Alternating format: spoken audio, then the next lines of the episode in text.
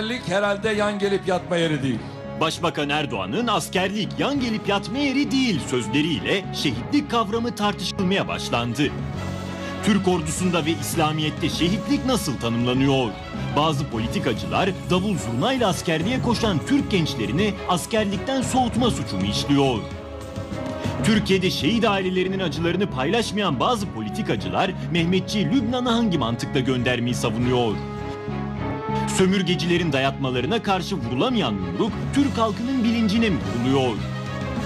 Başbakan şehitlik kavramını tartışmaya açarken şehit aileleri de vatan sağ olsun kavramını tartışmaya başladı.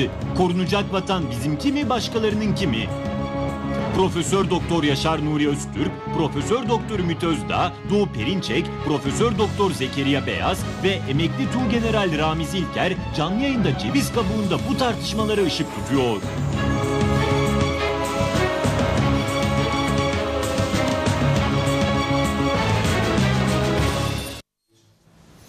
İyi geceler sevgili seyirciler. Bu gece yine Başbakan'ın bir sözü tartışmalara damgasını vurdu. Biz de bu tartışmayı uzmanlarımızla değerlendireceğiz sizlerle birlikte, hep birlikte. Başbakan Erdoğan'ın askerlik herhalde yan gelip yatma yeri değildir sözüyle şehitlik kavramı tartışmaya açıldı. Aslında şehitlik kavramı Türkiye'nin Avrupa Birliği sürecinde daha önce de tartışmaya açılmıştı. Daha önceki politikacılarımızın bir kısmı bu kavramı tartışmaya açmıştı.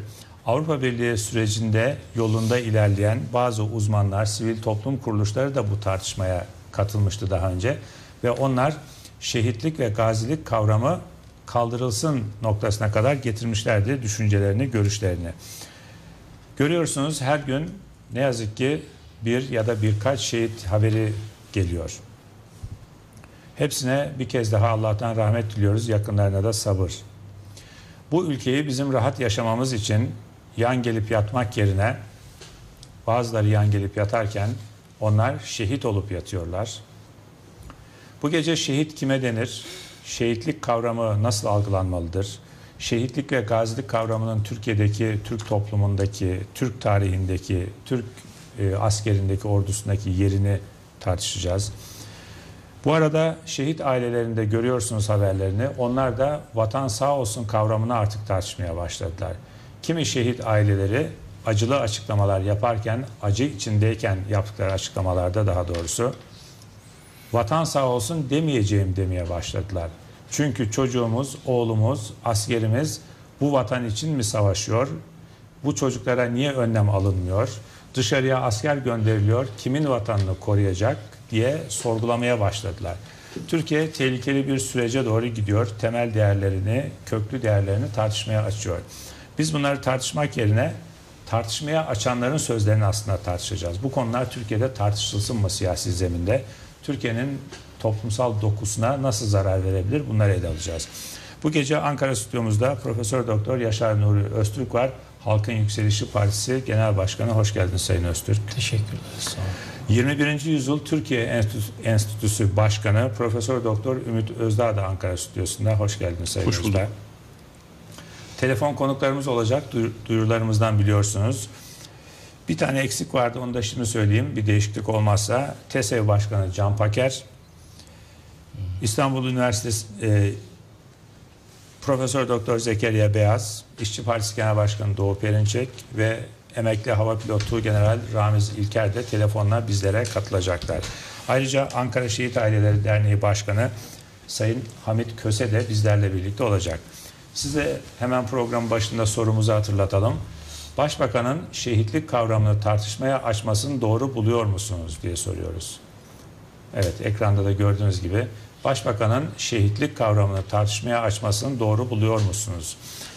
Evet Sayın Öztürk e, e, sizden başlayalım. Hem parti genel başkanı olarak siyasi olarak hem de bir ilahiyat profesörü olarak Başbakanın görüşlerini nasıl değerlendiriyorsunuz? Şehitlik kavramını yavaş yavaş tartışacağız buyurun.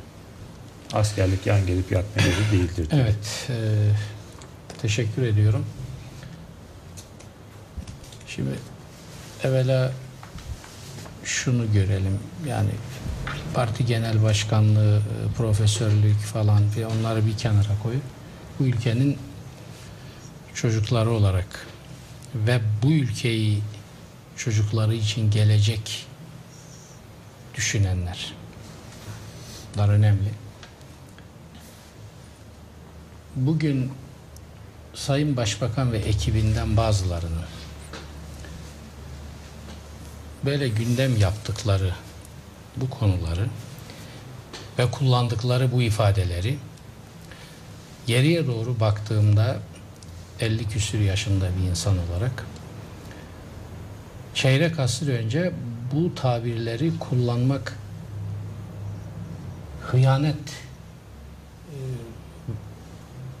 belirtisi e, vatana ihanet belirtisi filan gibi düşünülürdü. Yani bunları kullanmak bile ürperticiydi. Bunları kullananları hemen e, bunun bir yerlerinde bozukluk var diye halk damgalardı. Ona şimdi şöyle söylüyorlar. Bunlar tabuydu. Tabular yıkılıyor Avrupa Birliği yolunda İşte diye. Yani onu göreceğiz tabu muydu? Ama e, dünyada bu yıkılası tabu dedikleri şeyler yükselen değerler halinde. Yani mesela Batı bunları bize küreselleşme adına tabu diye gösterirken bunları yıkın diye gösterirken kendi bünyesinde bunları sürekli takviye ediyor ve öne çıkarıyor bunları. Şimdi bunu görmeyenlerin bu ülkeyi yönlendirme ve yönetme gibi bir işleri olmamalı. Bunu görüp söylemeyenlerin hiç olmamalı. Hangisi tabu? Şimdi Ümit Bey burada, biz buradayız. Ben 10 yaşından beri Batı'yı, Doğu'yu okuyan bir adamım. 39 yıllık hukukçuyum. 40 yıllık ilahiyatçıyım. işte şu kadar yıllıkta siyasetçiyim. Şimdi de bir partinin genel başkanıyım. Şimdi tabu hangisi?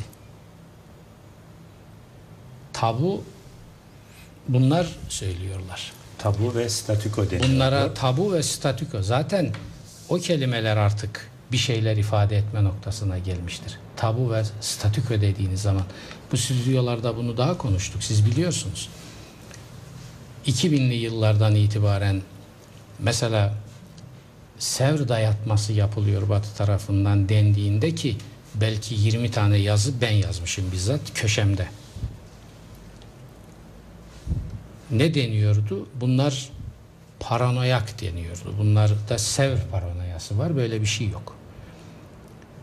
2002'de Stockholm'de toplandı AB kurmayları ve aynen şunu deklare ettiler dünyaya. Dediler ki Kopenhag kriterlerinin Kopenhag kriterlerinin Sevr'in şartları gibi uygulanarak Türkiye'nin hizaya getirilmesi lazım. Ben 2-3 yazı yalnız bu deklarasyon üzerine yazdım. Bir. iki. Geçen sene ben meclis kürsüsüne de taşıdım bunu 23 Nisan olağanüstü konuşmamda.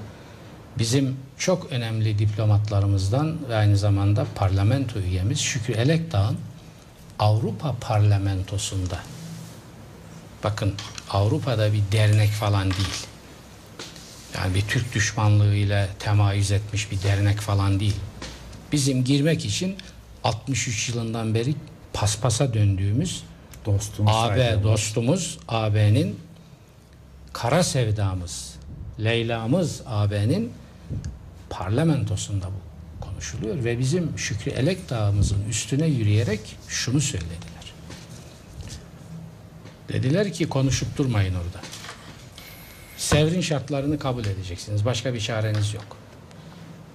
Onun üzerine de ben iki yazı yazdım ve dedim ki Sevr paranoyası yok ama ihanet ve hıyanet manisi olduğu ortaya çıktı.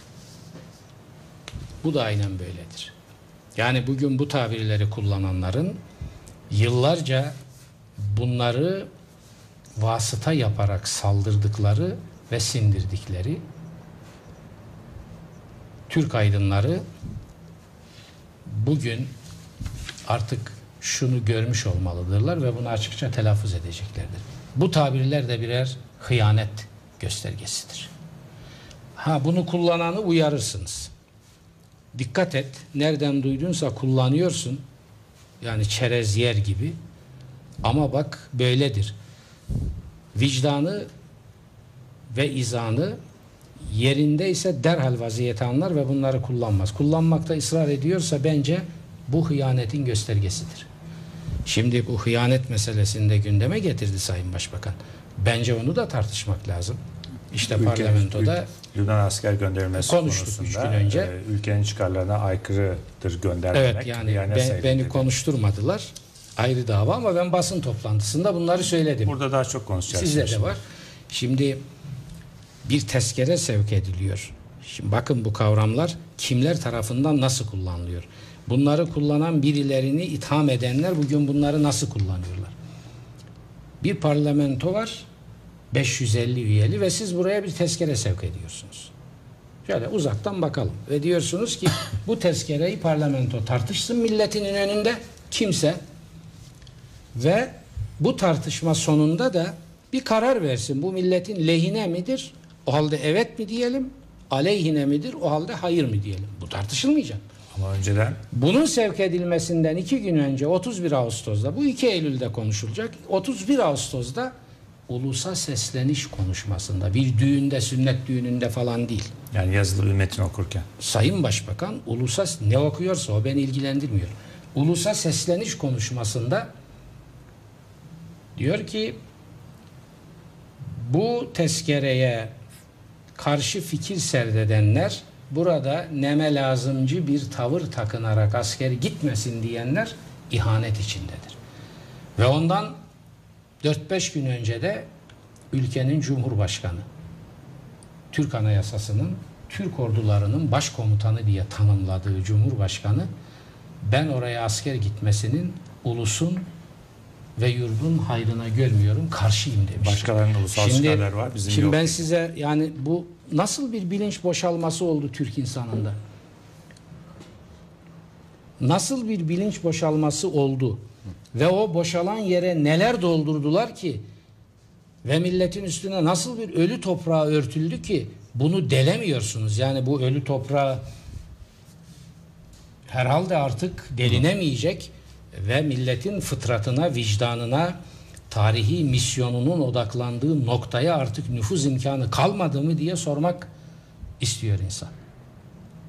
Yani geriye doğru gidin. Siyasal İslam'ın ortaya çıkışından beri şu son çeyrek asra bir bakın. Şimdi ben fazla oldu sanıyorum. Ümit Bey'den de Estağfurullah. özür diliyorum. Bir- değerlendirme olarak. Evet bir cümle bir cümle daha söyleyeyim ondan sonra e, açalım müzakereyi. Ben şunu görüyorum. Batı 1071'de geldiğimiz bu topraklarda yani hiç değilse o tarihten beri yani bin yıl gibi bir zaman bu topraklardan sürüp çıkarmak istediği bir kitleyi ve onun taşıdığı bir misyonu ve imanı boğmak isteyen Batı ne garip tecellidir ve ne hazin bir sonuçtur ki bugün o imanın hassasiyetlerini kullanarak bu milletin başında iktidar olanlarla işbirliği içinde bunu yapıyor. Çanakkale'de yapamadı. Kurtuluş Savaşı'nda yapamadı. Ve burada bir şeye daha dikkat Sıcak çek. parayla yapıyor. Evet, paradan daha başka bir şey var burada. Onları da konuşacağız sanıyorum. Yani bizzat kendi beyanları var. AKP'lilerin bizim iç dinamiklerimizle Batı'nın dış dinamikleri ilk defa böyle örtüşüyor. Bundan biz mutluyuz diye açıklamalar Bu var. işlerle de örtüşen Atatürk'ün ne güzel sözleri Şimdi var. evet. bakın işte oraya geliyoruz ve şimdi Batı ne yapıyor? Batı ve bizim Batı ile münasebetlerimizdeki bu korkunç ve kahredici çelişmeye bakın. Şimdi Batı İslam, iman, Allah, kitap, Kur'an'a Muhammed diyerek halktan güç ve vekalet almışlarla işbirliği içinden iki mirası yıkmaya çalışıyor. Bir,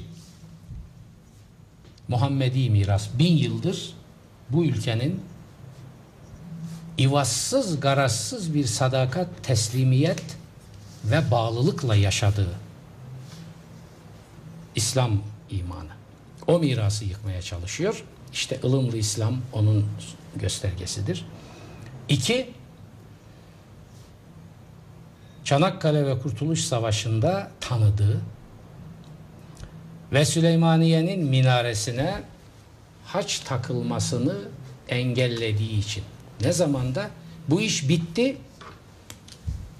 Türk İslam meselesi burada noktalanıyor. Bu işi bitirdik dedikleri bir anda bu gemiler buradan gidecek diyen gözleri kan çanağına dönmüş bir adam inanılmaz bir şey söylüyor ama bunu yapıyor.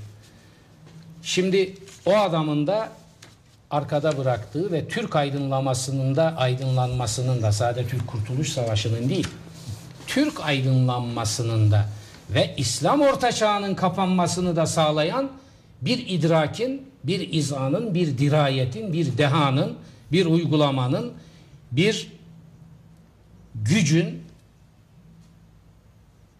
devlete dönüştürerek dünyanın önünde temsilini yapan Mustafa Kemal mirası. İki mirası tahrip etmek, yıkmak istiyor.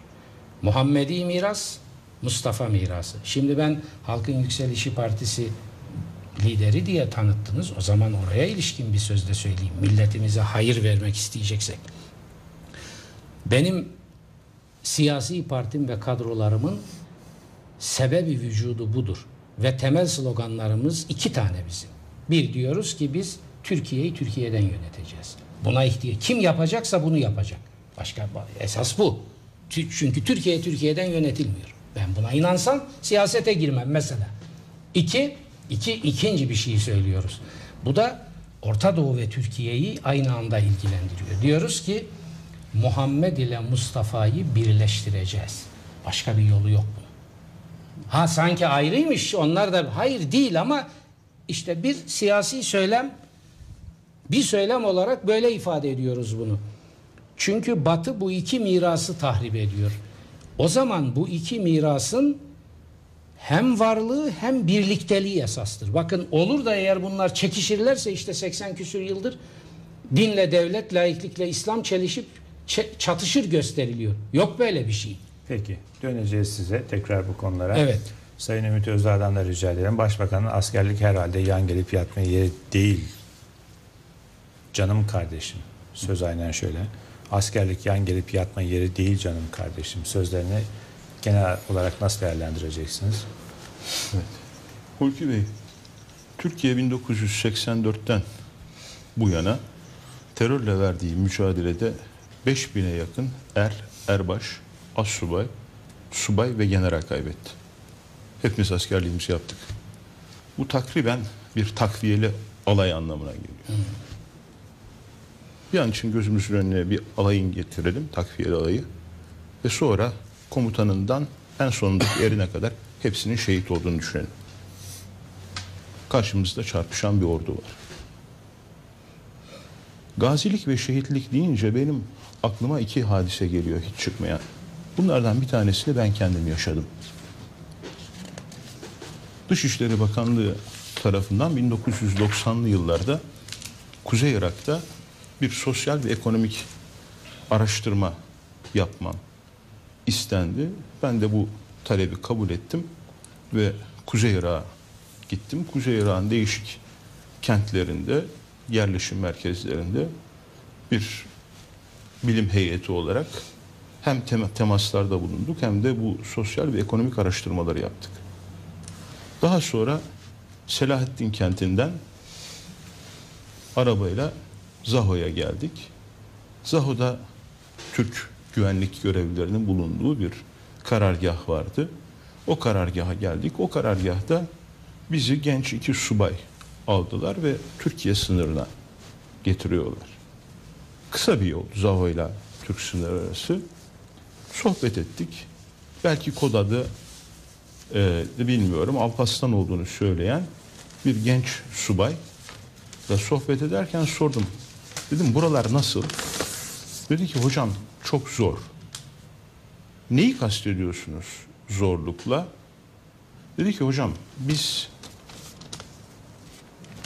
şu sınıf mezunuyuz ve bizim devremizden 9 kişi özel kuvvetlere girdik. Şimdi sadece dördümüz sağız. Yüzde ellinin üzerinde kayıp. Tüylerim diken diken oldu. Bu genç subay hala hayatta mı bilmiyorum. Ama sordum. Dedim ki neden? Bana çok çarpıcı bir cevap verdi. Hocam dedi bize uzak muharebe 150 metre, yakın muharebe 30 metre demişlerdi. Biz yakın muharebenin Kalaşnikov'un ucundan tutup kafasına kurşun sıkmak olduğunu burada gördük ve yaşadık. İşte başbakanın ifadesini bu hadise ışığında bir kere daha değerlendirmek lazım. Böyle bir silahlı kuvvetlerle karşı karşıya böyle bir silahlı kuvvetlerden bahsediyoruz. Yine Güneydoğu Anadolu'da 1990'lı yılların ortasında bir ilçemize yakın yerde bulunan bir karakol PKK tarafından bir gece saldırıya uğradı. 500'e yakın PKK'lı saldırıyordu. Ve bu ilçeden de takviye gitmesi mümkün değildi. Karakolu korumakla görevli ön mevzilerdeki subaylardan bir tanesi telsizle ilçeye ve karakola mesaj yolladı. Bir erim şehit, yardım yollayın, yaralım var. İki erim şehit, yardım yollayın, yaralım var. Üç erim şehit, yardım yollayın, yaralım var. Sonra ben de yaralıyım. Sonunda Telsiz sustu herhalde. telsiz susmadan önce bu subay bütün telsizleri susturarak mandala bastı ve İstiklal Marşı'nı söylemeye başladı. Sonra telsiz sustu. Sabahleyin bulduklarında bu subayın vücudunda 8 tane kurşun vardı. Başbakan bunları bilmiyor. Muhtemelen biliyordur. Biliyor. Yani Evet, gelelim. Başbakan biliyor dediniz. Yani Peki başbakan biliyordur. biliyorsa neden bunları söylüyor? Bilmiyorsa orada ne işi var? Efendim bildiğini ben de biliyorum. Bildiğini ben de biliyorum. Çünkü başbakan milli devletle Türkiye Cumhuriyeti Devleti'nin kuruluş esaslarıyla milli devleti temsil eden her şeyle çatışma halinde. Şehitlikte bunlardan bir tanesi. Mensup olduğu siyasal iklimin veya bir zamanlar daha yoğun olarak mensup olduğu siyasal iklimin içinde ya bu bir şehitlik midir? Layık bir devlette şehitlik mi olur? Gibi tartışmaların yapıldığını kendisinin de böyle bir siyasi iklimden geldiğini ayrıca biliyoruz. Hayır, anlayamadım yani başbakan daha önce başbakan olmadan bu Mens- sözleri mensup olduğu siyasi zihniyet, ha, o- o zihniyetin, zihniyet siyasi iklimin evet bu tartışmaları yaptığını ve Türk Silahlı Kuvvetleri'nin mensuplarını şehit dahi kabul etmediğini biliyoruz. Ama orada bir çelişki var gibi çünkü belli bir kesimde bizim ordumuz Muhammed'in ordusu diyor. Allah Allah diyerek savaşıyor diyor. Yani o mantık biraz bu düşünceyle Bu kamuoyu önü, hayır, bu kamuoyu önünde kısmen ortaya konulan manzara ama gerçek literatüre bakarsanız, gerçek kendi içindeki tartışmalara bakarsanız bu tartışmaların çok yoğun olarak yaşandığını 1990'lı yıllarda hepimiz hatırlayacağız. Üstelik ordu işte her tarafa ne mutlu Türk'üm diyene yazarak bunun gerçek sebebi sizsiniz, siz halkı kışkırtıyorsunuz şeklinde de değişik tahriklerde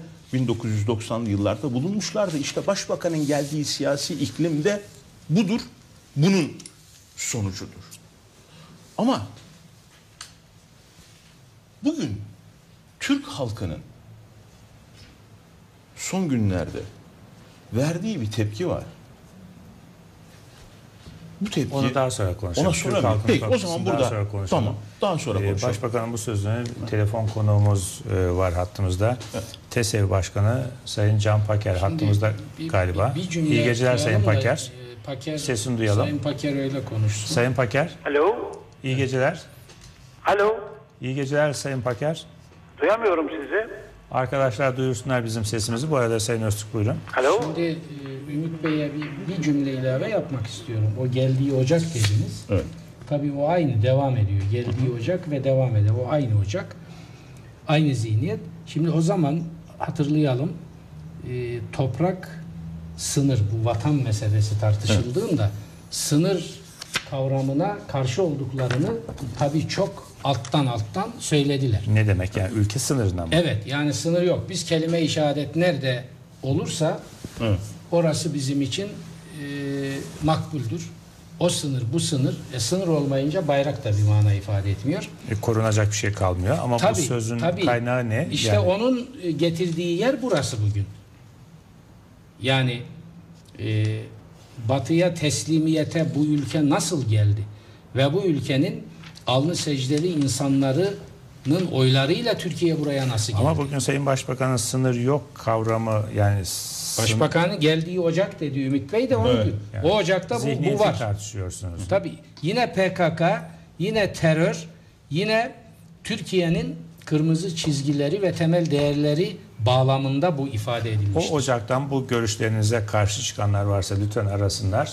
Ee, onları da bağlayalım. Karşı çıkanlar değil mi? Bunu telaffuz elbette karşı çıkanlar var. Yani bütün AKP'yi veya bütün Erbakan hocaya ey veren, oy verenleri veya bütün siyasal İslam e, çerçevesi içinde olanları öyle göremezsiniz. Evet, e- Ama o önemli olan egemen olan zihniyet. Peki telefon hattımız kopmadan tekrar dönelim. Sayın Can Paker, Efendim iyi iyi, akşamlar. iyi geceler, sağ olun. Siz TESEV Başkanı olarak Başbakan'ın bu son sözünü nasıl değerlendireceksiniz? Önce sizden bu değerlendirmeyi alalım, sonra Hangi devam son edelim. sözünü? e, Askerlik yan gelip yatma yeri değildir sözünü. Şimdi TSE Başkanı olarak hem şahsım olarak hem TSE Başkanı olarak e, bir siyasi polemiği yorumlamayı e, çok doğru bulmuyorum. Çünkü biz kurum olarak araştırmaya dayanan e, objektif e, sonuçları e, kamuoyuna sunmayı e, prensip edindik. Bu bir siyasi e, polemiğe yol açar. Onun için buna e, ve de Türkiye'nin hiçbir derdine de çare olacağını zannetmiyorum bu e, siyasi yorumun. Onun için e, şey görmüyorum. Buna bir yani başbakanın bu söylediğinin hangi çerçeve içinde yapıldığı uzun uzun tartışılabilir, içine girilebilir ama e, ben e, bu böyle bir yorumu girmek istemiyorum açıkçası. Peki e, Başbakanın sözlerini değil ama sizin TESEV'in sözlerini değerlendirebilir miyiz? Bunun Tabii, Türkiye'ye bir tabii, çare tabii. e, faydası olur mu, çare olur mu? E, TESEV'inkini değerlendirebiliriz tabii. Peki. TESEV'in de daha önce bu konuyu tartışmaya açtığını görüyoruz. Elimde Nokta dergisi var. Bu doğru E, değil. 12-18 Nisan 2004. Bizim evet. Şu anda askerde olan askerlik konusunu tartışıyoruz. Tuncay Molla Veysoğlu'nun yazısı TESEV'in şehitlik e, ve gazilik kaldırılsın raporun kapak konusu olmuş. Bu konuda TESEV niye böyle bir girişimde TESE bulunuyor? böyle bir şey hiçbir zaman söylememiştir. Ee, o e, yazı tamamen e, o e, yazıyı yazanların derginin e, kendi kendine neden e, nereden çıkardığını bizim bilemediğimiz e, bir yorumudur. TESEV'in hiçbir yayınında, hiçbir e, web sitesinde TESEV ile ilgili hiçbir yazılı metinde böyle bir şey e, istenmemiştir, talep edilmemiştir. Böyle bir konusu yoktur TESEV'in. Yani e, e, şehitlik e, kalksın mı kalkmasın mı gazilik kalksın mı kalksın mı böyle bir mesele programında yoktur. Düşünce dünyasında yoktur. Böyle bir e, e, sorunu kendine e, böyle bir meseleyi sorun etmemiştir. Bu tamamen o gazetenin o e, e, e, sayısında nereden çıkardığını çok iyi anlayamadığımız bir şekilde e, böyle bir e, yazı çıkarmıştır. Peki e, bizim elimizde bir kaynak olarak bulunuyor bu dergi, Doğru. kapak konusu.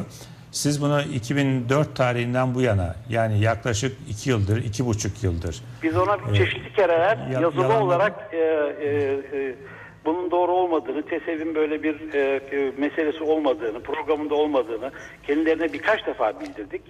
Ondan sonra o derginin yönetimi değişti. E, Yeni yöneticiler geldi, benimle röportaj yaptılar. Burada da böyle bir şeyi söylemediğimizi tekrar ettim ve o dergide, o derginin başka daha sonraki e, e, e, sayılarında yer aldı. Ayrıca bunun dışında e, şu anda e, bu konu e, e, e, bir e, şikayet üzerine hem ben hem beni hem de yani hem bizi hem de o dergiyi e, mahkemeye verilmiştir. Mahkeme e, çok Ne uzun zamandır sürüyor bir sonuç almadı ama benim e, şu anda tabii mahkemenin sonuçları ilgili bir yorum yapmak doğru olmaz burada. Zaten sonuç olmadığına göre olmayan Daha şeyin şey yorumu da olmaz. Yani bir şey söyleyemem. 2004'ten bu yana davalık mı yani bu haber? İşte o 2004'ten bu yana e, bir süre sonra dava açıldı ama hem bizim aleyhimizde hem de o dergi aleyhinde. E, Siz dava açtınız mı?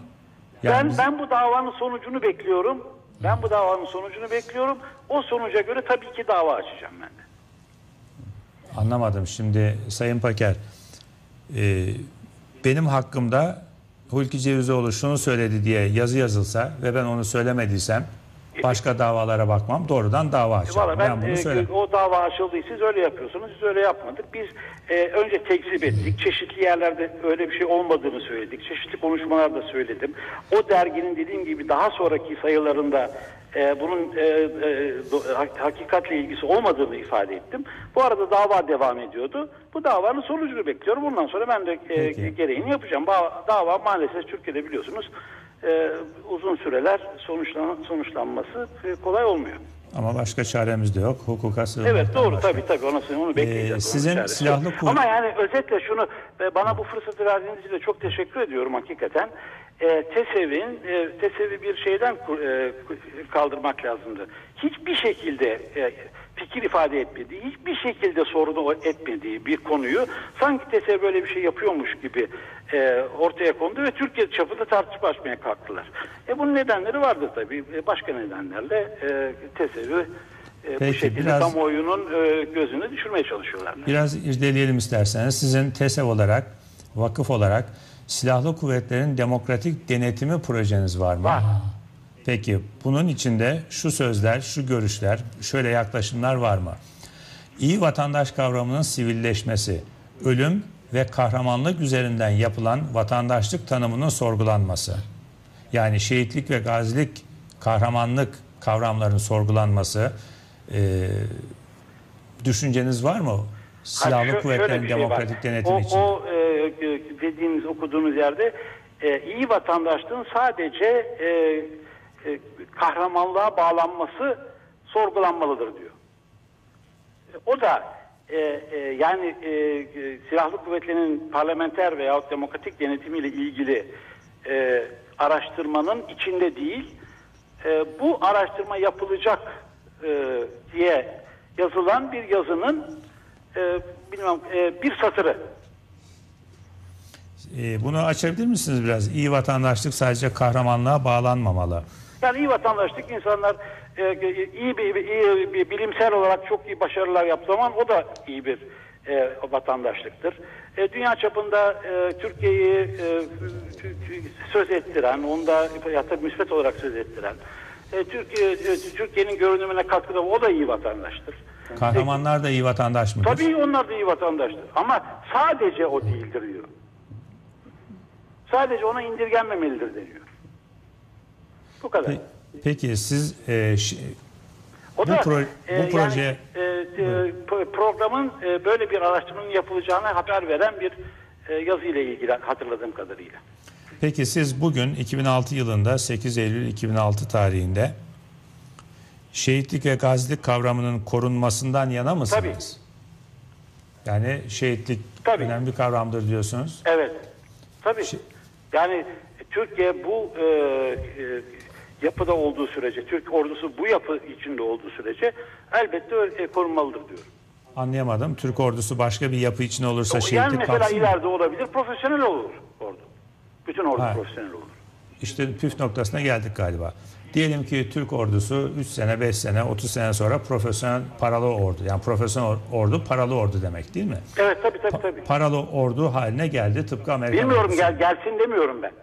Böyle bir şey talebim yok. Böyle olmasında daha iyi olacağını da söylemiyorum. Peki paralı ordu haline gelirse o zaman şehitlik kavramı otomatik olarak kalkıyor mu? Yani o zaman e, Yani başka türlü oluyor. düşünmek lazımdı. Çünkü şehitlik e, e, vatan görevi olarak yapılan bir şeyde bahis konusu. E, bunu bir profesyonel olarak yaptığın zaman herhalde yeni, ben e, şey değilim, e, eksperi değilim işin. E, o zaman başka türlü e, düşünülebilir belki diye düşünüyorum. Peki şu anda komutanlarımız maaş kazanıyor şimdi. Bir erlerin dışında erlere de küçük bir sembolik ücret ödeniyor. Ee, ama Yani askerler e, e, e, bu, bu benim ihtisas saham değil. E, şu anda aklıma geldi diye söyledim. O tartışma önemli bir şey değil. Yani Türk e, ordusu e, tamamen paralı e, profesyonel olursa ne olur? O, o günkü koşulları tekrar tartışılabilir belki. Ama önemli Ama şu şey- andaki durumu itibariyle ben şehitliğim ve e, gaziliğin e, kalkmasıyla ilgili hiçbir ta- e, talebimiz, görüşümüz yok bizim. O önemli. Ama şu anda bir astsubayımız, bir yüzbaşımız, binbaşımız, teğmenimiz şehit oluyor. Bunlar maaşlı insanlar. Türk ordusuna Yani, maaş ödeniyor. Yani paralı olunca profesyonel olmuş oluyor. O zaman bunlar vefat edince şehit denmemesi mi gerekiyor sizin şey mantığınıza demedim. göre? Böyle bir şey demedim. Belki profesyonelde başka türlü tarif edilebilir dedim. Ama e, dediğim gibi bu bahis şey değil yani. Şu anda böyle bir gerçek, böyle bir realite yok. Sayın Özel sorunuz var mı? Hayır hiçbir sorun yok ama bunun da açığa kavuşmasından memnun oldum. Demek ki e, basında ciddi bir çarpıtma olmuş. Can Bey'in söylediklerinden bu anla- anla- anlaşılıyor. Hiçbir Ama davada açmamışlar. Evet. hiçbir Herhalde şekilde açacak. Böyle bir talebi, İfadesi o. böyle bir programı, böyle bir hedefi yoktur. Sayın. Yalnız bir şeyi tavsiye edelim. Ee, burada eğer parayla askerlik yapılıyorsa orada şehitlik meselesi e, en azından tartışılır gibi bir sonuç çıkıyor. O zaman yine dönüp dönüp bir yere geliyoruz. E, Türk ordusunun maaş alan kurmay kadroları, subayları e, ne olacak? Yani o da askıda kalıyor. Onu da Hayır, netleştirmek maaş lazım. aldığı halde öyle demeyin. Öyle, maaş aldığı halde hala şehitli olarak görebilirsiniz. Çünkü şehitliğin getirdiği... O zaman yarın profesyonel asker de er de para aldığı zaman O da onun onun şehit şehitliğini de tartışmayın. E o da şehit olabilir. Niye olmasın ki? Şehitliğin getirdiği bir şey Yani var. batıda profesyonel- Ailesine, onun e, e, çocuklarına veya annesine babasına bir belirli maddi yardım getiriyor şehitlik. Biz şehitliği maddi yardım etmesin meselesiyle ölçmüyoruz. Efendim? Şehitliği biz ailesine yapılan yardım bağlamında değerlendirmiyoruz. Başka bir şeyde. Yani batıda profesyonel ordular var. Ama martirdim fikri, şehitlik fikri batıda da var. E, tabii Amerika'da var. da var. Tabii hiç o şey değil. E o zaman ne nedir yani sizin Hayır bir şey değildir. Yani ne, ne, ne- siz bir yere getirmek istiyorsunuz. Ben bir yere getirmek istemiyorum. Ben sadece Hayır şunu kurumun- diyorsunuz. Paralı hiçbir paralı asker olursa maaş alıyorsa şehitliği o zaman tartışırız diyorsunuz da o netleşmedi. Netleşmeyecek de çünkü daha öyle bir konu yok. Daha böyle bir şey değil. Daha e, Türk ordusunun profesyonel olması gibi bir, e, bir konu da yok o önümüzde. Onun için E- bugün netleşmeyecekti. Ama bugün için söylüyorum TESEV'in böyle bir e, hedefi, böyle bir programı e, e, hiçbir zaman olmadı. Böyle bir meselesi olmadı. Ben Peki. şahsen tatmin olmadım bu açıklamayla. Peki e, sizin bu. Silahlı Kuvvetlerin Demokratik Denetimi projeniz içinde ölüm ve vatandaşlık kavramlarının vatandaşlık anlayışından çıkarılması sözleri, görüşü, anlayışta var mı acaba? Alo, Alo, duyamıyorum. tekrar ediyorum. Sizin Silahlı Kuvvetlerin Demokratik Denetimi projesi projeniz içinde ölüm ve vatandaş ölümün vatandaşlık kavramı içinden çıkarılması görüşü de yer alıyor mu? Hayır öyle bir şey yok. Duymuyorum. Ee, biz sizi gayet net duyuyoruz. Ben Sayın duyamıyorum Pak- sizi. Duyamadım. Şimdi duyuyorum. Peki. Telefonunuzda herhalde bir sorun var. Şimdi bu haberi yazan arkadaşımız dediğimiz gibi dediğim gibi askerde Tuncay Molla Veysoğlu. Bugüne kadar genç arkadaşımızın hiçbir haberinin resmi yoldan yalanlandığına tanık olmadım ben. Çok ciddi, duyarlı e, bir gazetecidir Ben ve sizle aynı çok fikirde değilim. efendim Ben sizle aynı fikirde değilim. ben kendi fikrimi söylüyorum. Tabii. Sadece bir fikir değil, tespit aynı zamanda. Çünkü mahkeme kararıyla yediği böyle tekzip yok. Nitekim siz de 2004 yılında Nokta Dergisi'nde manşet olan, kapak olan şehitlik kavramı kaldırılsın e, görüşünü görüşüne resmi yoldan tekzip Gö- göndermemişsiniz. gönderdik. hayır hayır, mahkeme dava açmamışsınız. Hatta Ee, bize açılan davanın içinde bekliyoruz sonucunu. evet. E, o zaman bu da biraz ortada kalıyor. Ortada kalmıyor. Söylüyorum şu anda ben TESEV'in sorumlu kişisi olarak böyle bir şey olmadığını söylüyorum. ifade ediyorum. Peki şunu öğrenebilir miyiz acaba? TESEV Avrupa Birliği ile birlikte çalışan bir vakıf. Birlikte nasıl demek bu? Yani Avrupa Birliği fonlarından da yararlanıyor. Tabii. Tabii. Ortak projelerde yer alıyor. Tabii. Evet, e, Soros'la birlikte çalışıyor Birlikte mu? çalışmıyor. Soros'tan yardım alıyor mu? Evet. Ya bazı bazı projelerde alıyor. Maddi yardım. Tabii yani proje Peki. fonlaması ile ilgili Avrupa anladım. Avrupa Birliği'nin e, Kemalizmden vazgeçin görüşü var. Avrupa Parlamentosu'nun üyelerinden bazıları e, Sevr'i kabul edin görüşleri var. Kesinlikle Siz bu konularda şey ne düşünüyorsunuz? TESEV'in kesinlikle böyle bir şey yok. Sevri kabul edin e, görüşü kesinlikle yok TESEV. TESEV e, liberal bir düşünce e, kuruluşudur. Avrupa Birliği, Türkiye'nin Avrupa Birliği üyesi olmasını destekleyici faaliyetleri vardır. Aşağı yukarı faaliyetlerin çoğunluğu bu yöndedir. Avrupa Birliği, Türkiye'nin Avrupa Birliği'ne girmesini isteyen bir kuruluşuz. Onunla ilgili e, çalışmalarımızı yapıyoruz. Ee, Avrupa Birliği'nin tabii e, Türkiye'ye e, dezavantaj olduğu noktaları da ortaya e, e, yeri geldiğinde çıkarırız. Ama e, hedefin Avrupa Birliği üyesi olmasına inanan e, insanların bir araya geldiği bir kuruluştur. Bakınız aynı dergide 12 Nisan 2004 tarihli Nokta dergisinde sizin sözleriniz var. Sözlerimin arkasındayım diyorsunuz. Yani dediniz ki az önce biz bunu o e, yönetim değişti. Oradaki arkadaşlara söyledik. Mahkeme yoluyla değil ama yazıyla onlara başvurarak röportaj yoluyla düzelttik. Şimdi şu sözler de sizin değil mi? Bu da mı farklı değerlendirmeye tabi tutuluyor tarafından? hangi sözlemin arkasındayım? Biraz yaklaşın çocuklar. Hangi Evet. sözlemin arkasındayım? Önce ekranda gösterelim sonra ben size okuyacağım buradan. Hangi sözlemin arkasındayım? Ben Bir saniye rica Hatırlayamıyorum. Çok da eski bir dergi ama Bakın sözlerimin arkasındayım. Evet. Sözü aynı dergide yer alıyor. ama hangi sözün arkasındaymışım? Neymiş o söylediğim söz? Arkasında olduğum söz? İşte bu manşet olan sözlerin arkasında Hayır o değil. yazıyor. İmkanı yok öyle bir şey olmasına. Başka bir şey o. İmkanı yok onun olmasına. Allah Allah. Peki. Ee, o zaman demek ki bu konu mahkemelik olacak. Mahkemede hangi sözün arkasındasınız? Burada E o söylediğiniz yani sözlerin o arkasında. Sözün arkasındayım dediğim başka bir konuyla ilgilidir. Kesinlikle şehitlikle ilgili. Çünkü bana o e, e, konuşmada şehitlik ve gazilikle ilgili bir tek sual sorulmadı. Ki ben hayır e, e, biz buna karşıyız diyeyim. Bir tek sual sorulmadı. O konuşma bambaşka şeyler konuşuldu. Ee, O sizin hani e, çok e, e, şeyine e, kefil olduğunuz arkadaşınızla ko- yaptığımız konuşmada şehitlik ve gazilik konusu hiç konuşulmadı. Ben hala kefil olmaya devam ediyorum. Peki silahlı kuvvetlerin demokratik denetiminden neyi anlıyorsunuz? Ne yapılması Parlamenter denetimidir bu. Yani silahlı kuvvetlerin e, e, parlamento tarafından denetlenmesi. Bu dünya çapında bir iştir. Sadece Türkiye değildir. Bu e, İsviçre'de merkezi olan ve Türkiye Cumhuriyeti'nin devletinin de üye olduğu bir kuruluş var. DİKEF diye. Bunun e, bütün dünyada bu iş nasıl yapılır? Parlamentolar orduları nasıl dene, e, yahut silah, sadece, sadece silahlı kuvvetleri değil, bütün güvenlik güçlerini nasıl denetler? Bunun e, kuralları e, e, tartışılır ve e, şeye bağlanır. Yani Bu İsviçre'deki şekle bağlanır. TESEV bunun e, bu, bu kurumla beraber çalışıyor ki dediğim gibi Türkiye Cumhuriyeti Devlet de bunun üyesidir. Bunun yaptı, bunun e, bunun yayınlarının bir kısmını Türkiye'ye getirmiştir. Sayın Paker, şimdi bu sözlerinizden uzman olmayanlar pek bir şey anlayamaz ya da konuyu takip etmeyenler. Şunu mu anlamalıyız acaba? Şimdi Türk Silahlı Kuvvetleri'nin demokratik denetimi, Türkiye Büyük Millet Meclisi tarafından denetimi diyorsunuz. Sonra İsviçre'deki bir kuruluş tarafından diyorsunuz. Yani Türk ordusunu yabancı bir kuruluş mu denetleyecek? Hayır öyle bir şey yok. Nasıl İmkanı olacak? yok. Öyle bir şey değil. Bu bir yabancı kuruluş değil bir defa. Bu bir uluslararası kuruluş ve bu kuruluşa Türkiye Cumhuriyeti Devleti de üye. Burada bütün dünyadaki e, e, e, devletlere ve hükümetlere parlamentoların e, güvenlik güçlerini nasıl denetleyebileceğiyle ilgili çünkü çok kritik bir konu bu.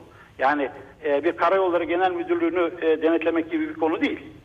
E, bunun kurallarını beraberce konuşulup tartışılıp kural haline getiren ve bunları tavsiye olarak bu e, hükümetlere, devletlere veren bir kuruluş bu. Bu uluslararası bir kuruluş. İsviçre'nin kuruluşu değil.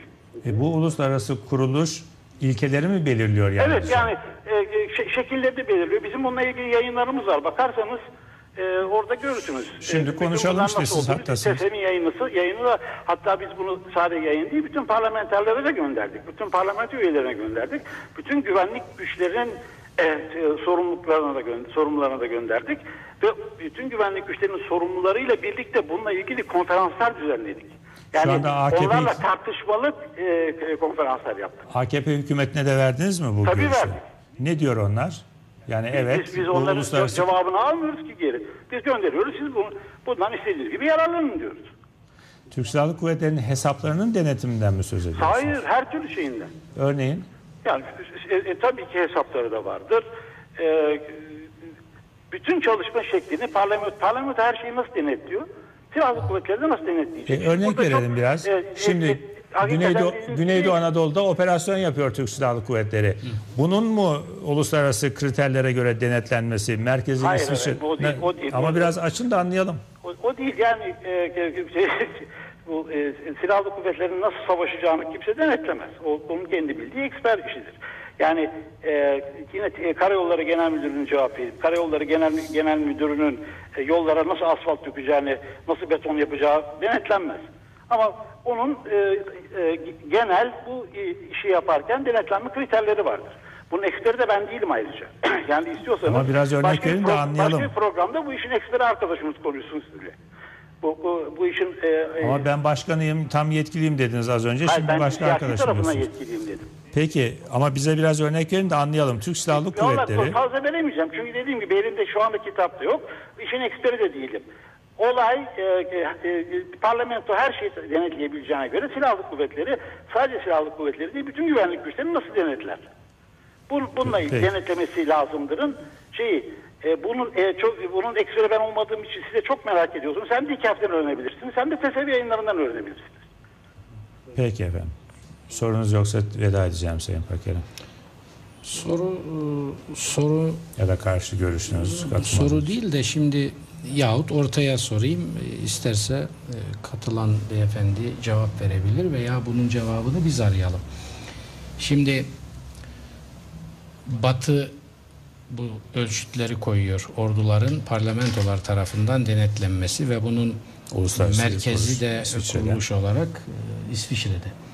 Şimdi şunu ben sormak isterim ve düşünürüm yani bu ülkenin bir yurttaşı olarak.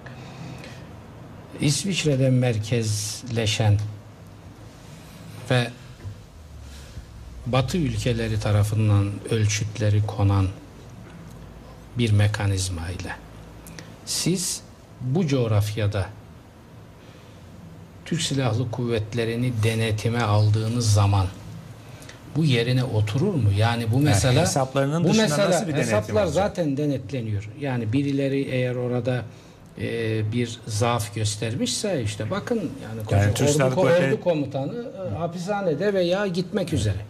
Yani o- Denetimsiz gibi bir var. sonuç çıkmasın Hayır, Silahlı evet. Kuvvetler. Hayır. Şimdi bu denetim denetim bu son zamanlarda bu çıktı. Şimdi MGK örneği var. MGK'yı ne hale getirdiklerini de konuşmak lazım burada.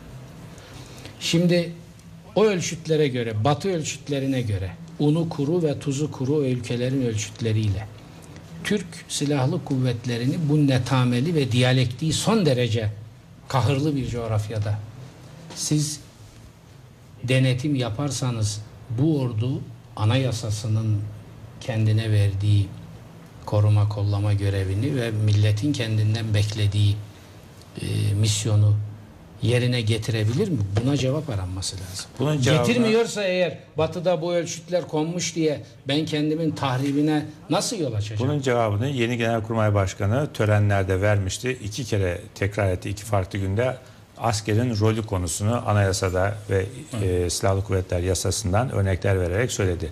Bu politikaya girmek değildir. Biz irticaya karşı da, gericiliğe karşı da, Cumhuriyet'in anayasadaki değişmez ilkelerin değiştirilmesi durumunda da Cumhuriyet'i koruruz. Kimse bize politika yapıyorsunuz demesin. Askerin rolü budur diye bunu hem Kara Kuvvetleri Komutanlığı hem Genelkurmay Başkanlığı devir teslim törenlerinde yazılı olarak basına da dağıttı.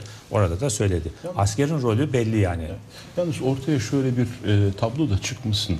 E, hiçbirimiz herhalde bunu istemeyiz. Türk Silahlı Kuvvetleri devlet içinde devlet, e, devletin üstünde devlet, tamamen denetimsiz bir e, evet. gibi yapı da değildir. Hayır. Kanunlara tabidir, anayasaya Anayasa tabidir. ortada Ha, canım. anayasa- Görevini yapmayan anayasa biri varsa ortada. sonra anayasa ortada. Başbakanlığa bağlı, hükümete bağlı. So- sonra sonra biz Türk İstiklal Savaşı'nı meclis e, sin silahlı kuvvetler üzerinde tam denetiminin olduğu ve Mustafa Kemal'in bu de zaman zaman orduyla meclis arasında bir denge rolünü sağladığı ortamda verdik. Yani İstiklal Savaşı'nda böyle vermiş bir Eski Genelkurmay. Başkanı da meclisin ordusuyuz Yani demiştir. üzerinde müdafaa hukuk ordusu. Batı'da böyle bir ordu yok. Evet. Hükümetler, devletler kurulur sonra orduyu oluşturur vurucu güç olarak. Halbuki burada Mustafa Kemal'in Türkiye Cumhuriyeti'nde çok enteresan bir şey var. Ordu hukuku da demokrasiyi de getirmiş. Yani bugün Ama o zaman TESEV'e Hukuk göre işte devlet. bu uluslararası kriterler geçerli olduğu zaman ordu Mustafa Kemal'in ordusu değil. Örneğin zaman içinde paralı ordu haline gelecek.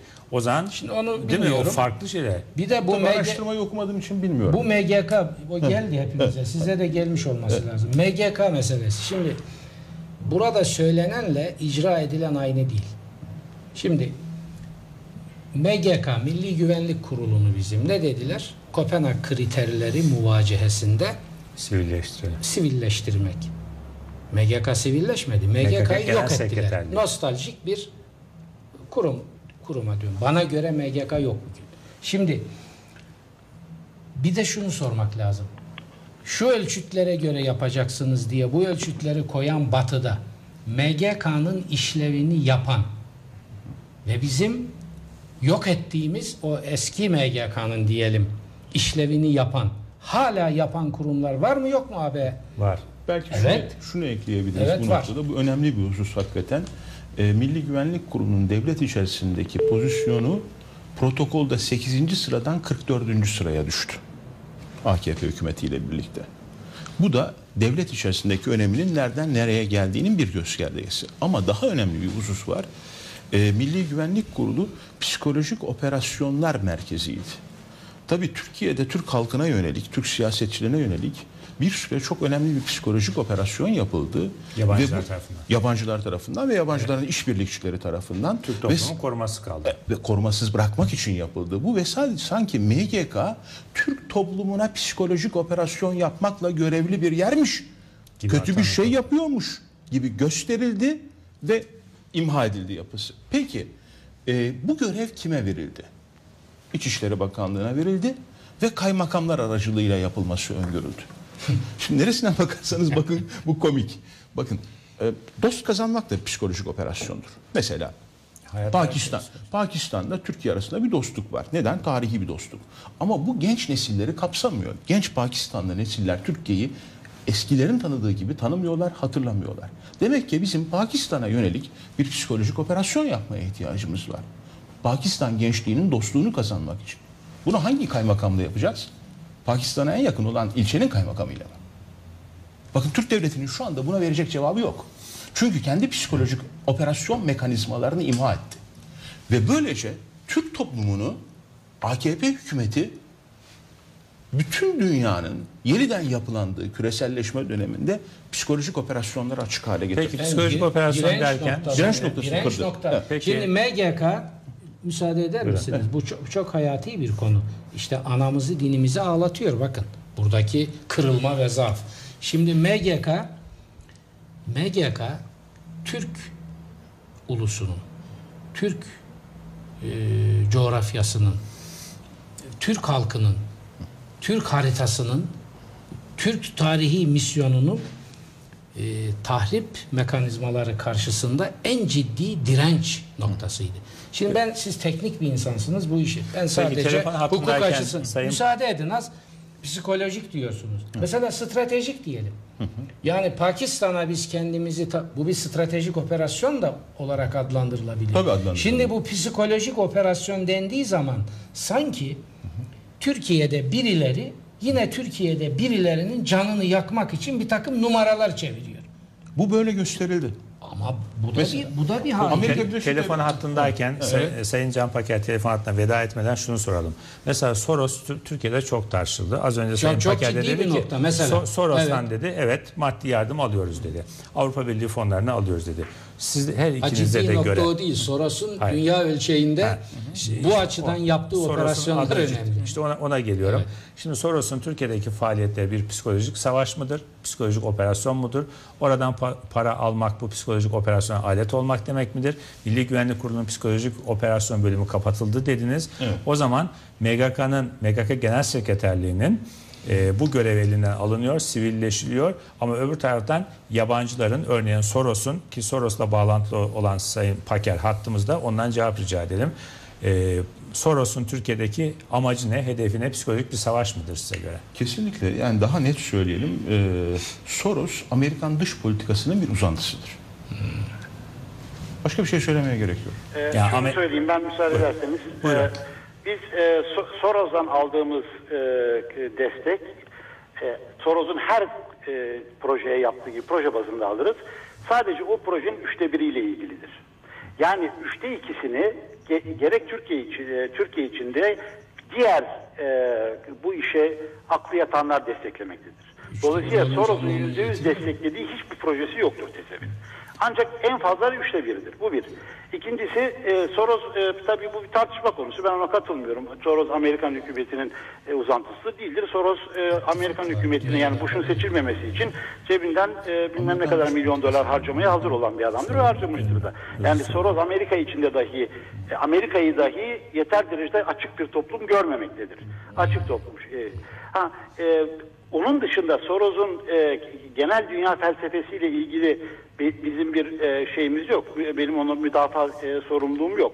Ben ancak onun e, onun üçte biri ölçüsünde desteklenen projelerin Türkiye'ye yararlı olup olmadığını tartışabilirim. Ve sadece bir proje desteğidir benim için. Peki affedersiniz şimdi Soros niye Türkiye'ye para yardım yapsın kuruluşlara, vakıflara? Yani Ya Türkiye'nin Türkiye değil ki dünyanın her yerinde yapıyor. O bir Soros tartışması olur o. O beni E, ilgilendirmez. tamam, ben Soros Soros'un tartışması. müdafi değilim, avukat da değilim. Sadece Türkiye değil 55 ülkede dünyada e, faaliyet yapıyor. biz Türkiye bölümünü konuşsak yani Bunu Türkiye'ye kendisi başka türlü e, açıklıyor. Bazı insanlar hayır öyle değildir diyor ama bu Soros tartışması ben onun tarafı değilim.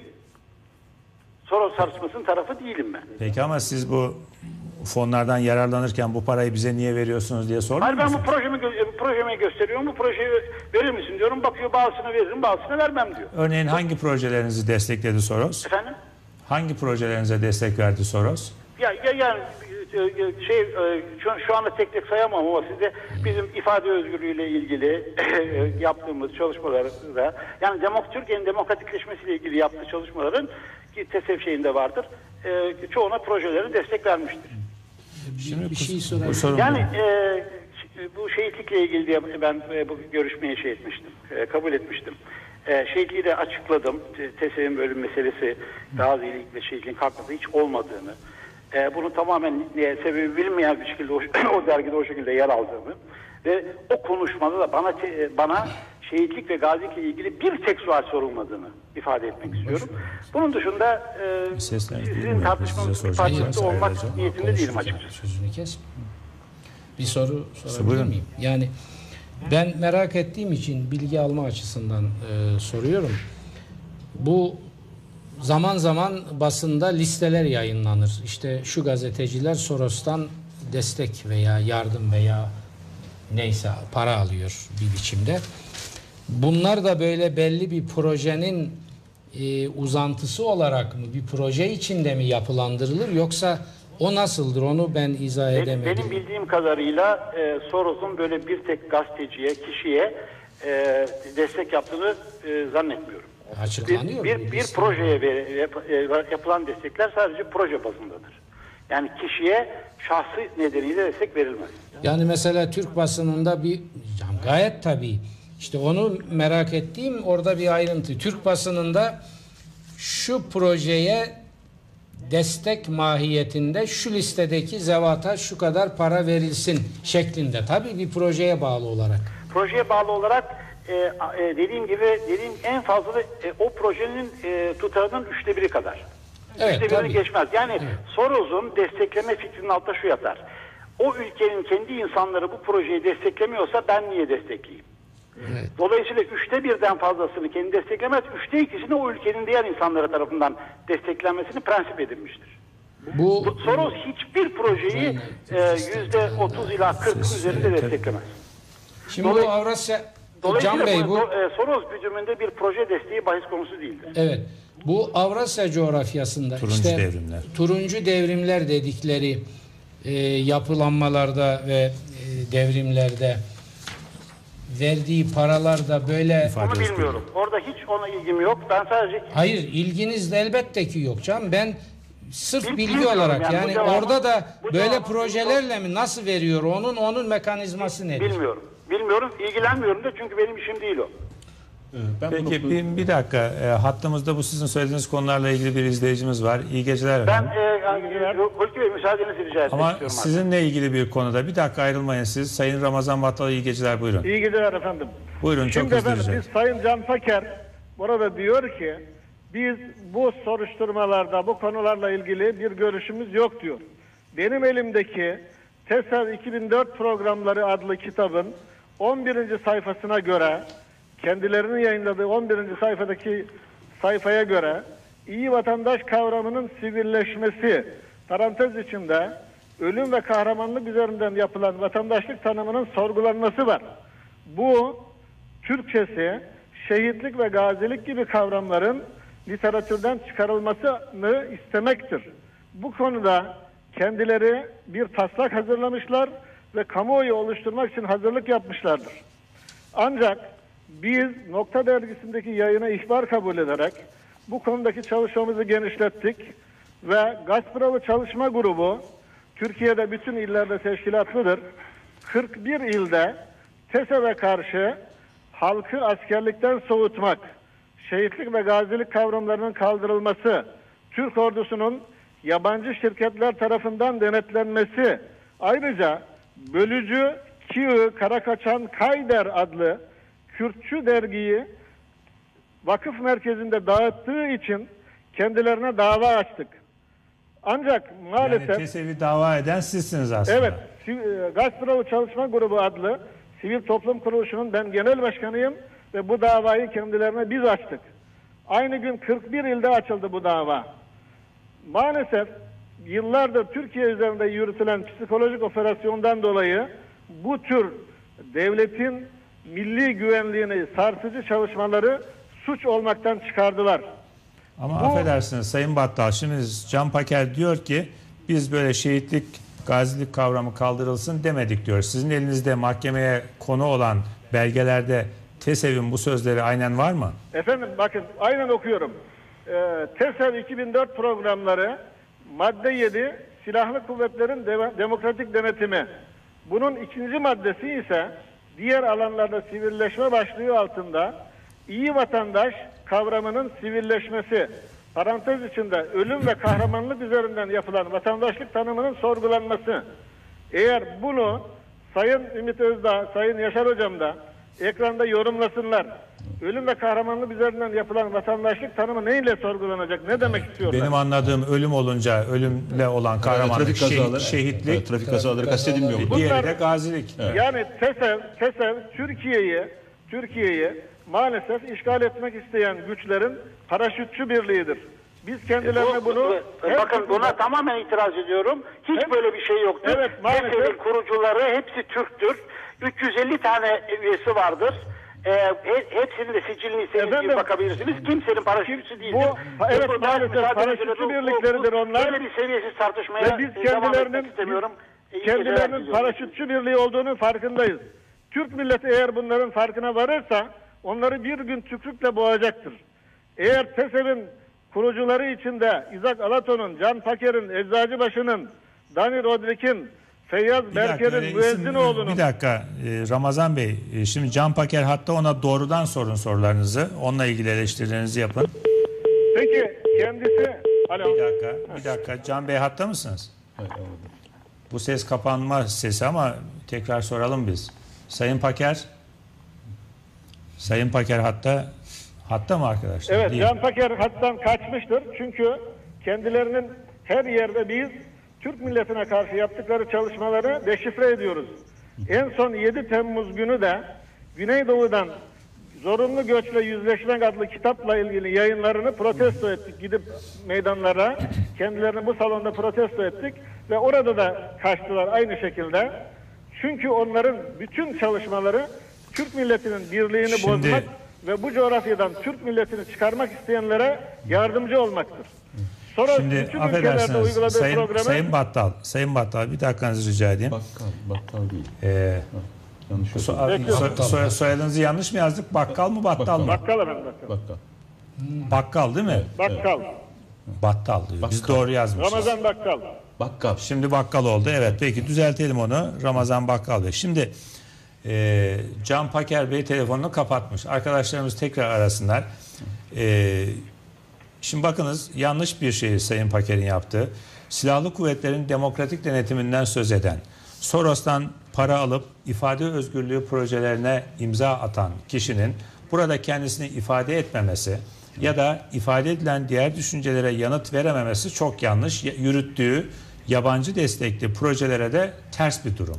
Şimdi bakınız dışarıdan ifade özgürlüğü için Soros'tan destek alacaksınız ama burada demokratik bir tartışma ortamında kendinizi ifade etmeyeceksiniz. Ya da ifade edilen diğer görüşlere karşı antidemokratik bir şekilde telefonu kapatacaksınız.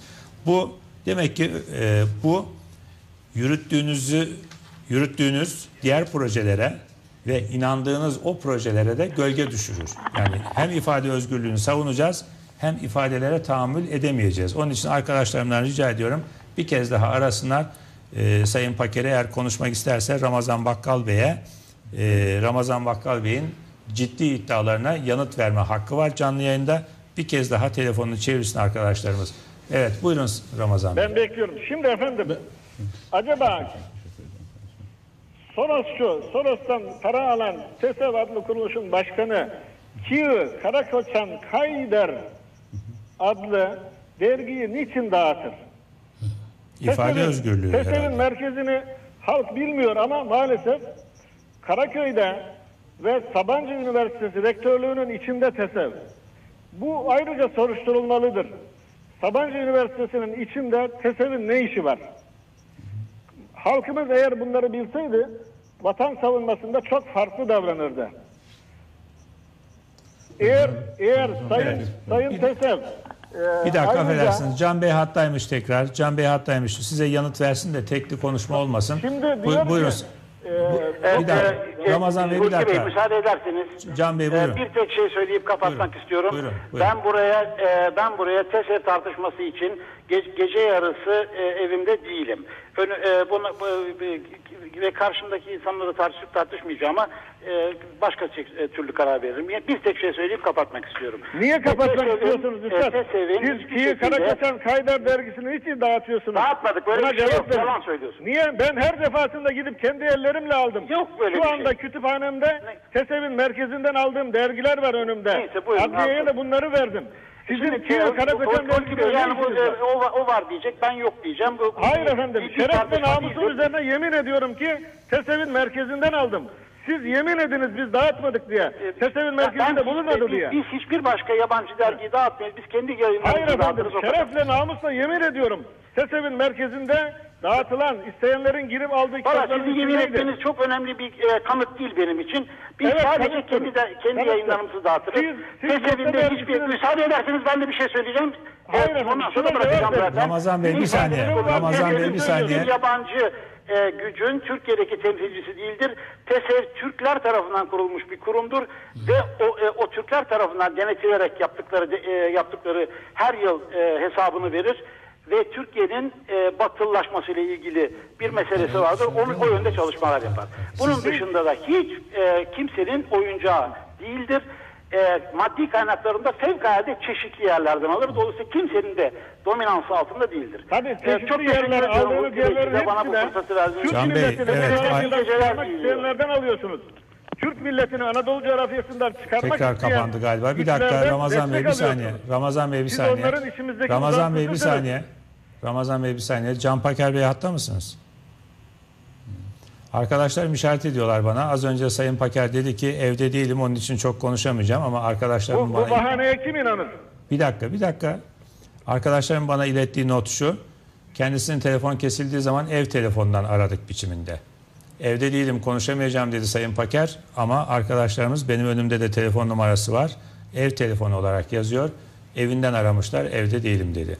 Şimdi insanlar konuşmalarında bir bir sözleri ne dikkat etmeli, e, tutarlı olmalı. Evde değilim diyor, ev telefonu herhalde ev telefonundan çıkıyor karşımıza. Evet, son sözlerinizi alıyorum Şimdi Sayın efendim- Ramazan Vakka. Sayın Paker Türk milletine karşı suç işlemektedir. Sayın Paker'in kişiliğiyle ilgili değil de yaptığı faaliyetlerle ilgili. bu Yani şahsiyeti suç işlemektedir. Türk ordusu vatanı için canını verirken onun şehitliğiyle alay etmek maalesef Türk milletinin kahramanlık kavramından soğutmak istiyorlar. Bizi kahramanlıktan soğutmak için çalışanların içinde sadece Paker ve onun kuruluşu yok. Yüzlerce binlerce yıldır kilisenin hedefi bu, bu kavramı, şehitlik kavramını yıpratmaktır. 1821 yılında idam edilen Patriğin yazdığı mektup da bu minval üzeredir. Türkleri siz savaş meydanında yenemezsiniz. Onları manevi inançlarından, şehitlik, gazilik gibi kavramlardan uzaklaştırın. Aksi halde yenemezsiniz diyorlar. Napolyon'un sözü de bu manadadır. Türk öldürülebilir ama yenilemez diye. Bizim yenilemezliğimizi e, bunlar bu şekilde halkı şehitlikle, gazilikle alay ederek askerlikten soğutup bizi zayıflatmak istiyorlar. Çok Peki, büyük bir senaryonun biz farkındayız. bağlayın sözlerinizi reklam Bundan, süremiz geçiyor. bundan 100 yıl önce Balkanlarda 12 milyon Türk ve Müslüman yaşıyordu. Bugün birkaç yüz bine indirilmiştir bu. Onların göçüyle ilgili yine Karabağ'da Ermenilerin zulmünden kaçan 1 milyon Karabağ Türküyle ilgili hiçbir program yapmayan TESEV Güneydoğu'da birkaç tane mezra boşaltıldı diye mecbur zorunlu göçle yüzleşmek diye kitap yayınlıyor. Ve bu para bu kitabın parasını da TESEV'den pardon Soros'tan alıyor. Şimdi diyor ki efendim Soros şunun için yardım Şimdi ediyor, bunun için yardım Bu ediyor. konularda keşke Sayın Paker ifade özgürlüğünü sonuna kadar e, kullansaydı. Biz kendisine bu hakkı Hayır, o- tanıdık. o keşke kullanmayacaktı. kullansaydı size Çünkü- yanıt verseydi. Çünkü ben şu anda eliminde tuttuğum Kivi Karakoçan Kayder dergisini TESEV'in merkezinden bizzat aldım. Başkasına getirtmedim. Kendim girip aldım. Ve diyor ki hayır bu doğru değildir diyor. Biliyor gerçekle Peki. karşılaşacağı için Peki telefonu aynı şeyleri kapatıyor. tekrar etmeyelim. Söylediğiniz izleyicilerimiz de biz de çok iyi duyduk ve anladık. Çok teşekkürler Sayın Bakkal. İyi geceler. Sağ- Efendim ben Siz devam edeceksiniz ama reklamdan sonra devam edelim. Ee, şehitlik ve kavramının, şehitlik ve gazilik kavramının kaldırılmasına yurt dışı ayağını herhalde söyleyeceksiniz. Evet. E, unutmayın not da aldınız Bazı reklamdan notlar sonra. evet. Az sonra, evet, az sonra buradayız efendim.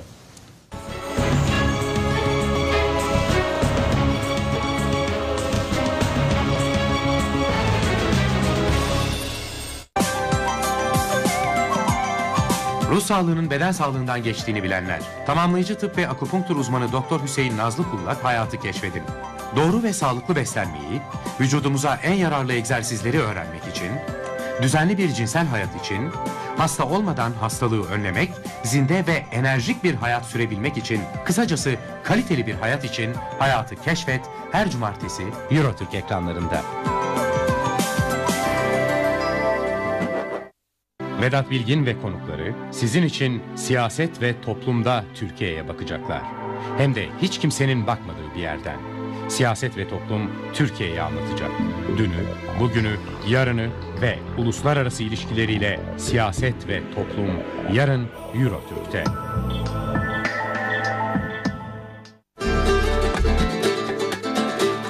Kentli olmak, yaşadığı kenti sevmek ve kentine sahip çıkmak bir kültür. Kente bakış, Türkiye'nin her bölgesinden belediye başkanları, yerel yöneticileri, yaşadığı bölgeye sahip çıkan yurttaşları ekranlara taşıyor. Mimar Oktay Ekinci'nin hazırladığı. Kente bakışta bu haftanın konusu Balıkesir'e bağlı Güre.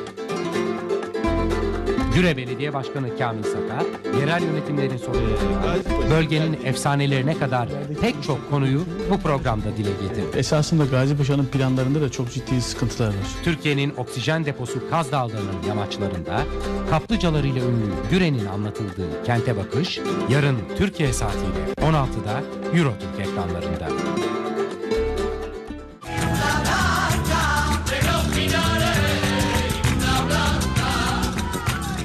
Bölgesi İspanya'nın güneyinde tarihte Emevilerin Afrika Dünyanın dört bir yanını gezip başka ülkelerin, başka şehirleriyle ve başka insanlarıyla tanışmaya hazır mısınız? Hadi yeni bir hayat için aşın kendinizi. Aydan Önder'in hazırlayıp sunduğu Aş Kendini ile sizi dünya turuna çıkarıyoruz. Aydan Önder bir yandan farklı kültürleri, coğrafyaları tanıtırken bir yandan da kendini aşmanın yollarını arıyor. Kalenin tam tepesindeki kuleye çıkmanız gerekiyor. İşte biz de şimdi sizi bu eşsiz manzarayla baş başa bırakıyoruz. Aş Kendini Eurotürk'te.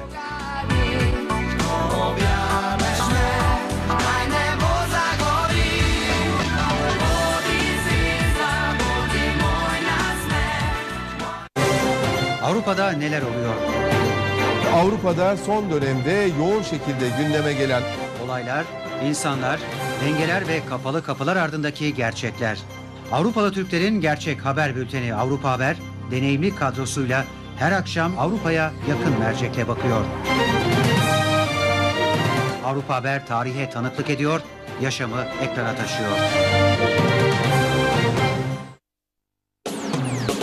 Kanal Türk, Türkiye konuşuyor hattıyla sesinizi duyuruyor. İsmim Ahmet Söğüt. Konya'dan arıyorum. Söylemek istediğim şu. Ülkemizin bu perişan duruma düşürülmesinde demokrasiyi kelle hesabı sayanlarla farklı odaklardan medet umarak yan gelip yatanlar aynı şekilde sorumludurlar. İstanbul'dan arıyorum. Meliha Dinçer. Türkiye konuşuyor. Hainler dinliyor mu? Duy sesimi ey hain. Kaldır başını kuş tüyü yastıktan. Gözlerini aç kanlı rüyalı uykulardan. Çıkar gözünden at gözlüklerini, ellerini de cebinden. Sırtını yaslamadan ABD'ye, çık en yüksek tepeye. Bak etrafına, ne gördün ne anladın? Bomba yüklenmiş eşek kadar da olamadın mı? Vatan elden gidiyor, sen hala uyanmadın mı? Dip dalgası büyüyor. Halkın sesine daha çok yer verin. Türkiye Konuşuyor programını daha çok yayınlayın. Teşekkür ederim. Ben Salih Aydoğdu. İstanbul'dan arıyorum. Yayına girdiği günden bu yana Kanal Türk izliyorum. Kanal Türk e, kimsesizin kimsesi, haksızlığın ve yolsuzluğun takipçisi, görmediklerimizden ve duymadıklarımızdan bizi haberdar eden, güçlü kadrosuyla, ilkeli yayıncılığıyla, izleyici potansiyelini arttırdığı gibi benim de beş duyum oldu. Şimdiye kadar hiçbir kanalda tatmadığım seviyeli programlarınızdan tad alıyorum. Şimdiye kadar perde arkasında dönen ve gün ışığına çıkartılamayan dümenlerin bu kanal aracılığıyla kokusunu alıyorum. Artık televizyonumun karşısında oturduğum zaman Kanal Türk'ü hangi program düğmesine ayarlamışsam parmaklarım sadece o düğmeye dokunuyor.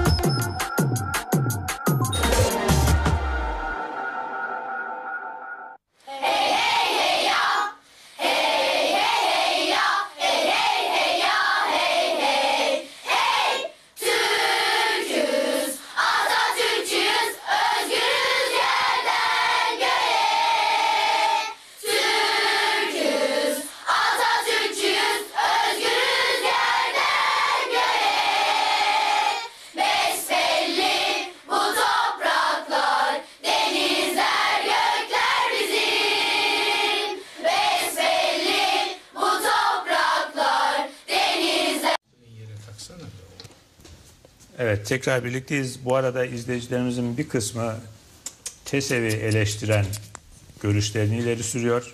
Bazıları diyor ki TESEV Türk Silahlı Kuvvetleri'nden daha mı şerefli? TESEV'i Türk Silahlı Kuvvetleri'nin yabancıların kriterlerine göre denetlenmesini istiyor TESEV ama TESEV'i acaba kim denetliyor diyorlar. TESEV'in açık adını soruyorlar. Açık adı şu. Türkiye Ekonomik ve Sosyal Etütler Vakfı. Türkiye Ekonomik ve Sosyal Etütler Vakfı. Bu arada bir mikrofon sorunumuz var. Siz mikrofonu takın. Ee, Sayın Özdağ da e, az önce söyleyemediklerini şimdi reklamdan sonra söyleyecekti. Onları söyleyin. İzleyicilerimizden gelen TESEV'in aleyhindeki sözleri de e, ya da soruları, onlara yönelik soruları ben anlatacağım. Buyurun. Ben- Şehitlik ve gazilik kavramının dışarıdan desteklenmesi, kaldırılması. Her şeyden önce Ramazan Bey'e teşekkür ederek başlamak istiyorum.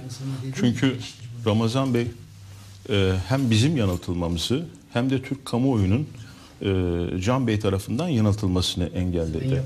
Çünkü Can Bey ağzından hiç böyle bir şey çıkmadığını, kendilerinin böyle bir sorunu olmadığını, hiçbir TESEV çalışmasında böyle bir hususun e, üzerinde durulmadığını ifade etmişti. Tabi zaman zaman basında hepimizin başına geliyor. Gerçekle ilgisi olmayan haberler çıkabiliyor. Bundan dolayı Can Bey'in de başına bunun gelmiş olabileceğini düşündük. Ama Ramazan Bey e, bir milli sivil toplum e, örgütünün önderlerinden kendisini yakından tanıyorum. TESEV'in raporundan bize şehitlik ve gazilik kavramları anılmadan şehitlik ve gazilik kavramları kastedilerek bunların nasıl toplumun şuurundan silinmesi, nasıl mücadele edilmesi gereken kavramlar olduğunu TESEV Bu açısından da örtülü bir psikolojik savaş mı? Hiç şüpheniz Yani doğrudan şehitlik kaldırılsın demek ayrı. Hiç Ama şüpheniz olmasın. İşte e, Evet. buradaki ifadesi de söyleyelim.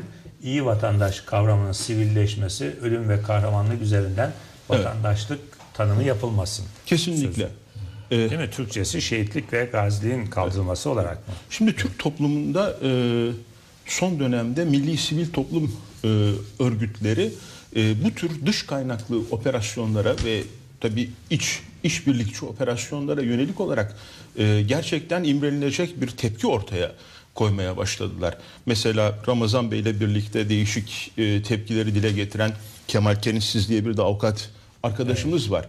Fakat bakıyorsunuz basında e, gerek Ramazan Bey'e gerek Kemal Bey'e yönelik olarak onların sadece hukuki yollardan yaptıkları mücadeleye ve demokratik haklarını kullanmalarına karşı da yoğun bir saldırı süreci başlatıldı. Sanki bu insanlar hukuk dışına çıkıyorlarmış gibi, sanki şiddet kullanıyorlarmış gibi, e, sanki gayri kanuni hareketlerde bulunuyorlarmış gibi onların milli tepkilerini önlemeye yönelik de bir psikolojik operasyonun basının da büyük ölçüde kullanılarak gerçekleştirmeye çalışıldığını görüyoruz. Biraz önce şunu söyledik. Bu ülke bir takviyeli alayını kaybetti. Sadece takviyeli alayını kaybetmedi. Birçok emniyet mensubu şehit oldu, gazi oldu. Birçok milli istihbarat teşkilatı mensubu şehit oldu, gazi oldu. Yani Türk devleti bütün güvenlik mekanizmasıyla terörle mücadele ediyor. Ve zannetmeyelim ki mücadele edilen unsur PKK'dır. Hayır. PKK Kurtuluş Savaşı sırasında Yunan ordusu İngiltere ve Fransa için ne idiyse yani Türkiye'ye karşı kullanılan bir unsurdu, emperyalizmin bir aracıydı, odur. Aynen. Kurtuluş Savaşı'nda Yunan ordusuyla işbirliği içine giren hainler neyse PKK odur. Yani biz esasen 1984'ten bu yana bakarsak PKK'yı değişik unsurlar kullanmıştır.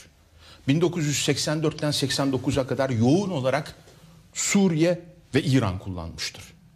88-89'dan 91'e kadar bu Suriye ve İran'a Irak eklenmiştir.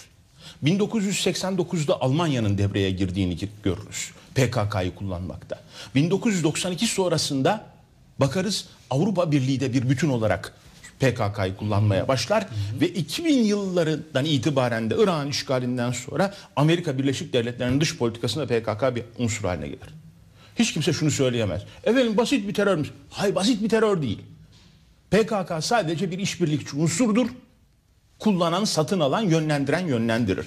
Türkiye esasen bu mücadelesini PKK'ya karşı değil, onun arkasındaki devletlere ve genel kurmaylara karşı vermektedir.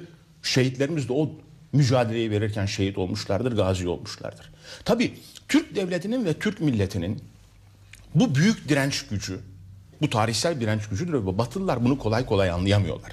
Yani bu ölçüde büyük bir örgüt arkasında bu kadar destekle Orta Avrupa'da çıksaydı ortaya veya Batı Avrupa'da veya dünyanın herhangi bir yerinde İra'ya bu kadar destek verilseydi değil mi? Verilseydi. bu kadar destek Mesela bu verilseydi. büyük İra, Kuzey İrlanda bizim Adana'mız kadar. Sadece Adana. Bütün İran sorununda ölenlerin topluyorsunuz sayısını 1988'de Türkiye'de ölenler kadar. Şehit düşenler kadar. Bakıyorsunuz büyük baskı sorunu. Büyük baskı sorunu dediğiniz yine Mersin vilayeti kadar bir alan.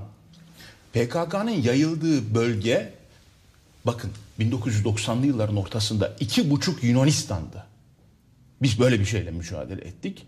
Onun arkasında bir küresel ve bölgesel mekanizmayla mücadele ettik ve mücadele etmeye devam ediyoruz. Sadece terör değil bu. çok önemli. Şimdi yeni Kara Kuvvetleri Komutanı Orgeneral Başbuğ sürekli konuşmasında sürekli olarak şunu söylüyor. Bu terörle mücadelede terör örgütünün başarıya ulaşma umudunun yok edilmesi lazımdır diyor. Yani bunlar biz ne yaparsak yapalım başarıya ulaşamayacağız diye düşünürse mücadele edemez diyor. Ben de diyorum ki herhalde birçok kişi de diyor ki bu PKK'nın terör örgütünün başarı umudunu devam ettirmesi, 20 yıldır devam ettirmesi bu umut kaybolmamış. İçeriden değil dışarıdan. İçeride işbirlikçiler falan olabilir ayrı bir şey. Ama sizin şimdi vurguladığınız gibi dışarıdan Avrupa Birliği ülkelerinden, Amerika'dan, Amerikan dış politikasının unsuru olmuştur PKK dediniz. E, bu o zaman bizim dış politikamızda bir dik duruşa ihtiyacımız var. Yoksa içeride 3 tane terörist öldürülür, 13 tane öldürülür ama 20 yıldır dışarıdan desteklendiği için başarıya ulaşma, komutan dediği gibi başarıya ulaşma umudu kesilmez. Hem dışarıyla işbirliği yapacaksınız hem bu umut dışarıdan desteklenecek teröre karşı. Nasıl oluyor bu? Şimdi PKK'nın başarı umudu olduğunu düşünmüyorum efendim. Burada Bak, Dışarıdakilerin bak, var demek ki bak. yabancıların. Mesela dışarıdakilerin umudunu ortadan kaldırmaktır. Eğer biz stratejimizi PKK'nın umudunu kaldırmak üzerine kurarsak bunda başarısız oluruz. Dışarıdakilerin umudunu nasıl kaldıracaksınız? İyi bir iktidara iht- ihtiyacınız olacak. O kaldıracak. Siz bu umudu dışarıdakilerin umudunu yok edelim derken dışarıdakiler Pontus soykırımını da kabul edin deme noktasına geldiler artık. Ve gıkınız çıkmıyor. Masaya yumruğunuzu vuramıyorsunuz.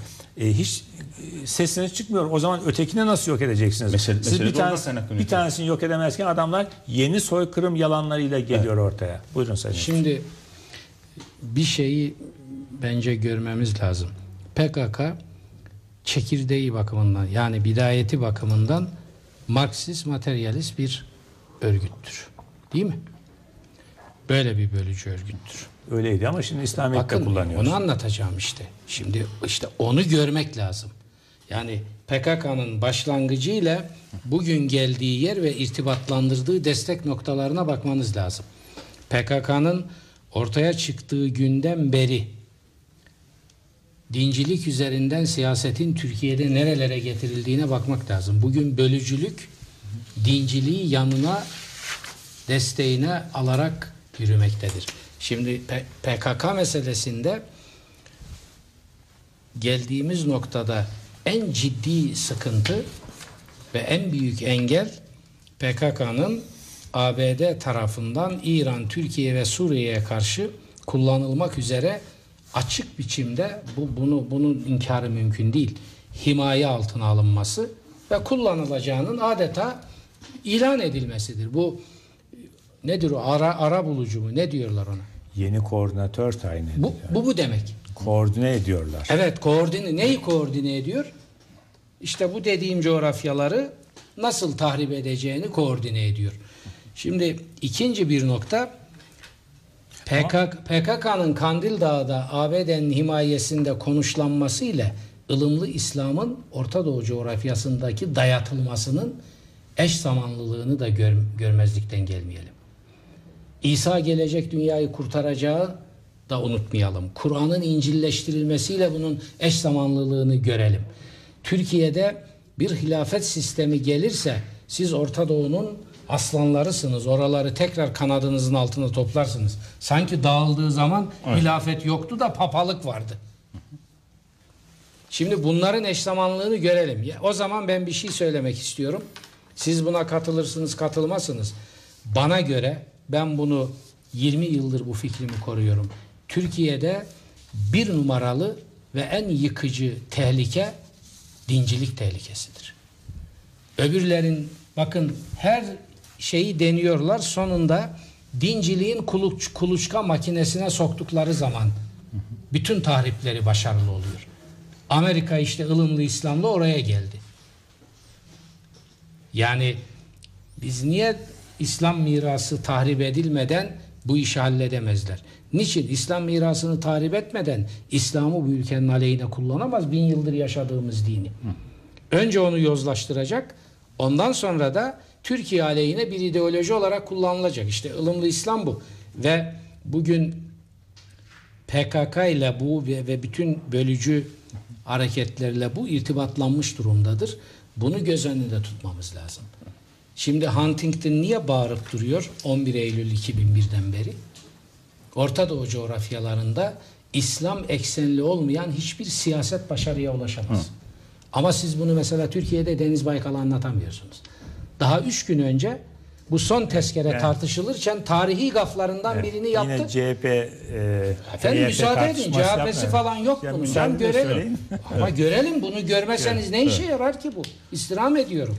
Lütfen. E, AKP gördü mü? Şimdi CHP Erdoğan gördü? diyor ki oraya Müslüman kardeşlerimizi kurtarmaya biz gidiyoruz. Bakar mısınız? Yani İsrail ile ABD sen buraya git Lübnan'a Müslüman kardeşlerini himaye et. Ben onları ezmeyeyim. Şu çelişkiye bakar mısınız? Diyor ve Sayın Baykal ana muhalefet partisi olarak diyor ki orada din savaşı veriliyor. Biz ona katılmayalım. Erdoğan'a bu takviye değil mi? Erdoğan'ın tasdiki.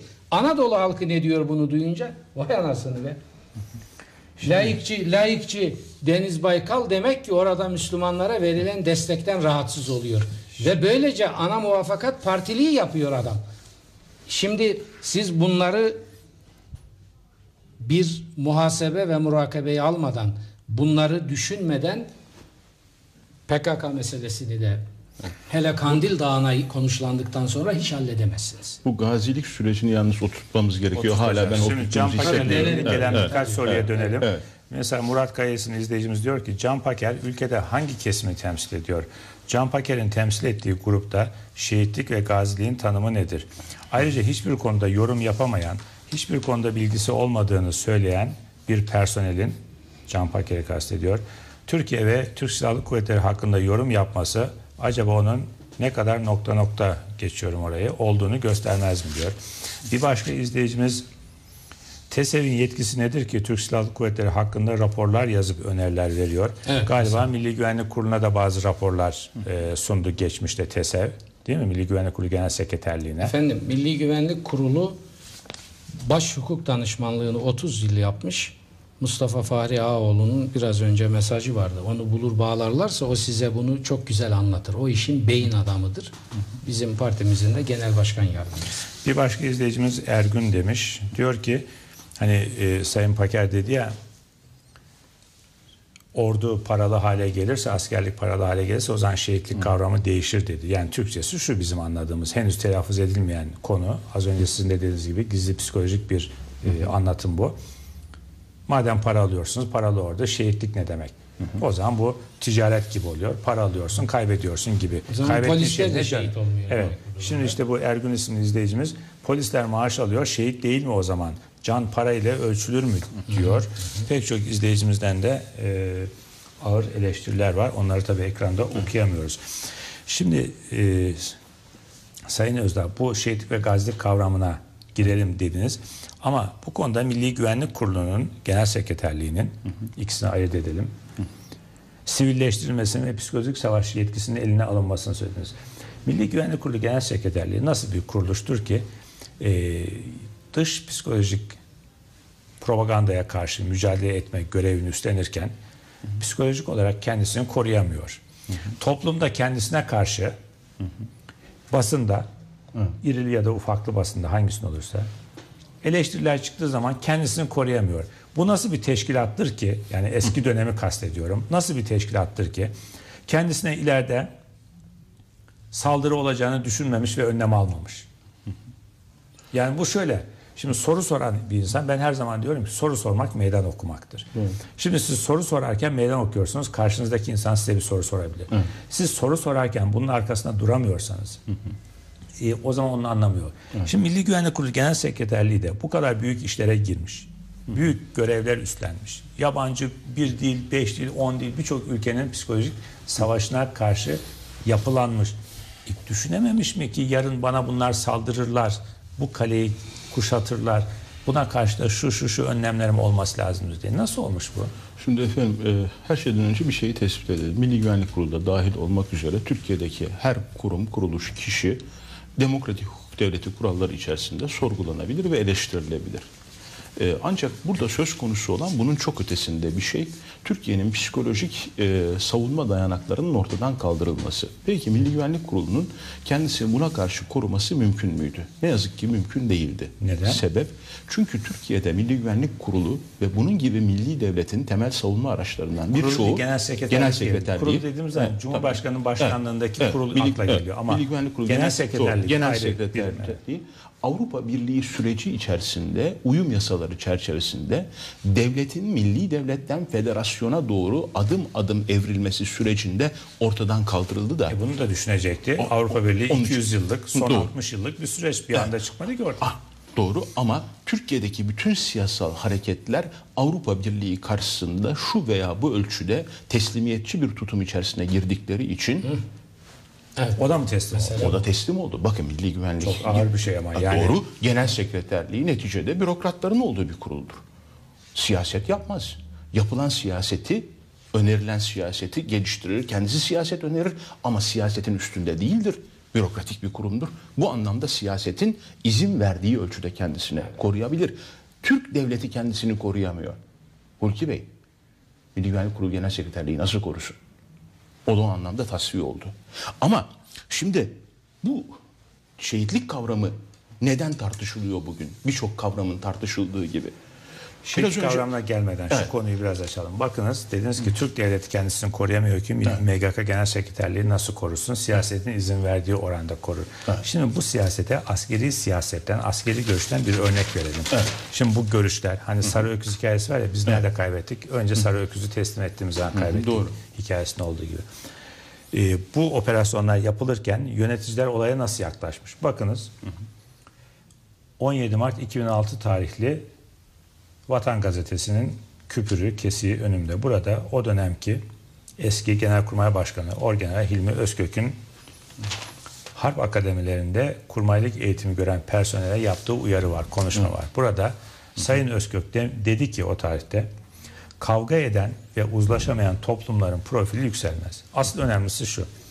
Aykırı fikirlere vatan haini bir düşünce gibi iddialı ön yargıyla yaklaşmayın. Şimdi bakınız. İçinizden birinin aklına gelen ve sizlere başlangıçta oldukça sıra dışı sıra dışı gibi gelen bir fikir çözümün anahtarı olabilir. Ben parantez açıyorum hangi çözümün? Devam ediyorum Hilmi Özkök'ten. Bu bağlamda tavsiyem hiçbir zaman herhangi bir konuda ileri sürülen bir fikre karşı ön yargıyla hareket etmeyiniz. Çok aykırı fikirlerle karşılaşabilirsiniz. Hele bu fikirlere vatan haini bir düşünce gibi çok iddialı bir ön yargı ile yaklaşırsanız fikirlerden istifade marjını daha başlangıçta sıfırlamış olursunuz. Ben parantez açıyorum. Yani size vatan hainliği gibi gelen bir düşünceyi bırakın konuşsunlar. Başlangıçta bu marjı kapatmayın diyor Özkök dedi. Devam ediyorum. Asimetri yaratacak fikirlerden ürkmeyiniz. Unutmayınız ki uygarlık karşı fikirlerin çarpışmasıyla gelişmiştir demiş. Eski emekli Genelkurmay Başkanı, Genelkurmay'ın başındaki, ordunun başındaki Sayın Hilmi Özkök. E şimdi böyle yaklaşımlar olduğu zaman, böyle askeri ve siyasi iradeler olduğu zaman çocuklar orayı değil başlığı göstereceksiniz. E, olduğu zaman o zaman MGK Genel Sekreterliği de kendisini o kadar koruyabiliyor diyorsunuz değil mi? Hayır sadece buraya oturtmayalım. Yani bu Hilmi Özkök Paşa'yı çok aşan bir şey. Avrupa Birliği'ne karşı değiliz dediğiniz andan itibaren Türkiye'nin bölünme sürecine evet demektesiniz. Bunu hangi kurum derse, hangi kuruluş derse, hangi kişi derse bu sürecin içerisine giriyor.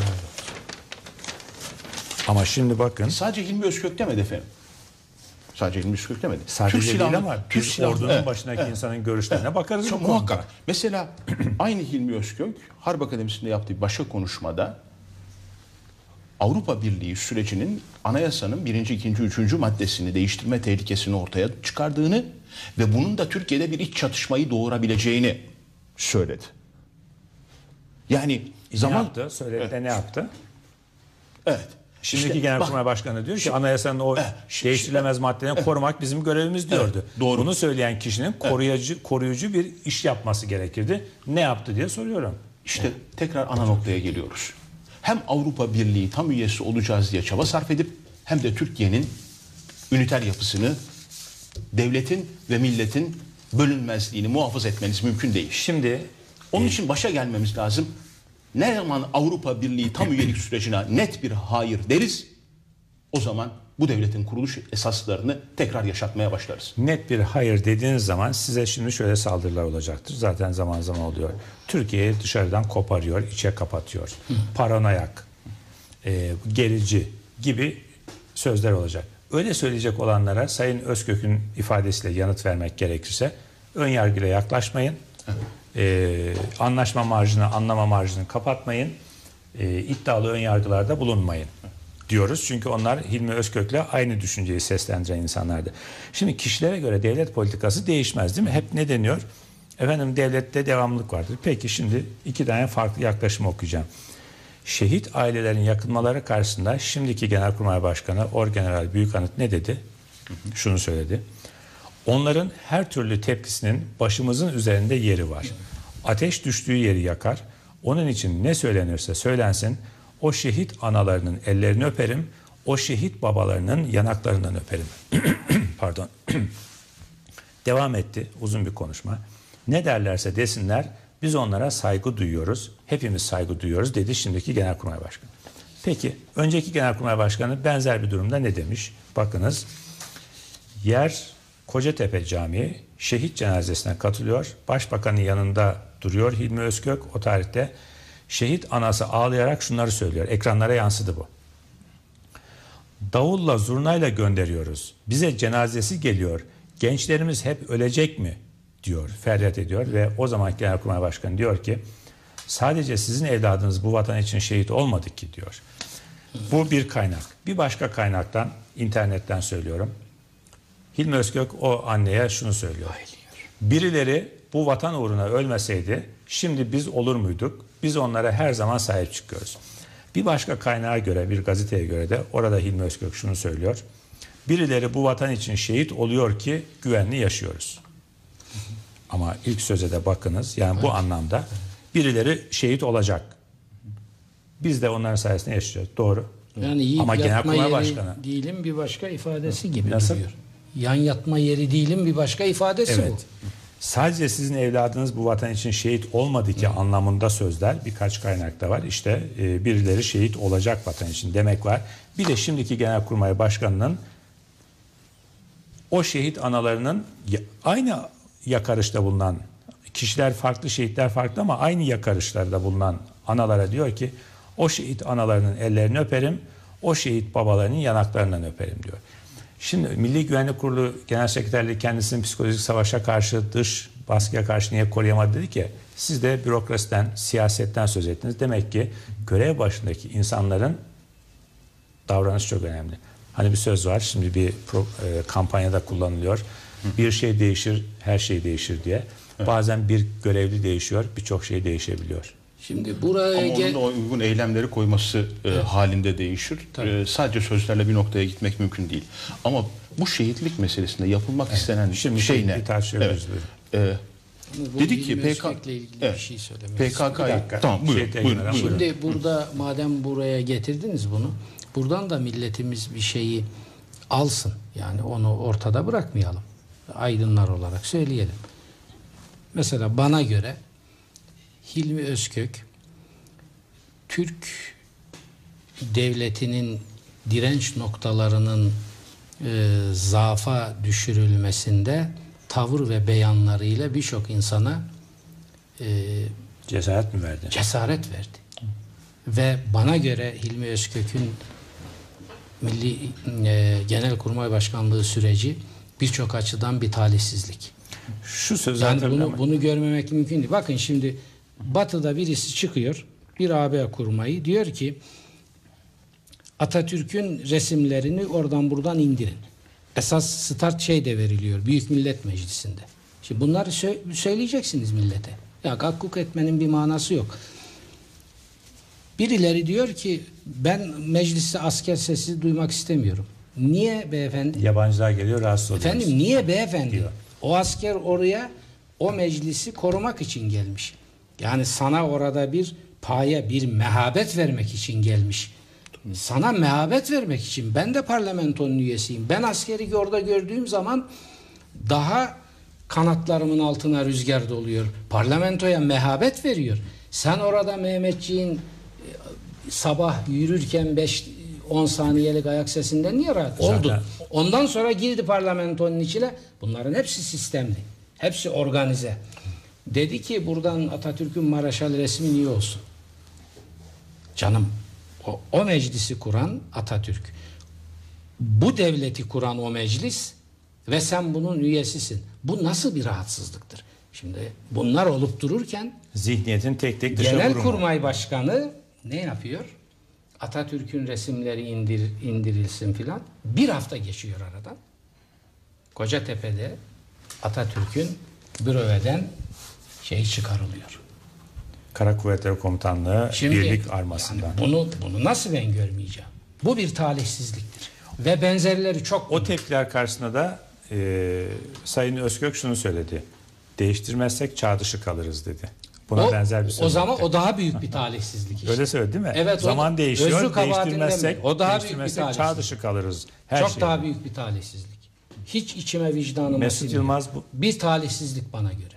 Mesut Yılmaz şöyle ifade etmişti bu sizin anlattıklarınızı. Şimdiki iktidarın en büyük şansı Hilmi Özkök'tür demişti basına Eh, yansıttığı o da şekilde. onu- Bu da siyasi bir anlatım herhalde. Ya be- benim gibi çok açık konuşan siyasetçi böyle söyler onu. Mesut Yılmaz da öyle söyler.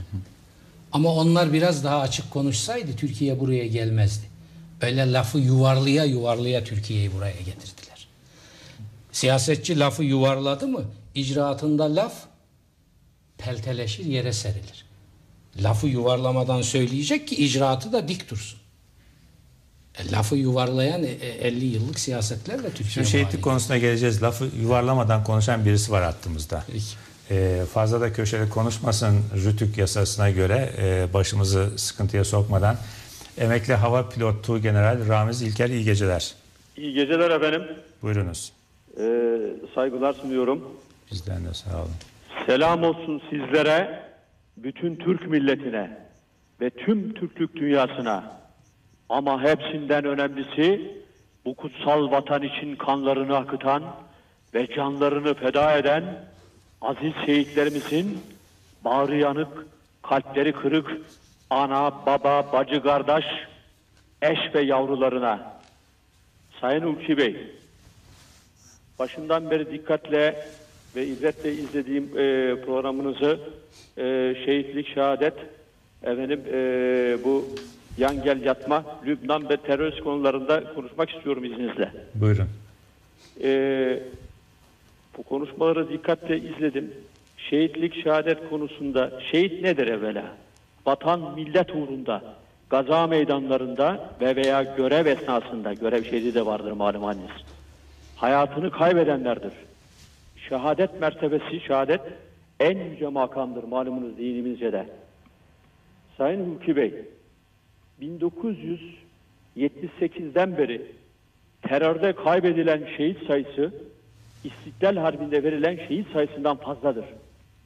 Bakın cali bir dikkattir bu çok enteresan. Biliyorsunuzdur belki ama bir kez daha ben tekrar etmiş olayım.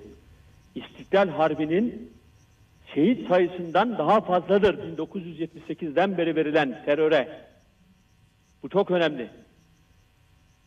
Ee, Güneydoğu'da şehit düşen evlatlarımız defin törenlerinde yükselen feryatlar Balıkesir'de bir şehit yakınının artık şehit cenazesi görmek istemiyoruz şeklindeki söylemi üzerine Vekilbaşı Tayyip Efendi askerlik yan gelip yatma yeri değildir diye akıllara zarar bir cevap veriyor.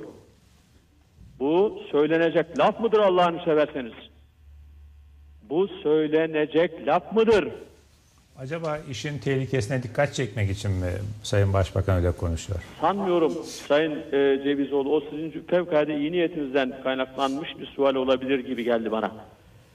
Bir başvekile yakışır mı? Bu kişiye yakışıyor. Bakın nasıl? Mersin'deki tarım işçisine hitaben hatırlarsınız. E, aynen alıyorum. Kusura bakmayın. Kelimeleri aynen alıyorum. Yani onun için Başbakan söylediğine göre siz de tekrar edebilirsiniz. Ha. Başbakanın sözünü Aynen söyleyeceksiniz. herhalde. alıyorum efendim. Lan terbiyesizlik etme. Artistlik yapma. Hadi ananı da al git buradan. Yahu bu millet yatıp kalkıp size mi çalışacak? diyen bir kişidir. Vatandaşa Anadolu vatandaş da Anadolu ağzıyla bizim Anadolu'da bir tabir vardır. Tabiri aynen orijinaliyle bozmamak için ve ben de bir ferdi milletim. O arkadaş da ferdi millete lan diye hitap ediyorsa burada bir Anadolu ağzıyla bir Anadolu insan da şöyle diyebilir. Aman tehlikeli Hayır hayır söz değil, tehlikeli falan değil Sayın e, Cevizoğlu. Siz korkmayın, siz yürekli insansınız. Varsa bir cezası bana gelsin. Konuşmak zamanıdır. Bu arkadaş bakın bu ne diyor? Ben bir şey demiyorum. Ne diyorsun lan sen? Ağzından çıkanı kulağın duyuyor mu? Bizim Anadolu insanı öyle der biliyorsun. Yani bu bir harfi tariftir. Hani İngilizce'de the artikeli vardır ya onun gibidir yani. Ve kaldı ki bu zat-ı muhterem oradaki e, ferdi millete lan diye hitap ediyor. Anlatabiliyor muyum? Konu budur yani. Yoksa bir hakaret içermez. Kaldı ki bana gelsin merak etmeyin. Siz cesur insansınız. Cesur yürek olacağız arkadaşlar. Cesur yürek olacağız. Bu memleket pısırıklardan kan çekti. Sizi tenzih ederim oradaki arkadaşlarımı. Konuşacağız arkadaş, konuşacağız yahu. Konuşacağız. Biraz da iş yapalım. Ha, iş yapacağız ama hayır yani cesur bir şekilde konuşacağız ve tabii iş yapacağız. Karşı, e, arkasında duracağız konuştuklarımızın. Haybeye konuşmayacağız. Yani diyor bak arkadaş RTE sen bu işlere hiç anlamazsın. Senin aklın ermez bu işlere. İstanbul Hassal kışlasında askerlik yaptığını söylüyor Bey Beyzade. Sen hep yap, yan gelip yattın mı yoksa diye sorarlar adama. Kaldı ki hiç zannetmiyorum yatıracaklarını.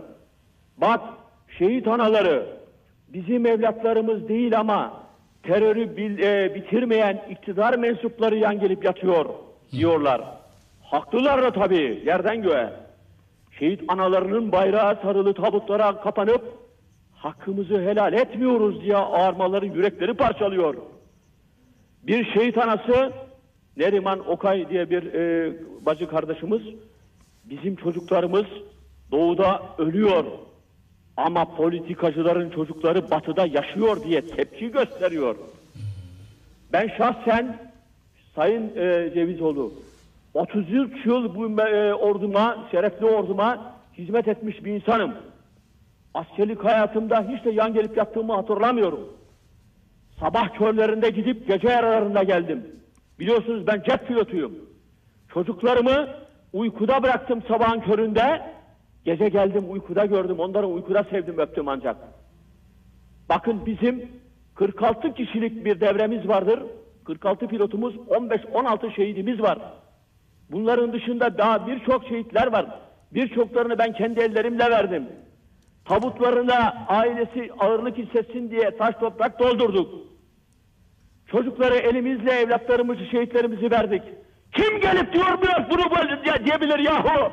Nasıl diyebilir kim olursa olsun? Haşa böyle e, şeyler ne demektir ya? Yan gelip yatıyormuş ya. Ben bunu Türk Silahlı Kuvvetleri'ne şanlı Türk ordusu hakaret telakki ederim. Ve burada ve burada çok sevdiğimiz, değer verdiğimiz bütün söylemleriyle yeni geldiğinde bütün söylemleriyle, cesur söylemleriyle, yürekli söylemleriyle takdir ettiğimiz Sayın Genelkurmay Başkanıma da bir çağrıda bulunuyorum. En azından buna desin ki, buna desin ki ben onu isterim. Bu en hafif deyimiyle, bu en hafif deyimiyle bir talihsizlik olmuştur şeklinde bir beyan vermesi lazım. Bu karşı çıkmak değildir, bu isyan değildir. Bu efendim e, şey e, yapmak, e, darbe yapmak değildir. Ama tavrını baştan koyacaksın arkadaş. Yoksa özçökleşmek olmaz. Yani tenzih ederim. Özçökleşmeyeceğiz. Dik duracağız, sağlam duracağız. Evet. Bir, Yani bu çok, çok önemli. çok kişiselleştirmeyelim ama az önce dediniz ki taputlara taş toprak doldurduk. Orayı tam duyamadım. Bir daha söyler misiniz? Efendim, jet pilotu çakıldığı zaman, Sayın Ulki Bey, çakıldığı zaman, tamam mı? 10 bin fitten, 20 bin fitten çakılıyor, 5 bin fitten, 800 natla, 500, 600, 700 natla yaklaşık 1000 kilometre süratle çakıldığı zaman zerresini bulamıyorsun. Kemik bilmem ne her şey bin bir atomize olmuş. E ailesine götürüyorsun. Şehitlik şey diyeceksin naaşını. Hani ailesi hani gidiyorsun e, şey, kaza mahalline bir şey bulamıyorsun. Etler ağaçlara e, çekmiş e, nedir o böyle kağıt parçaları gibi e, çaput parçaları gibi oradan onu topluyorsun. Buradan bunu topluyorsun. Ailesi de ağırlık hissetsin diye yani tabutun içerisinde na, mübarek taşı vardır diye düşünsün diye taş toprak koyuyorsun. Bu bir vakadır yani. Anlatabildim mi? Çok ibretlik bir şey Evet. söylüyorsunuz. Aynen yani öyledir. Aynen öyledir. Yani devam ediyorum izninizle. bir dakika devam etmeyelim Evet. de etmeyelim de şu sözün anlamını biraz yaşayalım. Evet. Yani Türkiye'yi ağlatacak bir söz aslında. Evet efendim Diyorsunuz ben, ki bakın Hulki Bey beni tanırsınız. Siz, sizi de sevdiğim, çok değer verdiğim yürekli bir gazetecisiniz. Birkaç tane Türkiye'de böyle yürekli, yana da çekmiyorum. Beni, beni tanırsınız. Çok iyi hukukumuz var. Siz de beni de olduğu gibi tanırsınız. beni geçin. Ha, yani şey değil. Böyle e, hakikaten sayılı gazetecilerden birisiniz yani. Oradaki değerli... geçiyoruz. Ar- Beni de- Ümit beni de Bey de öyle, geçiyoruz. Öztürk Bey de Beni onlar da hepsini saydığım, sevdiğim insanlar. Değerli insanlar. Ve bu arada antiparantez şunu söyleyeyim. O meclis oylamalarında Sayın e, Yaşar Nuri Hoca'ya söz verilmemesini de kınıyorum. Verilmeliydi. İsrarla e, istedi fakat verilmedi. Ona vermeyenleri de kınıyorum antiparantez. Efendim bu konu bu konu hakikaten Sayın e, Cevizoğlu arz ettiğim gibi yani dediğim gibi bu parçalara ayrılıyor. Dediğim gibi 10 bin fitten, 20 bin fitten, 5 bin fitten veya alçak e, profil görevi yaparken bir şeye çarpıldığı zaman dikkatsizlik veya pilot hatası veyahut da e, teknik bir arıza nedeniyle şey atlayamadı, paraşütle atlayadığı zaman çarptığı zaman dediğim gibi adeta atomize olur. Paramparça olur. E, naaşı koyacaksınız şeyine, şehit ailesine gönderiliyor ya efendim. Yani Uçakla. şehit, anladım. Şehit ailelerinin bile eee teşbihte hata olmaz. Kimi zaman haline şükredeceği daha kötü durumlar oluyor. Bazen şehitler ailelerine teslim ediliyor ama kimi zaman da ailelerine teslim edilemeyen şehitlerimiz var. Yere çakılan, uçağa düşen, e, şehit olan pilotlarımızın zerresi bile yok. Evet. Ailelerine biz ancak taput içinde taş toprak veriyoruz diyorsunuz. Evet, aynen söylüyorum. Bu Şehidi bile, aynen şehidi bile bulamıyoruz diyorsunuz. Aynen bu gerçektir. Çünkü bazısı Sayın Cevizoğlu, bazı anneler, babalar yüreği yanmış. Diyor ki son kez diyor ne olur bir gözünü görseyini göreyim diyor. Anlatabiliyor muyum? Mümkün değil diyorsunuz. Yani şudur budur. Yani çünkü neyini göstereceğiz? Taş toprak var içerisinde. Anlatabilir bir insan şeyi kadar hani ağırlığı kadar aşağı yukarı veya bazen mesela yanmış olur. Nispeten diyelim ki hani o kadar taş toprak olmadı. Uçuş kalkış esnasında toprağa çıktı, yandı, bir şey oldu, şehit oldu. Onun yanık şeyini görmesin diye bu şekilde davranılır. Ee, sevgili Cevizoğlu kardeşim. Yani bu bir vakadır, bir gerçektir. Ben size ediyorum. Ben filo komutanlıkları yapmış, harekat komutanlıkları, üst komutanlıkları, jet birliklerinde yapmış bir insanım biliyorsunuz. Yani bunları bizatihi canlı olarak yaşamış bir insanım. Durum böyledir. Yüce Türk milletimiz bu durumu bilsin. Bakın oradan Öztürk Hoca'nın ne kadar e, duygulandığını keza e, Ümit Bey kardeşimizin de sizlerin de hissediyorum yani. Bütün milletimiz aynı şekilde. Şimdi böyle bir insanlara, böyle bir milletin çocuklarına sen nasıl dersin arkadaş? Yan gelip yatıyorsun diye. Evet. Kim Sayın olursan ol ya sen tövbe Allah Bir dakika, ya? bir dakika. Ramiz Bey bir dakika. Yani Sayın Başbakan'a da sen diye hitap etmeyelim ama görüşlerini eleştirmek Efendim yani hakkınız sen tabii. derken şahıs olarak yani yanlış anlamayın. Bu Evet. bir hakaret içermiyor Sayın Cevizoğlu. Diyelim ki simülasyon yapıyoruz. Siz şu anda size hitap ediyorum. Farz edelim hadi. Evet. Şey değil bana, bu. bana sen diyebilirsiniz de. Ha, yani o bakımdan yani bu böyle olmaz efendim. Ben buna şahsen alınıyorum. Ben alınıyorum. İnanıyorum ki demin de arz ettiğim gibi Sayın Genelkurmay Başkanımız da bunda alınmıştır. Fakat kibarlığından ve yeni görev almış olmasında, olmuş olmasından dolayı yani herhangi bir şey çıkmasın diye nezaket göstermiştir. Onu da tabii şu şeyle e, saygıyla karşılıyorum. Ama benim bir naçizane önerim en azından en azından bu en hafif deyimiyle bu hoş olmamıştır. Sayın Başbakan, Peki, Sayın şehit- Başvekil demesi lazım. Belki de demiştir bilemiyorum. Şehit ailelerinin vatan sağ olsun kavramını tartışmasını nasıl değerlendiriyorsunuz? Nasıl efendim affedersiniz? Bazı şehit ailelerinin artık vatan sağ olsun demeyeceğim sözlerini nasıl değerlendiriyorsunuz? Yani toplum Sayın psikolo- Cevizoğlu, psikolojik olarak nereye geldi gidiyor? ki bakınız. Diyoruz ki ya kanın yerde kalmayacak. Oraya gidiyor, general de gidiyor, komutan da gidiyor. Efendim işte neyse bakanlar, bakanlar gidemiyor ya. Başbakan, başvekil hazretleri gidemiyor biliyorsunuz. Yüzü yok çünkü. Gitse işte ne bileyim te- aşırı tepki alacak diye bildiği için gitmiyor. Vekiller gidemiyor. E ondan sonra e, efendim e, sarılıyorlar komutanı görünce. Canları yanmış. Ne yapsın ana baba, ne yapsın eş, evlat? E ne yapsın? Kanı yerde kalmayacak, kanı yerde. Ya artık yeter artık diyor ya. Kalıyor kardeşim diyor. Hangi dava uğruna öldü benim çocuğum? En son şeyi hatırlayınız. Bir tanesi babası eniştesi ne dedi o şehit cenazesinde? Çanakkale'de ölmedi Ha, oğlum. Çanakkale'de de ölmedi, Anafartalar'da dedi ölmedi, Sakarya'da ölmedi. Pis bir şey uğruna dedi, savaş uğruna dedi. Düşük yoğunluklu, yoğunluklu bir savaş veriliyor orada, bu bir gerçek. 22 senedir değil mi efendim yani? E orada çocuk bir tanesi diyor ki bugün de işte gene dün bir tane daha şehit geldi, şehitimiz geldi biliyorsunuz mübarek. Efendim bir er, er, er, e, şehidimiz. Efendim orada da diyor ki yani iki tane şey attı diyor. Tabii orada biraz duygusal konuştu. Öyle değil olay. Peki. Yani milletimiz milletimiz şunu yanlış anlamasın. O çocuklar oraya hiç öyle iki tane erle falan gönderilmiyor. Gayet güzel eğitim yaptırılıyor ama iki ay, üç ay, beş ay neyse yani e, normal prosedür süresi, süresi, süresine göre uygun olarak. Ama öyle hiç atmamış, iki tane atmış, ötekisi iki bin tane atmış. Olay öyle değil. O biraz duygusal konuştu. Bilmiyorum Sayın İlker, mi? Sayın İlker, siz asker olarak şu sorunun yanıtını farklı verebilirsiniz. Şimdi Van'da PKK bombasıyla şehit dü- düşen e, Selami Doğrul'un eşi, o da polis biliyorsunuz. Şöyle demişti. Efendim, sesiniz biraz yavaş geliyor. e, şehit Selami Doğrul'un eşi Evet efendim. şu açıklamayı yapmıştı. Ha, şimdi iyi geliyor. Eşinin daha önce kendisine hep keklik gibi avlanmayı bekliyoruz dediğini açıkladı. Şimdi polisimiz, askerimiz Avrupa Birliği uyum yasalarından mı kaynaklanıyor? Avrupa Birliği'nin siyasi baskılarından mı kaynaklanıyor? Artık bu terörle mücadelede Avrupa Birliği'nin etkisi yüzünden mi keklik gibi avlanmayı bekliyoruz demeye başlıyor. Bu ifade bakın bir şehit eşine ait. Evet. Şehit olmadan evvel polisimiz bunu söylemiş. Şimdi acaba bu Avrupa Birliği baskısı, toplum üzerindeki baskı da bize her türlü küfrü yapmalarına rağmen Avrupa Birliği'nin Evet efendim. başımıza bir iş gelir, mücadele edersek soruşturma açılır. Bunun hesabını veremeyiz. Bakın kimler yargılanıyor, herkesin üstüne geliniyor. Düşüncesiyle mi keklik gibi bekliyoruz noktasına geldiler. Ya da oradaki terörle mücadele, mücadelede uzman timlerin artık görev yapmamasından mı kaynaklanıyor? Başka bir nedeni mi var? Ee, nasıl değerlendiriyorsunuz? Efendim e, şimdi bu konuda bu konuda tabii o e, kelime çok enteresan. E, buyurduğunuz hususlarda gerçeklik payı olmuş olabilir ama şu var. Yani e, biliyorsunuz şimdi ilk söylediğiniz kısmında efendim katılmamak mümkün değil. Biliyorsunuz e, yetkiler yetkiler kısıtlandı. Neredeyse oradaki birlikler ne bileyim yani biraz belki abartılı konuşacağım ama ordu komutanından izin alacak duruma geldi. E o zamana kadar adam geliyor geçiyor oradan. Öbür taraftan validen efendim mülki amirden, validen kaymakamdan oranın efendim mesul e, mülki amirinden izin almak durumu geldi. Yani yetkiler budandı, kısıtlandı. Ondan sonra efendim dolayısıyla alo Evet dinliyoruz.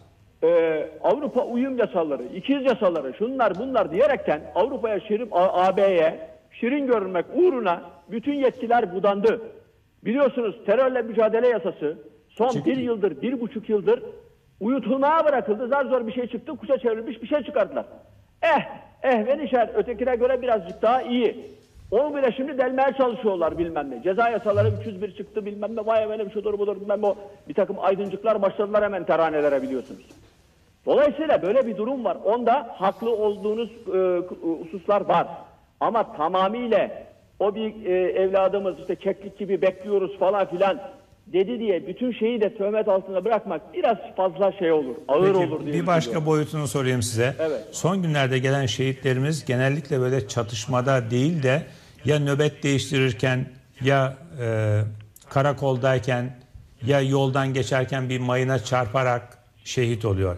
E, yani bu teröristler nerede? Taktik mi değiştirdiler? Artık çatışmaya girmeyip de uzaktan kumandalı mayınlarla mı e, Alo. şehit almaya evet, çalışıyor? Evet, hak- hak- e, haklısınız efendim. E, genellikle şimdi bunlar yakın mücadeleye, yakın e, çatışmaya, müsaademeye girmiyorlar. Genellikle son taktiksel e, yöntemleri buyurduğunuz gibi biliyorsunuz e, asfalt, asfaltlanmayan 3 kuruşluk para için 3-5 kilometrelik e, zift yok, asfalt yok diye asfaltlanmayan yollara uzaktan kumandalı mayın döşenerek efendim bir takım piknik tüplerini destekleyerek ederek bilmem ne C4'len A4'lerle vesaire ve telsiz telefonlarını el cep telefonlarıyla bile kumanda edilebilen e, yöntemlerle kendisi şeye girmiyor, e, riske sokmuyor. Uzaktan kayanın arkasından bakıyor. Bir de bunlara ilaveten biliyorsunuz bir, bir tane hain çıktı. Şimdi PKK'nın yöntemler arasında bu da var. Adamlar biliyorsunuz son zamanlarda bir furya başladı. Efendim e, katılmalar başladı bize. Efendim PKK kamplarından bir tanesi karı koca hatta çocuğu var. Daha yeni katıldı. Şimdi bazıları bunların giriyorlar efendim. Geliyorlar bize askerliğe de gidiyor. Askere gittikten sonra geçen en son bir tanesi öyle oldu biliyorsunuz Astemen'in şeyinde. Bir tanesinde yeri belli etti, koordinatları verdi vesaire. Şuradan şuraya gidecek dedi. Oynak birlikler var dedi. Oraya giderken çocukların arabasına e, şey uzaktan kumandayla ateş ettiler roket savarla, roketle ve şehit ettiler. Söylediğimiz- Şimdi sizce acaba biraz bu işlerde bu konularda e, siyasi zafiyet mi var? Efendim? Siyasi zafiyet uzun yıllardır var ama son olayları kastederek Siyasi soruyorum. Uzun zafiyet- süreli değil. Yoksa askeri zafiyet mi var? Biliyorsunuz daha önce Genelkurmay Başkanı iken Doğan Güreş'in ve kuvvet komutanlarının kahvesine de e, Evet. PKK'lı Yani iki er tarafından Maltepe'de. zehir koyulmuştu. Evet. Son anda fark edildi. Evet. Buraya kadar yaklaşabiliyorlar ve tedbir alınamıyor mu? Hadi diyelim o tarihte önlem alınamamıştı. Doğan Güreş'in Genelkurmay Başkanlığından bu yana PKK'lıların ne yapabileceği görün, bilindiğine göre nasıl tedbir alınamıyor ya da burada başka bir Efendim, bilemediğimiz bir şey mi var? Efendim e, az önce arz ettiğim gibi Sayın Cevizoğlu siyasi e, mülazalar yönüyle siyasi e, yetkiler ve otoriter yetki ve sorumlulukların azaltılmış olması, neredeyse hiç e, esamesine indirilmiş olması, mutlaka bir yerden bir şey emir almak şeklinde, inisiyatif kullanmaya e, zemin ve zaman verilmemesi, bırakılmaması, oradaki komutan, küçük birlik komutanı, manga komutanı, tabur komutanı, e, bölük komutanı, tabur komutanı, bunlar takım komutanı inisiyatifini kullanamazsa yapamaz. O zaman korkak olur, atılımcı olmaz, şey olmaz. Biliyorsunuz e, Erdal Sarı, Sarızeybek Albay'ın e, şeylerinde e, Pamuk Paşa'nın değil mi efendim e, şeylerinde sizinle şeyler yaptı, programlar yaptı, kitaplarını okuduk. Alan hakimiyetine geçtiler, ondan sonra PTT'yi bitirme noktasına getirdiler. Bir, iki, az önce sizin de e, isabetle buyurduğunuz gibi özel timler vardı. Bu özel timler çok iyi yetişmiş, e, profesyonel, e, tam bir komando eğitimi görmüş. Dağda, bayırda böyle şeyle. Çünkü orada yani e, demin söylediğim gibi yanlış anlaşılmasın hafife de almıyorum asla. Ama 3 ay 6 ay eğitim görmüş çocukla şimdi bu özel timlerin eğitim seviyesi gayet tabii ki bir olmaz. Takdir buyurursunuz. Değil mi efendim? Dolayısıyla bunlar çok daha etkili oluyor. Bunları bu PKK ve bunların siyasi uzantıları ısrarla bunların dağıtılması, efendim eee diskalifiye edilmesi yönünde muazzam bir propaganda yaptılar. Ve bu etkili oldu. AB nezdinde olsun, Türk hükümeti nezdinde olsun bunları lağvettiler veya lağvedilmese de bile dağıttılar. Etkinliğini azalttılar, sıfıra getirdiler. Sıfıra müncer oldu. Dolayısıyla şimdiden bunların yeniden kurulması lazım şiddetle ve ivedilikle. Çünkü bunlar çok etkili. Sırf bu yüzden eğitim görmüş profesyonel, uzman çavuş vesaire veya polis elemanlardı. Bunlar yani adeta tabirimi mazur görün yani kötüye yönelik olarak bir insan avı esamesinde profesyonelce işini bilen ehil elemanlar, elyak elemanlar. Dolayısıyla böyle birliklere, bu şekildeki özel birliklere acilen ihtiyaç var. Ki o zaman bu eğer e, şey, askeri ve diğer güvenlik şeyleri birimlerimizdeki kaybımız en aza iner bitmese bile. Ümit Hoca burada bir şey söyleyecek Yaşar Nur Öztürk'te. Buyursunlar efendim. Şimdi e, yanlış anlaşılmasın. E, küçük bir parantez açarak ifade etmek istiyorum. E, bu asfaltsız yollar meselesi çok gündemde tutuluyor. E, ama PKK'nın elindeki imkan ve yetenekler asfaltlı yollara da aynı tuzakları kurmaya e, Yani asfalt en- yolun altına da mı? altına da girilebiliyor. Mayın mayın döşenebiliyor. Bu bir. İkincisi Türk Silahlı Kuvvetleri de bu konuda e, tamamen savunmasız değil. E, bu uzaktan kumandalı e, patlatmalara karşı, bombalara karşı Türk Silahlı Kuvvetleri'nin geliştirmiş olduğu, e, kendi imkanlarıyla geliştirmiş olduğu e, karşı önlemler var. E, ve bunlar da etkili bir şekilde hem e, yollarda kullanılıyor hem de daha yollanan e, birliklerin de e, bu tür araçlar kullandığını biliyoruz. Yeterince yaygın değil sanıyorum ama zaman içerisinde daha fazla yaygınlaşacak. Mayın deyince affedersiniz bir de Suriye sınırındaki, Suriye-Türkiye sınırındaki mayınların temizlenmesi gündeme geldi. Şimdi yarın Suriye sınırından girip çıkarlarsa oradaki Türkiye'yi korumak için ko- koyulan mayınlar niye temizleniyor ki? Yani sınırları nasıl koruyacaksınız? Ya asker dikeceksiniz, ya mayın döşeceksiniz, ya elektronik cihazlarla koruyac- Bu, koruyacaksınız. bu, bu mayınların birçoğu zaten tarihi geçmiş e, mayınlar. Ciddi anlamda e, etkisiz e, olan mayınlar ve e, bu sınır PKK'dan çok e, geçmişte kaçakçılar tarafından kullanıldı. E, bu anlamda mayınların sökülmesinde bir e, sakınca yok fakat mayınların sökülmesi sırasında e, hangi ülkeye ve hangi şirketlerle çalışıldığı meselesi çok stratejik ama şu anda e, konumuz dışında olduğu için ona fazla girmeye gerek yok. Yalnız Muhterem Paşam çok e, önemli bir hususun altını çizdi. E, bunun üzerinde ayrıca düşünmek gerekiyor. E, Türk Silahlı Kuvvetleri'nin ve Türk Emniyet Teşkilatı'nın terörle mücadelede başarılı olan timlerinin PKK lobiciliği sayesinde ortadan kaldırıldığını söyledi. Bu da PKK lobiciliğinin e, ne kadar etkili olabildiğini göstermesi açısından e, bence olağanüstü ibret e, verici. Gelelim meselenin şehitlik ve gazilik boyutuna bu gittikçe daha da vahamet kazanacak ve korkarım eğer süreç böyle devam ederse bugün çocukları şehit olduğu zaman vatan sağ olsun diyemiyorum diyen anneler eğer süreç böyle devam ederse çocuklarını askere yollamak dahi istemeyeceklerdir. Ben bu tehlikeye bundan 4 sene önce dikkat çektim ve bütün yetkilileri idam cezasını kaldırma çalışmaları gerçekleştirilirken uyardım. Yapmayın. Bunu kaldırmayın. Abdullah Öcalan'ın üzerinde bu kılıç sallanmalı. Bu kılıç sallandığı sürece PKK terör eylemlerine tekrar başlayamaz dedim. Bana o zaman birisi şu cevabı vermişti. Çatışma olur. Hayır. Şöyle dedi. O zaman yeniden koyarız Ümit Bey endişe etmeyin. Buyurun şimdi koyun. Ama, Ama- diyenler yok herhalde şu anda. Şu anda yoklar. Ancak şunu ifade edelim. Şimdi PKK'yı destekleyen güçler PKK'nın Türk Silahlı Kuvvetleri'ni Türkiye'ye yenemeyeceğini biliyorlar mı? Konvansiyon olarak. Biliyorlar. Peki neye oynuyorlar? Oynadıkları şey bir yıpratma savaşıdır. Esasen bu tür mücadelelerin özünde iradelerin savaşı vardır ve yıpratma savaşı vardır. Yıpratarak siyasi çıkarma elde edilecek. Evet, yıpratarak toplumu çözmek. Batılılar biraz önce şunu söylemiştim. Bu tür bir örgüt Orta Avrupa'da olsaydı çoktan devletle oturuyordu, görüşmelere başlamıştı.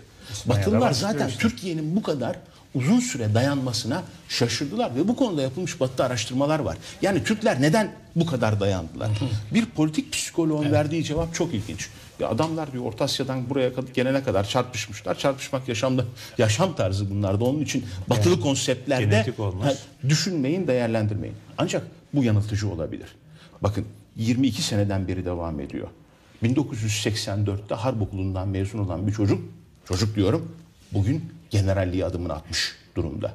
Bu sene, bu 22-23 sene içerisinde 10-12 sene Güneydoğu'da çarpıştı, mücadele etti. Kuzey Irak'a geçti, Suriye'ye geçti, zaman zaman İran'a geçti. Yani askerlik kariyerinin yarısını, yarısından fazlasını Güneydoğu'da geçirdi. Bu arada eri şehit oldu, komutanı şehit oldu, sınıf arkadaşı şehit oldu, gazi oldu. Yani çarpışan bir e, ordu var. Ancak o ordunun altındaki milletin sürekli psikolojik operasyonlara maruz kaldığını görüyoruz. Dış kaynaklı psikolojik operasyonlar, içteki psikolojik operasyonlar, işte gaziliğin ve şehitliğin kaldırılması doğrultusunda yapılan çalışmalar, Türk milletini bir umutsuzluğa sürüklemek isteyen çalışmalar. Ya bu iş bitmez, verelim de kurtulalım. Nasıl olsa ekonomik bir değeri yok. Ee, bu iş parçalanmadan bitmeyecek şeklinde yapılan operasyonlar ama bunlardan daha fazla etki yapan ne biliyor musunuz? Vatandaş PKK'yı bitirmek için elde devletin elinde bir konseptin olmadığını anladı. İşte tepki buna. Evet biz çocuğumuzu yolluyoruz. Çocuğumuz gazi oluyor, şehit oluyor. Ama terör örgütünün lideri yakalanıyor. Fakat asamıyoruz. İkinci başkanı yakalanıyor. fakat asamıyoruz. Siyasi kolları terbiyesizce her tarafta çalışmalarını sürdürüyorlar. Şeref salonundan geçiyorlar. Şeref salonundan geçiyorlar. Devletten maaş almaya devam ediyorlar. Ve sonuç yok. Ve sonra mesela bir orgeneral diyor ki şehit yakında terör sanki kaderimiz oldu. Hayır, terör bu milletin kaderi değildir. Bu sorun çözülebilir. Bu millet artık terörü ortadan kaldıracak bir konsept istiyor. Bir politika istiyor. Efendim bundan 10 sene sonra da böyle çatışmalar devam etsin. Hayır. Türk milleti bunu istemiyor. Türk milleti kesin, köklü bir hesaplaşma ve meselenin bitmesini istiyor. Affedersiniz bu Abdullah Öcalan idam edilmesin tartışmaları yapılırken idam edilmesin görüşünü savunan gazetecilere de şunlar gazeteciler de şunları söylemişti. Herhalde yaptıkları görüşmelerin sonucunda. Efendim Abdullah Öcalan'ı bugüne kadar yabancılar kullandı. Biraz da biz kullanalım. İdam etmeyin. Kardeşim ne yapıyorsunuz şimdi? Kullanıyor musunuz? Yani batıya karşı Öcalan'ı nasıl kullanıyorsunuz? Terörün önlenmesi için ne yapıyorsunuz? Bu ne demektir? Bunlar yazıldı, çizildi. Bakın arşivlere. Gelin internete var. Yani o yararlanalım. Nasıl yararlanacaksın? Ne demektir bu? Efendim idam etmeyelim. idam olursa çatışma çıkar. İşte çatışma var. Peki onun dışında siyasi politikanız sizin ifadenizde konseptiniz ne? Bir kim cevap verecek buna? Yok. Türkiye'nin PKK ile mücadelesinin tarihi, Türk halkının fedakarlığı, Türk güvenlik güçlerinin kahramanlığı, Türk devletinin de hatalarının tarihidir. Tekrar etmek istiyorum. Türk halkının fedakarlığı, Türk ordusunun, polisinin, Milli İstihbarat Teşkilatı'nın kahramanlığı, Türk devletinin de hatalarıdır. Bu hatalar idamla bir noktada zirveye çıkmıştır. Konseptsizlikle, terörle mücadele konusunda devam etmektedir. Ama bakın bu devam ettiği sürece bir başka tehlikeyi doğuruyor. Daha dün biliyorsunuz Sakarya'da dört tane Diyarbakırlı işçi, fındık işçisi, fındık işçisi bir kahvede Sakaryalı üç tane gençle tartışıyorlar. Bir anda 1500 kişi kapının önünde birikiyor ve diyorlar ki linç edeceğiz. Aynı şey daha önce Konya'da oldu. Türkiye'nin başka yerlerinde de oldu. Bunlar zaman içerisinde artıyor. Türk devletini yönettiğini düşünenler bunu çok iyi okumalılardı. Eğer başka bir ülkede olsaydı şu ana kadar çok daha büyük çatışmalar çıkabilirdi. Ama Türk halkının imparatorluk geleneği, bu toprakların iç içe geçmişliği bütün bunları engelledi. Ama Türk topraklarının psikolojik operasyonlara ve tahriklere açık bir coğrafya haline geldiğine görelim. Çok çabuk psikolojik operasyonlarla, istihbarat operasyonlarıyla 1980 öncesinde yaratılan Kahramanmaraş olayı benzer olayların çıkartılması mümkündür. Mesela Kahramanmaraş olaylarının arkasında Suriye İstihbarat Servisi vardır. Hala vatandaşlar onu bir sağ sol çatışması olarak biliyorlar. Hala bir Alevi Sünni çatışması olarak biliyorlar. Ama Suriye İstihbarat Servisi'nin olduğunu devletin raporları dahi, gizli tutulan raporları dahi gösteriyor. Gizli ama ben biliyorum diyorsunuz. Evet, biliyorum. Ee, yani yarın aynı şeyin Mersin'de olmayacağını garanti edemezsiniz. Onun için bir an önce bu meselenin sadece askerle değil, ekonomik, sosyal, kültürel, politik, psikolojik, toplumsal rehabilitasyon, diplomatik, istihbarati boyutlarıyla ele alınıp çözülmesi lazım. Muhterem Paşam hava pilotu. Türkiye'nin dünyanın en iyi uçaklarını Türk Hava Kuvvetleri'ne alabilirsiniz. Bu meselemizi çözmez. Veya en iyi tankları da alabiliriz. Bu da meselemizi çözmez. Türk Silahlı Kuvvetleri üzerine düşeni yapmıştır zaten. İkinci Dünya Savaşı sonrasında görülen ve Kızıl Kimerlerden sonra en kanlı, en rezil, en iğrenç ve en geniş kapsamlı terör örgütü 1990'lı yılların sonunda büyük bir fedakarlıkla tüketilmiş ve bitirilmiştir. Ve ondan sonra Türk devlet adamlarına dönülmüş ve denilmiştir ki tamam işte biz bitirdik. Alın ve halledin bunu. Hangi yani örgütü? efendim yani Abdullah Öcalan'ın yakalanmasıyla birlikte askeri olarak bitmiştir bu mücadele. Ama Türk siyasetini yönetenlerin yapabildiği en iyi şey şudur. Avrupa Birliği üyesi olursak bu işi çözeriz. Ve Türkiye o andan itibaren de çözülmeye başlamıştır. Ve bu çözülme şimdi Avrupa Birliği'nin baskısı altında artarak devam ediyor. Türk devleti Avrupa Birliği emperyalizminin kontrolünde ve Türk toplumu da Avrupa Birliği faşizmine açık e, toplum. Biraz önce çok çarpıcı bir şey söylediniz. Dediniz ki bunları söylerseniz Ümit Bey size şunu söylerler, size şunu söylerler, size şunu söylerler. Doğru söylerler. Ve ben de kendimi sizin programınız dışında başka bir kanalda, başka programda, belki bir iki televizyonda savunamam. Neden? Çünkü Türkiye'de Avrupa Birliği faşizmi var onun için. Avrupa Birliği'nden desteklenen, fonlanan gazeteciler ve kalemler ve televizyonlar ve gazeteler var onun için. E bu ülkenin ulusal sermayesi nerede o zaman canım? Doğru söylüyorsunuz belki ama ulusal sermayesi nerede? Bu ülkenin devlet kurumları nerede? Bu ülkenin e, ortak bilinci nerede? Şimdi o kadar geniş kapsamlı bir psikolojik operasyonla karşı ki, karşı karşıyayız ki. Size şöyle yapıyorlar. Avrupa Birliği'ne karşı mısınız? Aa, Hulki Bey, halbuki siz akıllı bir insana benziyorsunuz. Nasıl karşı olursunuz? Bu kadar alçakça bir psikolojik operasyon Geçen olamaz. gün bana telefonda eski bir başbakan söyledi bunu. Çok Avrupa Birliği'ne karşı gözüküyorsun dedi. E, gelin tartışalım dedim. Gelecek galiba. Evet o da psikolojik operasyonun etkisi altına girmiş durumda. Zaten mesele de Türk devletini yönetenlerin beyinlerinin kontrol altında tutulması. Bir televizyonda bir film seyretmiştim. Türk kamuoyuyla paylaşmak isterim geçtiğimiz yıllarda. CIA bir darbe planlıyor, tezgahlıyor bir Karayip ülkesinde ve e, bir lider adayını seçmişler, onu yetiştiriyorlar. Ondan sonra ve onu iktidara getirecekler. Onun case officer denilen yani olayı yöneten CIA e, subayı CIA başkanına bu darbenin gelişimiyle ilgili bilgi veriyor. Dedi ki ülkede durum şöyle. Bu da o ülkenin en seçkin ailelerinden birisinin çocuğu. Yale Üniversitesi'nde tarih ve siyaset bilimi okudu ve sonra ekledi. Üstelik düşüncelerini kendisine ait zannediyor. Müthiş bir laf.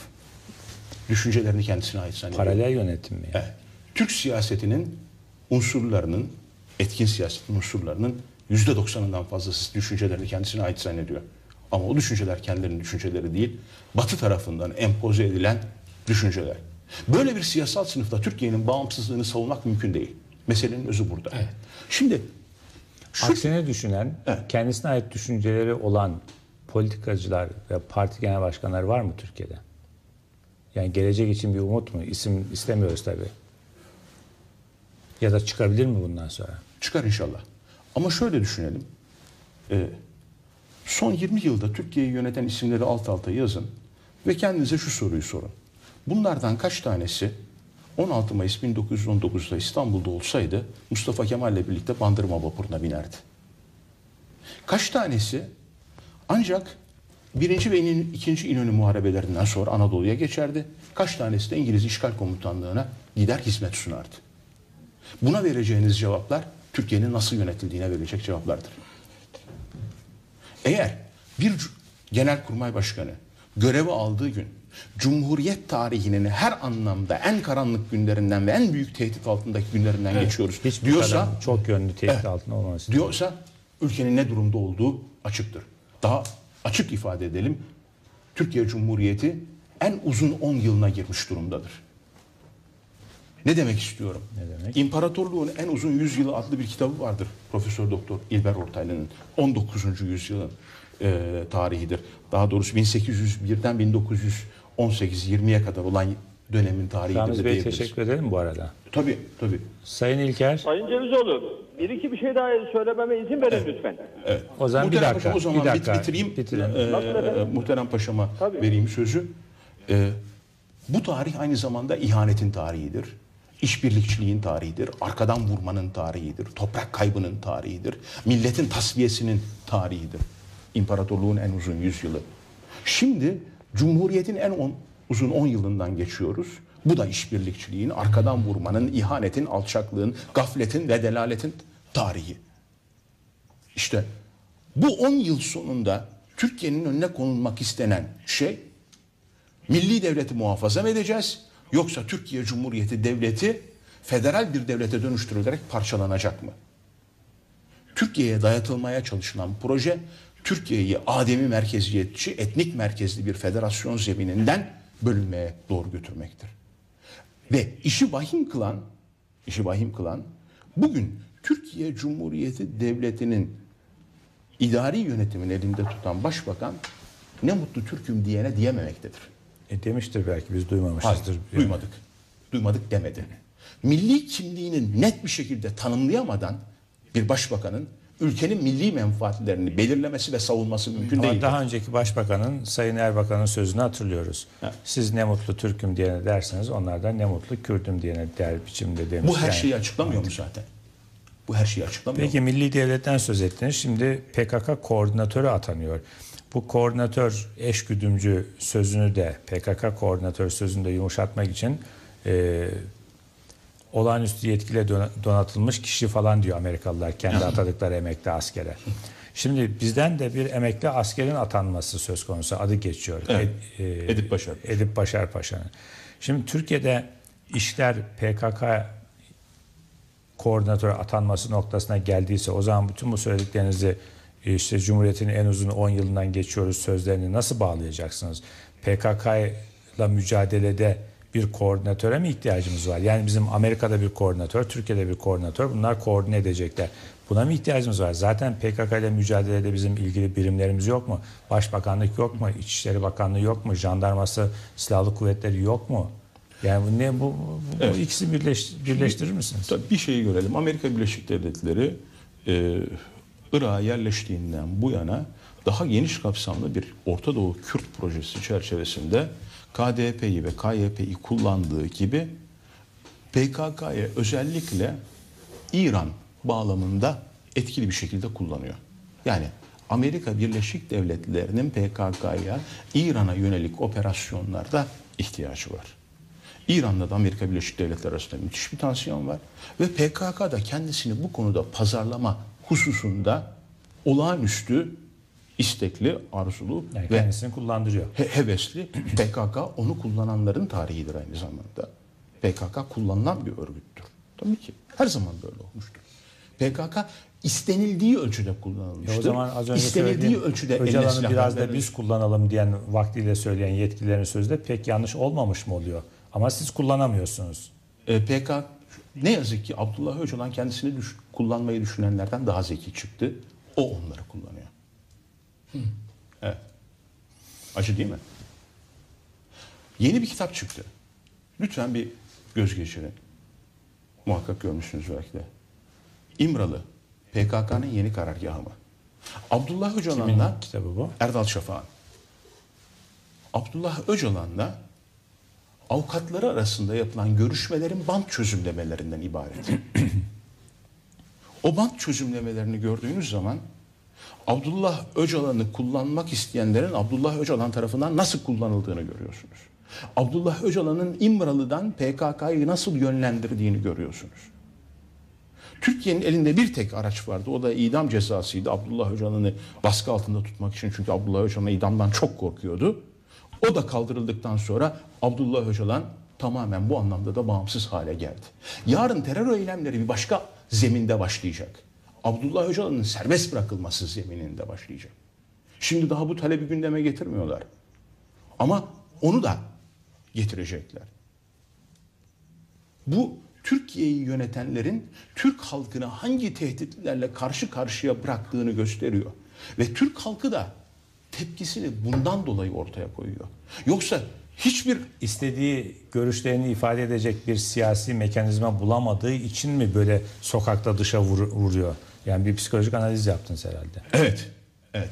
Kızgınlık, kırgınlık, umutsuzluk bu sürecin bu şekilde devam etmesi karşısında bunu şu anda annelerle seslendiriyor. Bunu şu anda değişik gerekçelerle çıkan kavgaların bir anda 1500-2000 kişinin katıldığı Buna etkin, tepkilerle etkin pasiflik denilebilir Evet, belki. evet, değil mi? tepkilerle gösteriyor. Ee, bunun bir başka aşaması olabilir. Türk halkı Türk devletine karşı sivil itaatsizliğe geçebilir. Bakın tekrar ediyorum. Eğer Türk devleti bu noktada bu kadar kötü yönetilmeye devam ederse Türk halkının kendisini savunmayan, hukukunu savunmayan hem de her alanda savunmayan devlete yanlış, karşı yanlış bir şey tabii. Yani böyle Yanlış bir güç, yani yanlış da- halkın gücü başkaları tarafından art niyetler tarafından yanlış kanalize edilebilir, yönlendirilebilir. Onun Üstelik- için o zaman bu tepkiler çok kalmadı. Yaklaşık bir sene var sandık gelecek.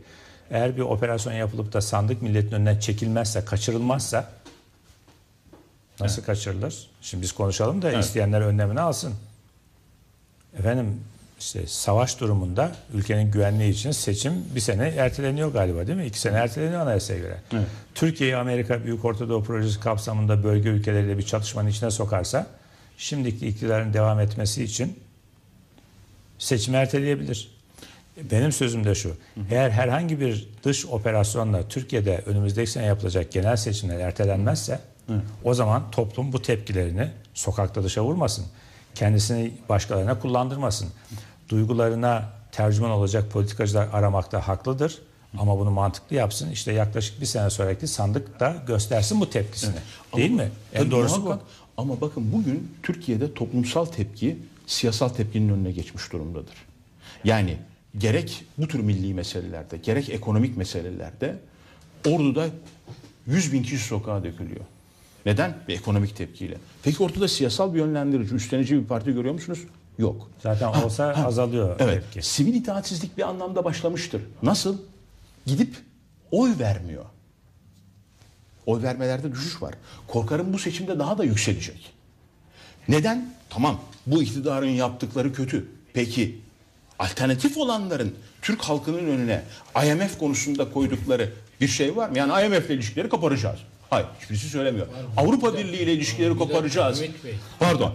Pe- pe- pe- pe- pe- Peki.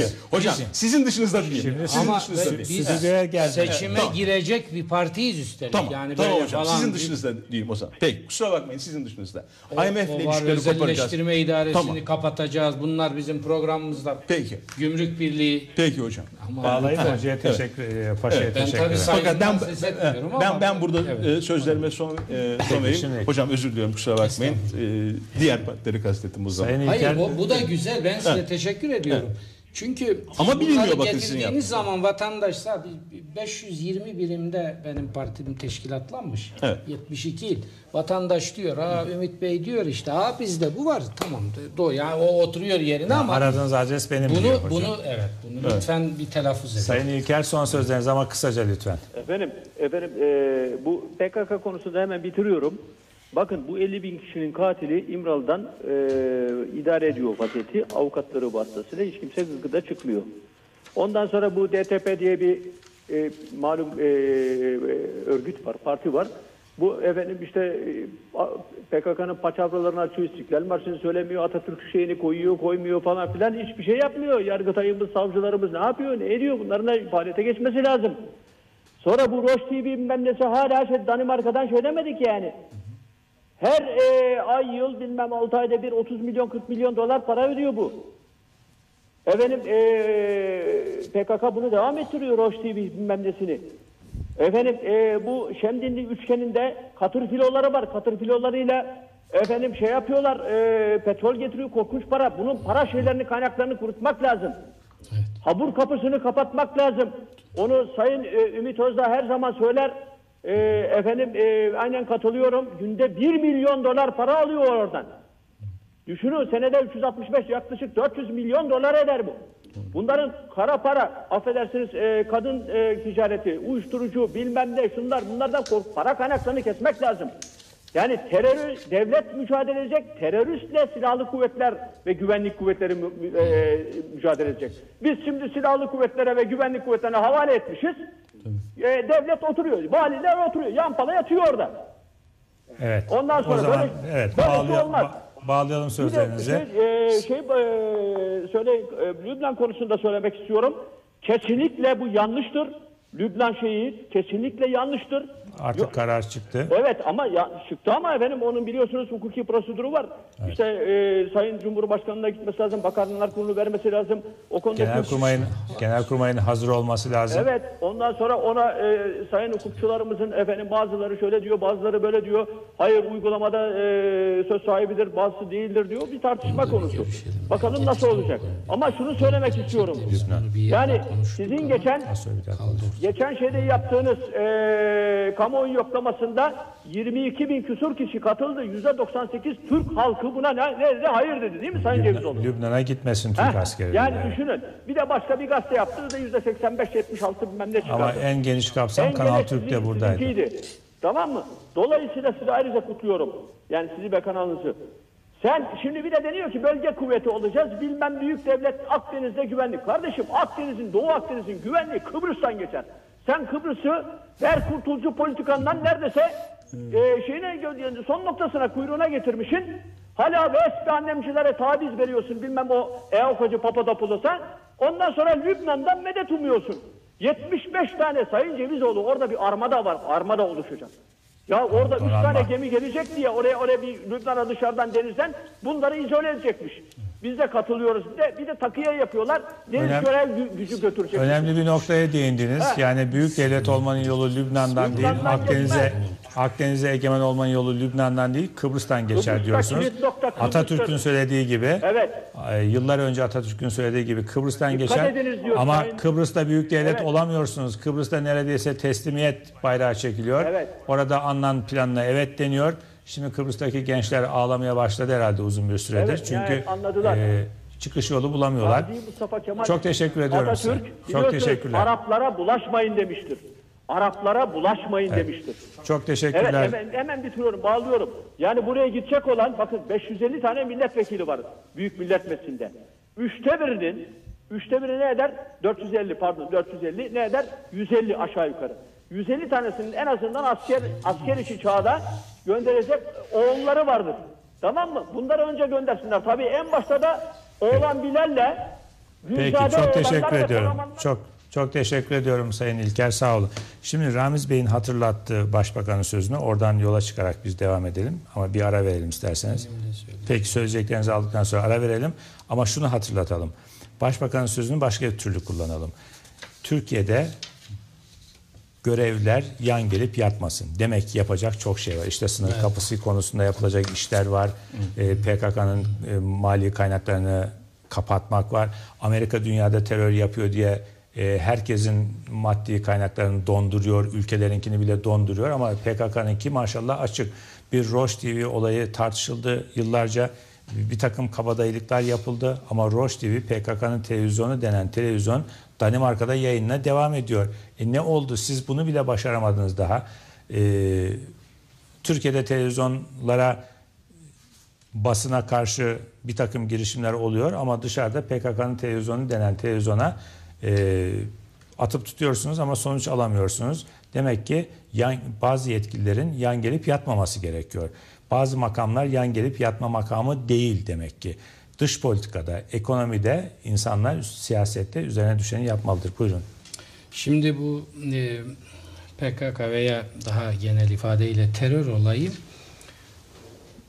bu bizim geçmiş 20 küsür yılda da görüldü.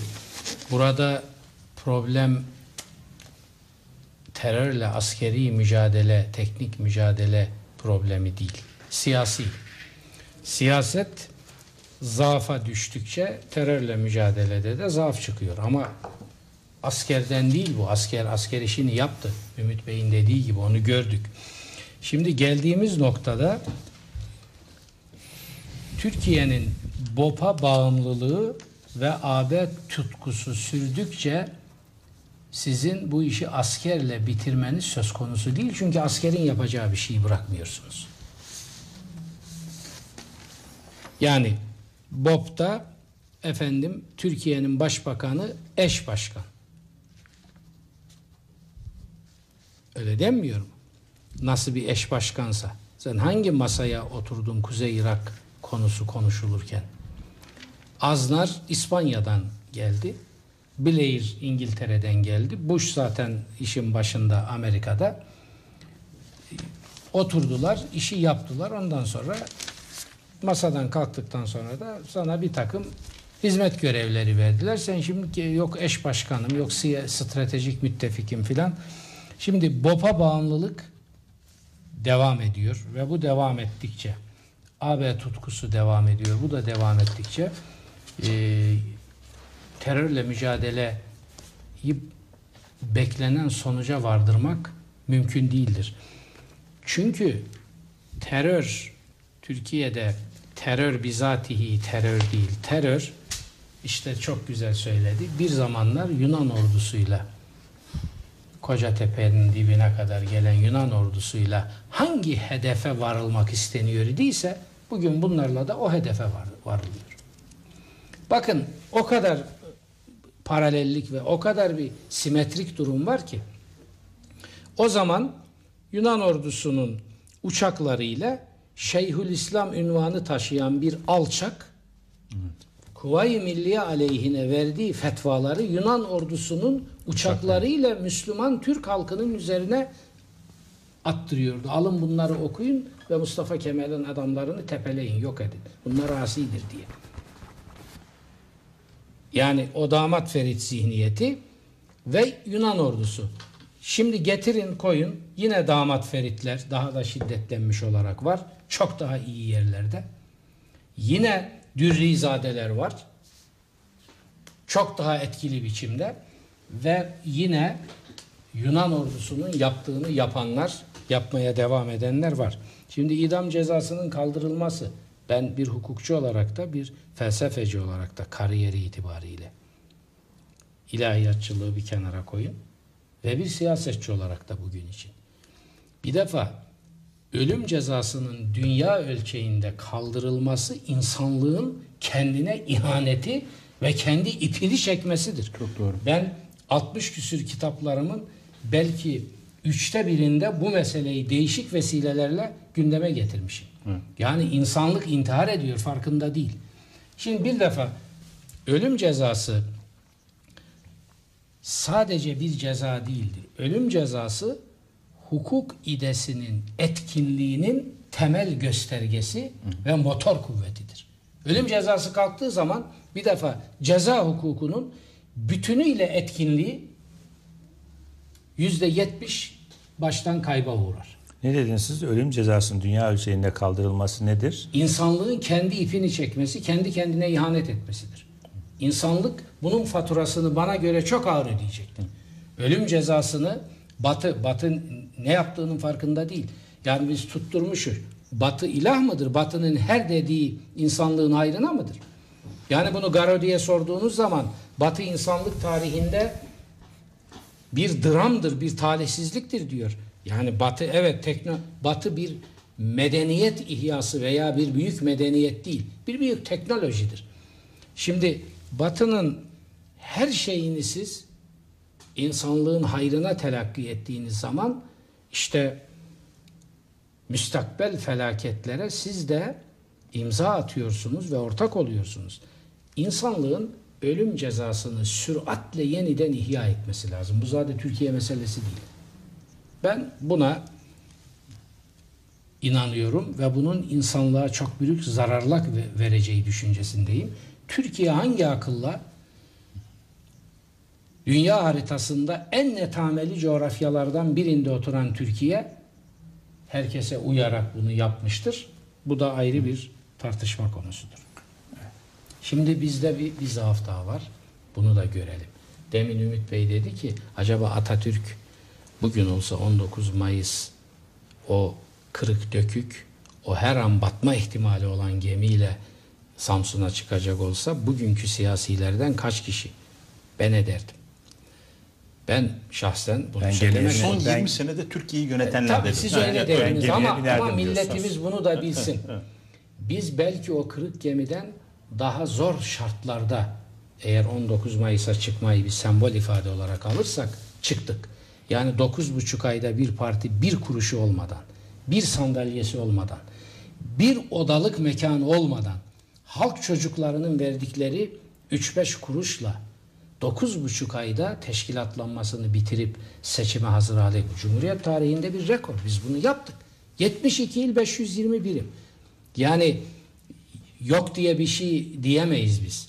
Ama zaaf var. Ne zaafı var? Türkiye'nin imkanları Kurtuluş Savaşı'ndan beri büyüdükçe Türkiye'de iman azaldı. O iman bizim burada Türkiye'nin tarihi misyonu Tanrı ve tarih önündeki misyonuna sahip çıkma imanını kastediyoruz biz. O ne manaya ise o manada. İmkanlar büyüdü. iman azaldı. Halbuki yine ben bir felsefe adamı olarak söyleyeyim. İman imkan yaratıyor. İmkan iman yaratmıyor işte. Türkiye'nin esas meselesi budur. Bugün geçen Halaçoğlu'nu dinledim. Tarih Kurumu Başkanı bir ilim ve fikir adamı olarak çok müthiş bir şey söyledi bir programda. Aynen katılıyorum, altını çiziyorum. Birkaç gün önce de Bekir Coşkun benzeri bir ifadeyi kullandı. Diyor ki Türkiye'yi o hale getirdiler ki içini boşalta boşalta. Bugün bir ideal etrafında meydanlarda 500 kişiyi toplamakta zorluk çekiyorsunuz. Ben gençlik yıllarımı düşünüyorum. Filan dendiği zaman 10 bin kişi anında bir yerde toplanırdı. Yani Türk milletinin beyni bilinçaltı boşaltıldı, yüreği boşaltıldı. Bunun yerine boşluk kabul etmediğine göre evrende boşluk diye bir şey olmadığına göre bir şeyi doldurmuşlardır. ne doldurdular? İşte onun hesabını ciddi yapmak lazım. Şimdi fındık falan filan halk sandık önüne konacak. Ben öbüründen korkmuyorum işte harp darp diyerek e, uzatma. Çok uzak bir ihtimal. Sandık önüne konacak da ne olacak? Acaba yarım ton kömüre reşat altınına veya bir file hatta yiyeceğe oylar verilecek mi verilmeyecek mi? Bir, iki birileri çıkıp bırak canım bunların hiçbirinden bir hayır gelmez diye sandığa gitmeyen 10 milyonu, 10,5 milyonu bu defa 12-13 milyona katlayacaklar mı? Peki bu bir hıyanet değil midir? Bunun da bir tahlil edilmesi lazım. Üçüncü oyun en çok korkulan. Şimdi çıkacaklar. Bugüne kadar beyefendinin gayet vukufla dediği gibi Türkiye'yi bu noktalara getiren, konuşmayan, icraat hiç yapmayan, sadece birilerine bakıp onlar öbür taraftan bana ne der, hoşlanırlar mı hesabı yaparak Türkiye'yi yönetenler. Şimdi çıkıp millete diyecekler ki efendim aman oyları bölmeyin. Küçük partiler bilmem ne, alternatifler. Siz gene biz, bizden başka bir çareniz yoktur. Biz de bir şey söyleyelim. Biz de millete diyoruz ki size 30, 40, 50 yıl hatta yalan söyleyenler ve Türkiye'yi bu hale getirenler hesabına oyları bölmeyin. Mesela ben de oyları bölmeyin diyorum. Onlar- Ben de diyorum ki Halkın Yükselişi Partisi Çınarı'nın etrafında toplanın.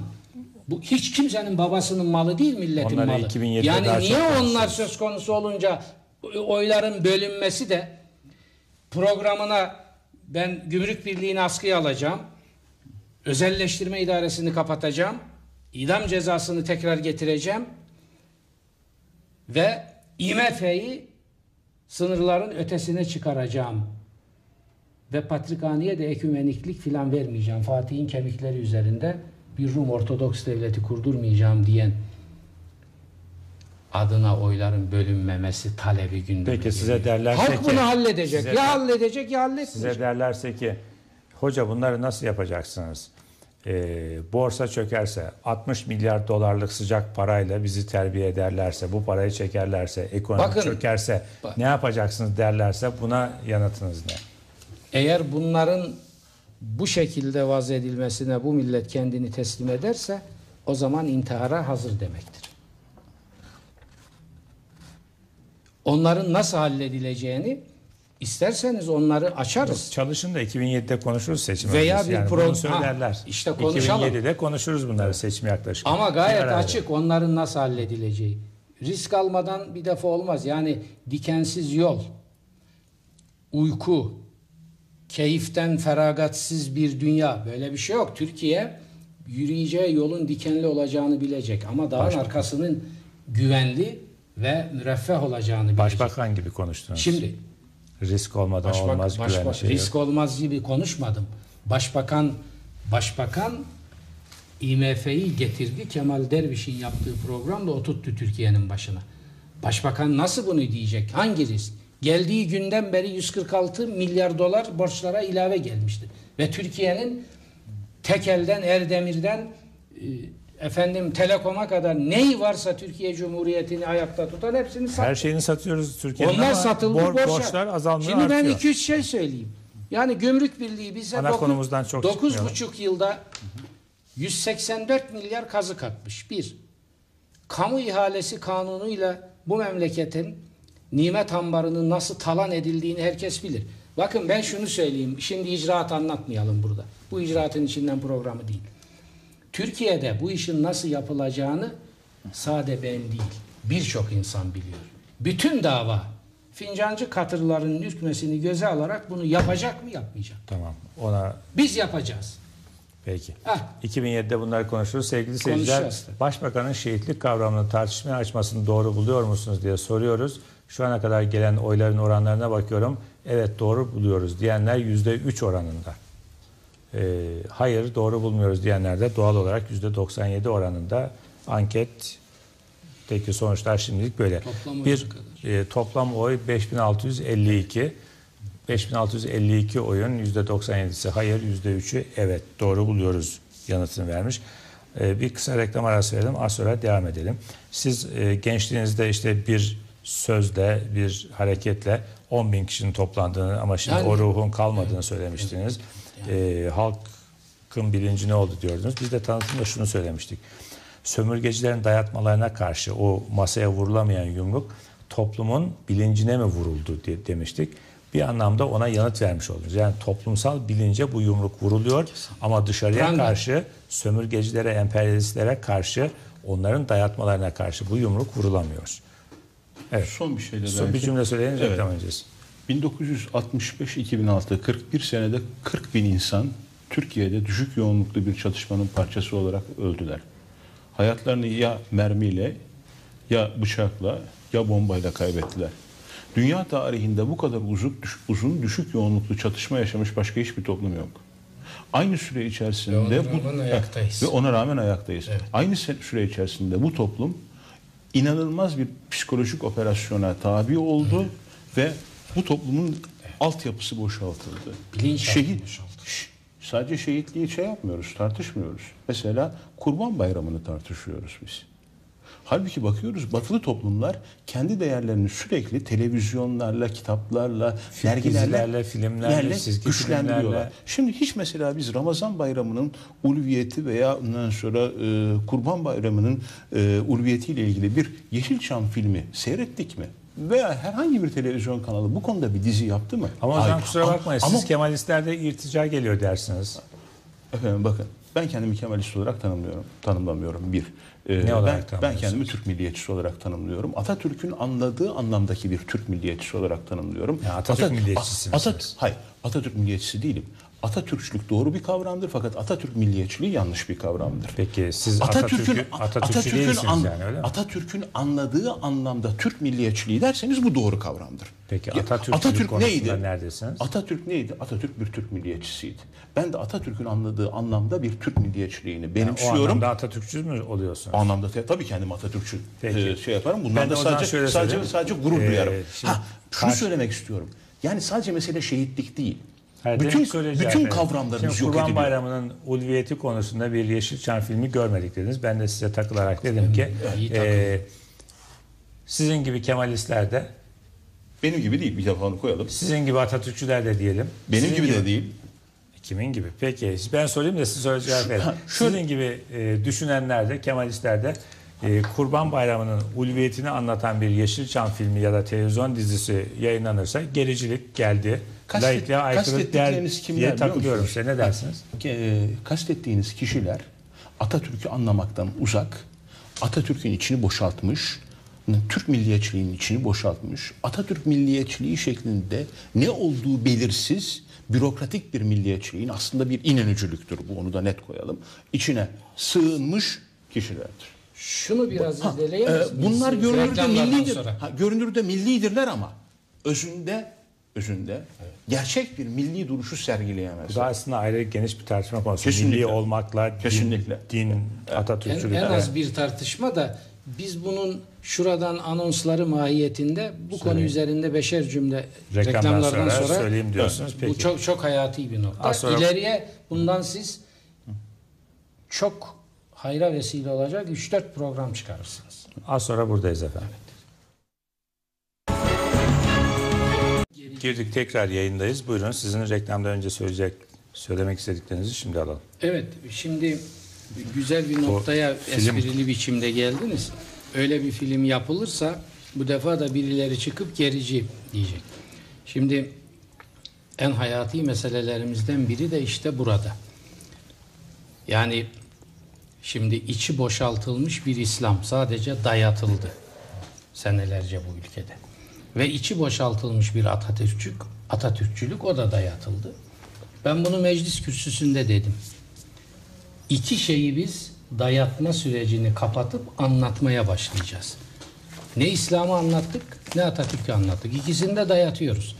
Dayattığınız zaman buradan laiklik anlaşılmıyor ve çarpık laiklik anlayışları vücut buluyor. Bugün CHP'de egemen olan laiklik anlayışının çarpıklığı gibi. Nedir o? Laikliği dini kullanarak ülkeyi ve insanımızı tahrip edenlere seyirci kalmak manasında anlıyorlar. Benim CHP'den ayrılış sebeplerimin başında bu geliyor. Böyle anlıyor.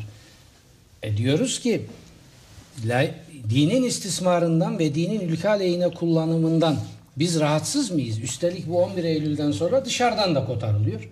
Rahatsızız. Peki bu zehirin panzehiri nasıl olacak? Din kelimesini ben ağzıma almam çünkü ben laik bir adamım. Bu bizim işimiz değildir. Derseniz bunun panzehirini nasıl üreteceksiniz?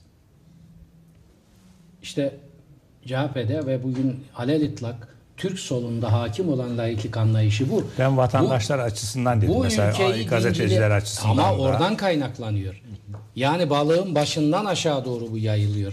Ve tabii bugünkü ana muhalefet partisinin ana muvafakat partisi olarak verdiği hizmetin en büyüğü de burada tecelli ediyor.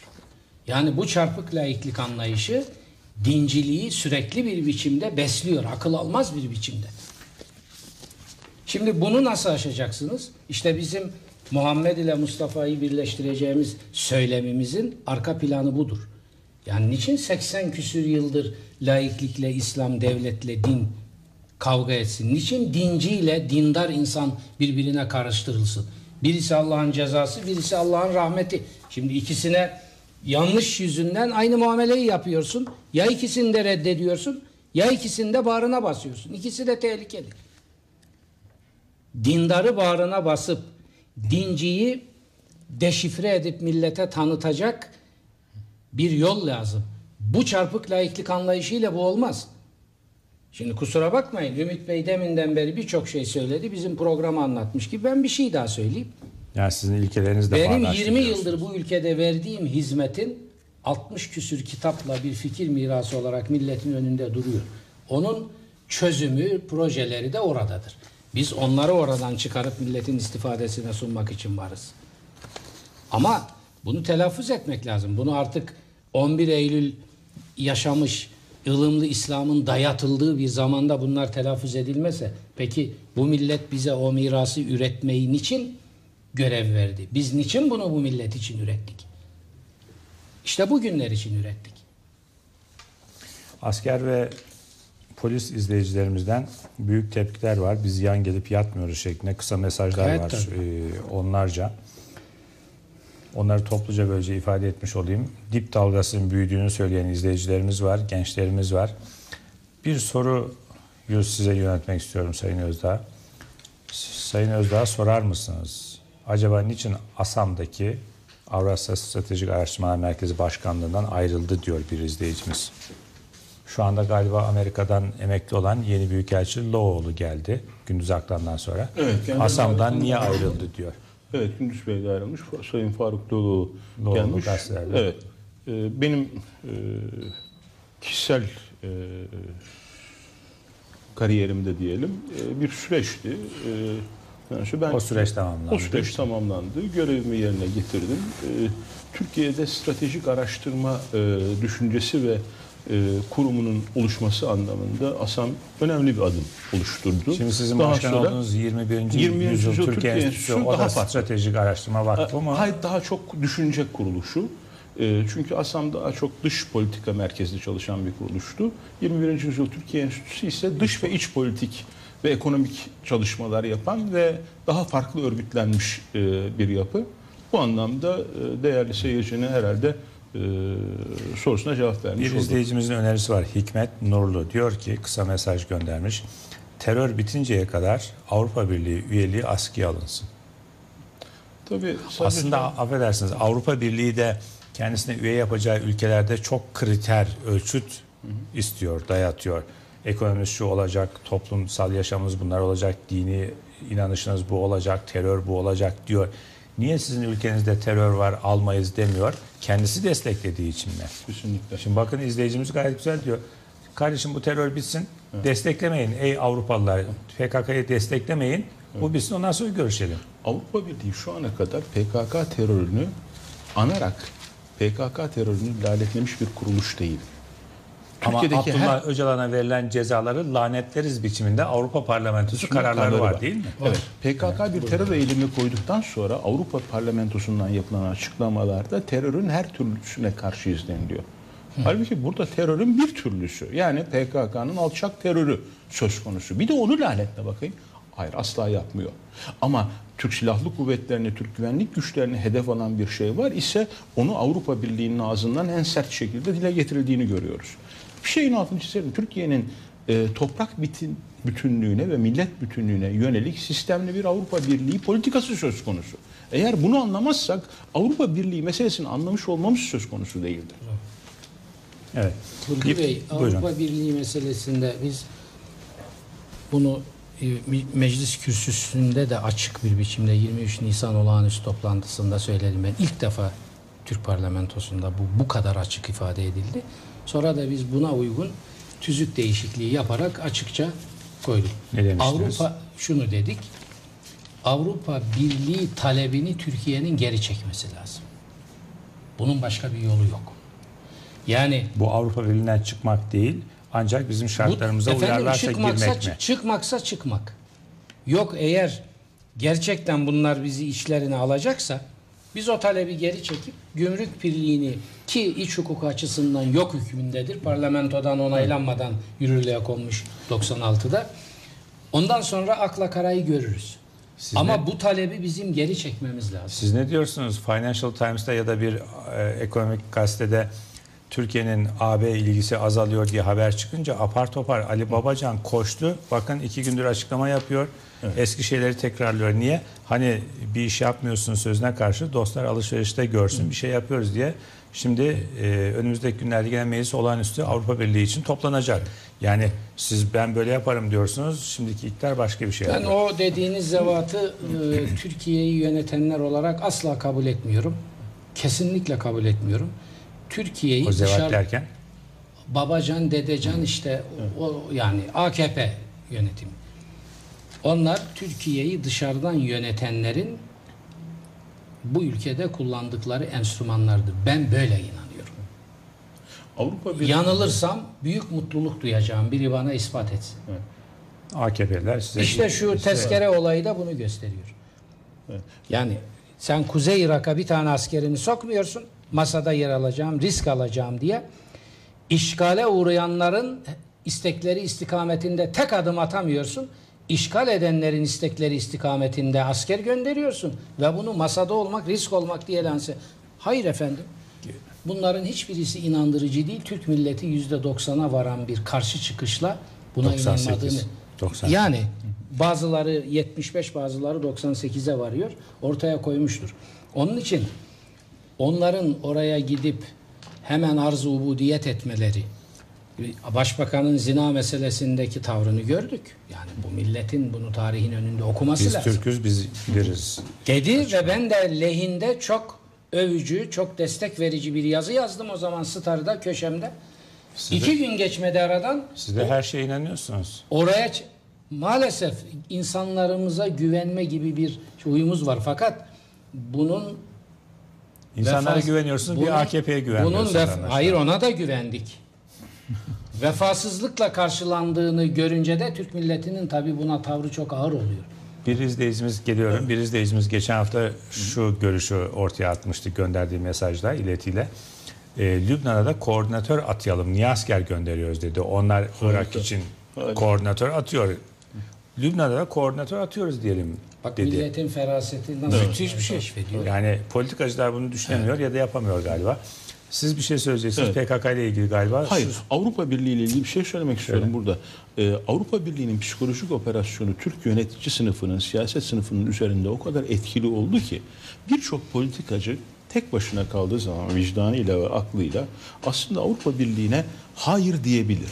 Ama Avrupa Birliği'ne hayır dersem oy alamam seçimlerde gibi inanılmaz bir trajik yanlışın Bence içerisinde. ondan korkmuyor. Korkuyorlar. Şundan korkuyor. Benim düşüncem bu. Ee, sizinki farklı ama bir- ben de söyleyeyim de düşüncemi birlikte konuşalım. Evet. Bence bazı politikacılar Avrupa Birliği'ne hayır dersem oy alamam diye korkmuyor. Tam tersine bu şartlarda Avrupa Birliği'ne hayır diyenler çok oy alacaktır. Ama bazı politikacılar daha sonrasından arkasından korkuyor. Yani çok oy almak ben, istemiyorlar. Hayır çok oy alırım, iktidara bile gelirim Evet. ama yabancılar beni iktidardan düşürür diye sanki bu ülkeyi yabancılar idare ediyormuş gibi beni iktidardan düşürürler korkusuna sahipler benim hissettiğim kadarıyla. Yoksa Ama- toplum onlara oy verecek. Benim gördüğüm Ben de görüşüme onu göre. evet, ben de onu söylemek istiyorum. Ama dışarıdan korkuyor, içeriden değil bence. Çünkü toplumun yüzde bu konuda yapılan çok önemli bir araştırma var. Araştırmayı Orta Doğu Teknik Üniversitesi Uluslararası İlişkiler Bölümünden bir öğretim üyesi yaptı. Ee, ve finansmanı da sanıyorum e, Aydın Doğan Medya grubundan yapıldı. Bu konuda tam emin değilim. Onun için bir soru işareti e, bu, ile bunu ifade etmek istiyorum. Her şart altında Avrupa Birliği'ne evet diyen Türkiye'de seçmen oranını araştırmaya göre yüzde sekiz çıkıyor. Yüzde sekiz.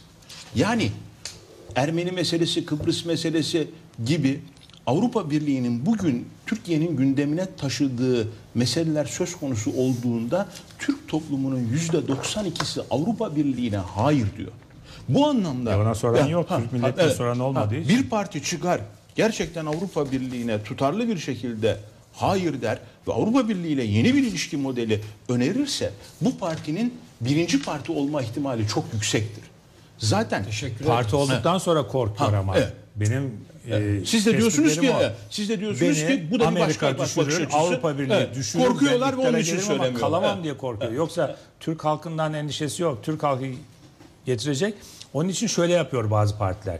Hem Avrupa Birliği'ne karşıymış gibi gözüküyor içerideki AB karşıtı büyük kitlenin oyunu alabilmek için hem de o koltuğa otururum yarın dışarıdakiler bana tokat atmasın diye korkuyor. Kardeşim kendi gücünüze, toplumunuza ve toprağınıza güvensenize sana kim tokat atıyor yabancı? Attırma.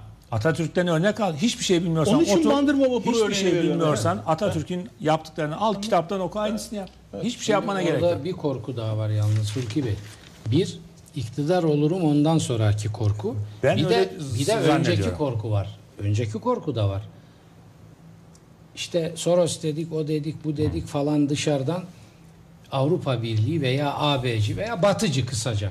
Batıcı, Batı'nın burada bir nevi lobiliğini yapan, uzantısı olan medya var. Bunların ambargosu var. Hiç fark etmez. O medya Bakın- yarın sizin yanınızda olacaktır. Yani o medya kim güç, kimi güçlü hissediyor. Hayır Şimdi siz mesela derken şahsınızı kastetmiyorum. Yani- bu, bu Ya kimse kim canım? Benim görüş şahsımı güçlüyse niye kastedesin? Onun yanına gelecektir. Ama AB'ye biz karşıyız dediğimiz için bunu programımıza yazdığımız için bizim yediğimiz ambargoyu ben demiyorum bunu. Bu adama soykırım uygulanıyor diye büyük köşe yazarları yazdılar. Yani Melih Aşık'ından Yılmaz Özdil'inden bilmem ki yaptılar mı? Yaptılar.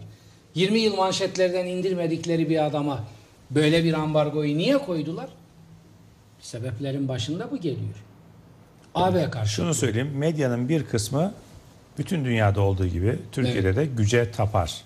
Güç kimdeyse onunla yapar. Yani ben de medya mensubuyum ama e, işte bir kısmı öyle yapar, bir kısmı yapmaz. Bir soru var. PKK Siz güce koordinat- tapmıyorsunuz ama siz E, hakikati takip ediyorsunuz. PKK koordinatörlüğü ile ilgili bir soru var. Onu soracağım ama telefonda Profesör Zekeriya Beyaz var. Onu bekletmeyelim. Sonra bunu soralım. Belki konu yine açılır. İyi geceler Sayın Beyaz. İyi geceler Sayın Cevizoğlu. Uyanık mısınız? Ee, biraz uyuklar gibi oldum ama uyanığım. E, görüyorsunuz ki toplumdaki gelişmeler sizi de uyutma aşamasına gelmiş artık. Söz gelişi öyle demek Peki. istiyorum. O zaman Sayın- buyurun. e, Uyandırmış olduk sizi. Buyurun Evet, bu sözle. estağfurullah. Sayın Cevizioğlu programınızı kutluyorum. Sayın konuşmacıları Yaşar Bey'i ve Ümit Bey'i çok güzel konuşmalarından dolayı da ayrıca kutluyorum. Tebrik ediyorum. Şu bir gerçektir. Türkiye'miz kara ve karanlık bir günlerden geçiyor. İnşallah aydınlığa çıkacaktır. Toplu halde milletçe çalışmamız sonucu, aydınlarımızın çalışması sonucu, sizlerin hepimizin çalışması sonucu inşallah aydınlığa çıkacaktır. Ama maalesef şu anda uykularımızı kaybediyoruz. Siz uyukma, uyu- uyuklamadan bahsediyorsunuz. Biz gece de uyuyamıyoruz. Karabasanlar basıyor bizi ülkenin gidişatı hakkında.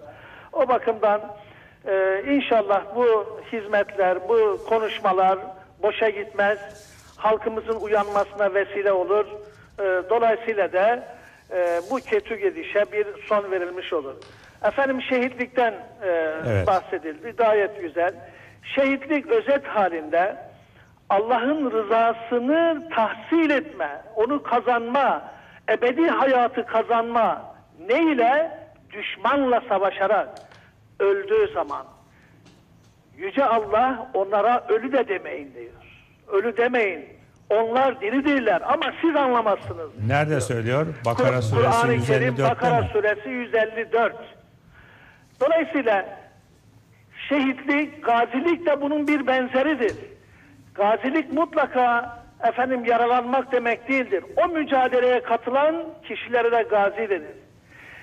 Şehit ve gazi Allah yolunda ölendir. Peki Allah yolunda ölme nasıl? Bir Müslüman kişi mağduren öldürülürse, zulmen öldürülürse o da Allah yolunda ölmüş olur. Bir Müslüman malını koruma yolunda öldürülürse o da şehit olur. Canını koruma yolunda öldürülürse şehit olur. Irzını yani namusunu koruma yolunda öldürülürse şehit olur. Arzını yani topraklarını koruma yolunda öldürülürse o da şehit olur. Bunun hadis-i şerif malini arz ediyorum. Dolayısıyla bizim şehitlerimize taş atanlar, laf atanlar halt etmişlerdir.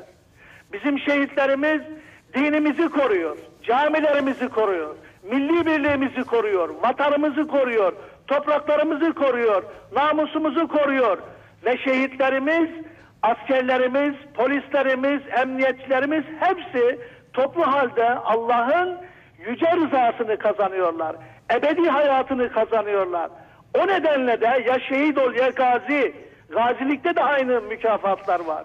İşte bu bu iki kavram savaşlarda başarımızın, zaferlerimizin arka plandaki motivasyon noktasıdır. Bunu çürüttüğünüz zaman, bunu hafife aldığınız zaman son yıllarda meydana gelen şey ortaya çıkar. Ne olur? Bugün son yıllarda yüz binlerce gencimiz maalesef şu ya şu veya bu sebeple askere gitmiyorlar. Eski nüfus kağıtlarımızda bir askerlik hanesi vardı, imzalanırdı, mühürlenirdi, askere gittiği ifade edilirdi. Ama yeni nüfus kağıtlarında askerlik hanesi kaldırıldı. Kişi hiç askere de gitmiyor, işini görüyor, yurt dışına çıkıyor, pasaport alıyor ve böyle bir zümre yaşıyor şimdi Türkiye'de. Maalesef işte içimizin boşaltılmış olması, manevi duygularımızın, kültürel, milli kültürümüzün zaafa uğramasının sonucu böyle bir kötü gidişe doğru gidiyoruz. O nedenle biz bu duygularımızı yeniden ihya etmeliyiz. Yeniden bunları efendim yeniden bunları gençlerimizin ruhuna nakşetmeliyiz. O şehitlerimizin annelerinin ellerinden öperiz elbette. Sayın Genelkurmay Başkanımızın ifade buyurdukları gibi. Ellerinden öperiz. Babaların ellerinden öperiz. Onlara fatihalar okuruz, dualar okuruz. Onların efendim gönüllerini almak için her şeyi yapmak zorundayız. Bunu mu dinleyecektim? Böyle efendim ağlayan, böyle efendim işte bana satışabilecek bir şehit anasını mı dinleyecektim diyen bir başbakana ne diyelim? Talihsizlik diyelim, yazıklar olsun diyelim. Efendim şehitlerimiz işte yan gelir yatar, askerlerimiz yan gelip yatmaz. Böyle bir de- değildir askerlik diye onu hafif almak. Onu bu türlü böyle küçümseyerek elin tersiyle mahalle kahvesindeki gelişi güzel konuşma gibi konuşmak bunlar milletçe Evet, biz, hepimizi biz, yaralamıştır. biz, biz farklı konuşalım. Evet, biz farklı konuşalım. Evet. E, dolayısıyla dolayısıyla esasen biraz daha dikkat edersek bu şehitliğin altında kim var? Son yılların şehitlerinin sebebinde kim var? 2001 yılında terör sona erdi. APO yakalandı ve ondan daha önceden zaten çökertilmişti. Terör bitti. Bir şey kalmadı. Güneydoğu'da sabahlara kadar vatandaşlar sokaklarda gezer hale geldiler. Ekonomi canlanmaya başladı. Bu hükümet geldi ne yaptı? Önce terörle mücadele yasasının ilgili efendim etkin maddelerini değiştirdi. Avrupa Birliği istiyor. Kim isterse istersin işte Yaşar Bey'in dediği gibi taşeronluk yapıyor demektir o zaman da. Ne oldu? Askerlerimizin, polislerimizin ellerinden yetkiler alındı. Sayın eski Genelkurmay Başkanı'nın ifadesi. Elimiz kolumuz bağlandı diyor. Akşam saat 6'dan sonra güvenlik güçlerinin arama yapmaları, tarama yapmaları, yollarda efendim gelip geçen arabaları kontrol etmeleri yasağa getirildi. E, güvenlik güçleri saat 6'dan sonra kışlalarından çıkamaz hale getirildi. Böylece bununla da kalınmadı. Hapishanelerdeki teröristler efendim çıkartıp dağlara gönderildi. Dağdaki teröristleri indireceğiz derken hapishanedekileri dağlara gönderildi. Eve Dolay- dönüş yasasıyla değil mi? Evet. Dolayısıyla bugünkü bu şehadetlerin, bu efendim terörün altında yatan şey mevcut hükümetin iktidara geldikten sonra Avrupa'nın arzusuna uygun biçimde terörün bütün yeniden efendim başlaması için şartları hazırlamasından dolayı doğdu bunlar. Onun için burada sadece Sayın Başbakan'ın efendim şehitliği veya askerliği böyle küçümseyen tavırlar değil. Milli varlığımızı, milli birliğimizi, devlet ve vatan bütünlüğümüzü hafife alan icraatları sebep oldu asıl bu işlere. Fakat Sayın Cevizoğlu mesele bundan ibaret mi? Aslında bu da Türkiye'nin mevcut kötü gidişinden bir parçadır. Sadece bu mudur? İşte birkaç gün önce efendim Ziva satıldı. Bir milyon metre kare toprağımızı Boğaz'dan, Boğaz'a bakan yamaçlardan İngilizler satın aldı. Olacak şey mi bu? Hani mütekabiliyet, Anayasa Mahkemesi'nin kararında mütekabiliyet esası vardı. İngilizler bize efendim bir karış toprak satar mı? Belki bir daire, o da kullanma izni, kullanma hakkı. Ama arazi satma mümkün değil. Peki siz nasıl İngilizlere İstanbul'un boğazını kontrol altına alabilecek bir yerde nasıl olur da orada efendim bir milyon metrekare yeri satarsınız? Geçen ayın dördünde Didim'de konferans verdik. Sayın e, Vural Savaş'la birlikte. İkinci gün toprak satışlarıyla ilgili, arazi satışlarıyla, bina satışlarıyla ilgili konferans verdik. İkinci gün çarşı pazarı biraz gezelim dedik. Bizi gezdiler, çıkar, çıktık, dolaştık. Kendimden utandım. İçim kan ağladı. Yüreğime sanki sık sık hançer vuruldu. Neden mi? Camlarda, camların dışında efendim duvarlarda yüzlerce diyebileceğiniz İngiliz bayrağı asılı. Dibinde İngiliz bayrağı asılı. Bir diğerinde Almanmış. Efendim. Şimdi dedik ki bir yemek yiyelim şeyle. Savaş Bey'le, Sayın Savaş Bey'le, Vural Bey'le. Dediler ki hocam dediler burada domuz eti olmayan yer yok. Burada yiyemezsiniz ya daha başka yerlere gitmeniz lazım. Bir taksi çağırdık, taksici bizi aldı, domuz eti bulunmayan bir lokantaya götürdü. Taksici yolda bize anlattı, neler anlattı. Hocam diyor biz burada sanki sömürge gibi olduk. Adamlar bizi itip kalkmaya başladı İngilizler. Gidin siz bize muhatap olamazsınız. Tartışmalar oluyor çeşitli şekillerde. Siz bize muhatap olamazsınız. Gidin konsolosla konuşun diyorlar diyor.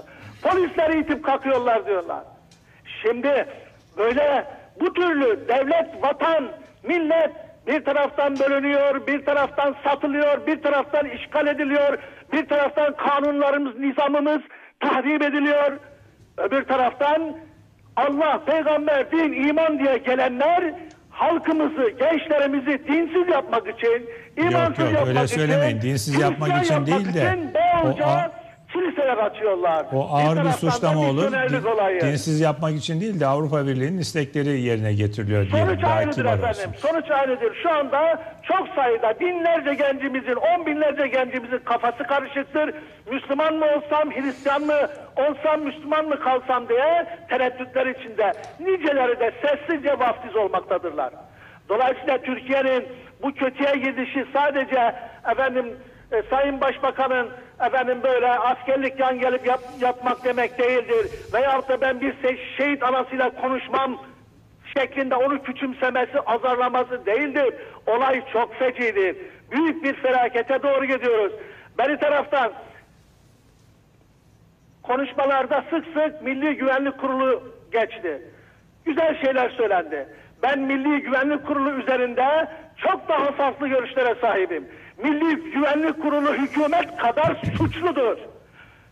Milli Güvenlik Kurulu hükümet kadar suçludur. Yok yok öyle, onu da evet, söylemeyelim. suçludur. Onu da söylemeyelim. Yani anayasal bir kuruluşu öyle eleştiremiyoruz. Görev Ga- galiba şunu demek diyorum. Bundan istiyorsunuz. önceki dönemi diyorum. Hayır ben anladığımı söyleyeyim de Milli Güvenlik Kurulu Genel Sekreterliğinin sivilleştirilmesi konusunda eee, demokratik tepkisini koymamasını eleştiriyorsunuz galiba. Elbette öyle kabul ediniz veya öyle kabul etsinler. Deminden beri saydıklarımız anladığım Türkiye'de buydu. olup bitiyor. Bunlar milli güvenliğimizi ilgilendirmiyor mu? Bunlar gençliğimizin, halkımızın, devletimizin gelecekteki milli efendim haklarını, menfaatlarını ihlal etmiyor mu? Onları bozmuyor mu? Peki Milli Güvenlik Kurulu'nda oturan muhteremler neden bu işe el koymuyorlar? Niçin hayır şu olmaz demiyorlar? Eee, şimdi MGK'yı söylüyorsanız genel sekreterliği değil de MGK'yı söylüyorsanız şu yanıtı verebilirim. Milli Güvenlik Kurulu'nun kararları tavsiye niteliğinde Cumhurbaşkanı başkanlığında toplanıyor. Orada görüşmeler yapılıyor. Tıpkı bizim görüşlerimizin burada hoş bizimkinin tavsiye niteliği de yok. Sadece birer öneri buradaki konuşmalar. Ama MGK'daki e, toplantılar sonuç bir öneri niteliği taşıyor. Hükümete öneri. Sayın Hükümet- Cevizoğlu eğer sizin manevi etkinliğiniz var ise eğer sizin milli şuurunuz milli efendim böyle haykırış ruhunuz var ise o tavsiye değil emir haline dönüşür. Ama siz oraya etrafınıza toplananlar gibi ruhunuzu belli ölçüde zaafa uğratır iseniz Ama- sizin sözünüz tavsiye dahi olmaz. Geçen efendim Sayın Genel Kurmay Başkanımızın olduğu gibi. Dolayısıyla Milli Güvenlik Kurulu ama. bugün de, dün de, bundan sonra da sorumludur. Biz hiçbir suretle önümüzdeki günlerde konferanslarımızda ne Sayın Genel Kurmay Başkanımızı muhatap alacağız, ona Anlamadım. saygımız sonsuzdur. Evet, Ne diğer ne- komutanlarımıza hepsine saygımız sonsuzdur. Bizim hedefimiz, bizim muhatabımız Milli Güvenlik Kurulu'dur. Türkiye'nin gidişinden sorumlu olanlar birinci derecede Milli Güvenlik Kurulu ondan sonra efendim hükümettir. Anlamadım. Milli Bizim Güvenlik hedefimiz Kurulu- bir dakika e, Zekeriya Hoca bir dakika. Bizim hedefimiz Milli Güvenlik Kuruludur, Kuruludur ne demek? uyarmak, onları uyarmak, onları Ya efendim göreve davet etmek, Milli Güvenlik Kurulu'nu milli güvenliğimizin gerçekten korunması için vazife yapmaya davet etmek. Yani muhatap olarak onları alacaksınız öyle Elbette. Evet. Yani sayın paşalarımızı, askerlerimizi bir siyasete davet edip de e, devlete el koyun diyemeyiz, akıl veremeyiz onlara. Onlara sadece saygı gösteririz. Ama Milli Güvenlik Kurulu bu memleketin milli güvenliğini, geleceğini teminat almakla mükelleftir. Bunu yapmadıkları takdirde milletin önünde, tarihin önünde sorumluluktan kurtulamazlar. Dolayısıyla biz de onları hayattayken sorgularız, eleştiririz, sıkıştırırız. Her noktada gerekeni söylemekten geri durmayız. Demokratik Çünkü çocuklarımızın, gençliğimizin, halkımızın, hepimizin geleceği, torunlarımızın geleceği karanlıklarla, tehlikelerle karşı karşıyadır. Bizi kimse susturamaz. Sizi kimse susturamaz. Ulusalcıları, vatanseverleri bundan sonra da bundan önce olduğu gibi susturamayacaklardır. Her geçen gün daha kötüye gidiyoruz. Her geçen gün biz de daha çok sesimizi yükselteceğiz. Peki çok teşekkür ediyorum. Ben teşekkür ediyorum. İyi geceler sağ olun. Sağ olun. Evet şehitlik kavramını Zekeriya Beyaz Hoca Allah'ın rızasını düşünerek düşmanla savaşmak dedi. Bizim şehitlerimiz de camimizi, dinimizi, vatanımızı, toprağımızı, e, ülkemizi koruyor. Onun için bu kavrama uyuyor dedi. Üstelik Allahsız bir örgüte karşı değil mi? PKK Allahsız bir örgüttür. Ona karşı veriliyor bu mücadele. Ee, onun arkasındaki ateist mesela İsrail'deki şeydeki gibi Suriye'deki gibi bir rejime karşı veriliyor. O anlamda e, Ateist. muhterem hocamın yanında e, çok fazla konuşmak istemem ama şey. yani çerçevenin her anlamda Ateist düşünüyorum. olmayabilir, ateist olmayabilir. Hatta din din içi ve dindar görünüm altında da olabilir. Şimdi şehitliğin esası bir defa kelime e, tanıklık anlamındaki şehadetle zaten bir ifadesi de şehadettir. Allah'ın isimlerinden şehadet, mi? şehadet mertebesine eren demek. Tanık neyin tanığı? zulme karşı hakkı savunarak hakka ulaşan demektir şehit. Kelime anlamıyla da budur, terim anlamıyla da budur. Şimdi zulme karşı hakkı savunma. Çünkü Kur'an ilkeyi koymuştur. Şimdi madem oraya girdik onu açalım. Kur'an ilkeyi gayet açık koymuş. Kur'an'ın işte bu bu evrensel bu kozmik koordinatlar. Yani Kur'an'dan gidip herkes efendim e, pazar yerinde alışverişi nasıl yaparım filanı aramaya kalkıyor ve hata ediyorlar ve Kur'an'dan faydalanmak mümkün olmuyor. Bu, bu ana koordinatlar. Diyor ki فَلَا عُدْوَانَ illa ala zalimin evrensel ilkeyi koymuş. Düşmanlık yalnız zulme karşıdır diyor. Kur'an zulüm dışında hiçbir kavrama, kuruma ve zalim dışında hiçbir kişiye düşmanlık önermez. Kabul etmez bunu. Dini öyle olur, bir hatta ateist olur. Ateist olur, zalim olmaz adam. Evet. Müslüman görünür, zalim olur. Dolayısıyla Kur'an'ın ölçüsü Kur'an'a soracaksınız zulüm, öyle mi? Bunları tabi Kur'an kimse Kur'an'ı okumadığı için evvela Kur'an'ı okunmaz hale getirmişler.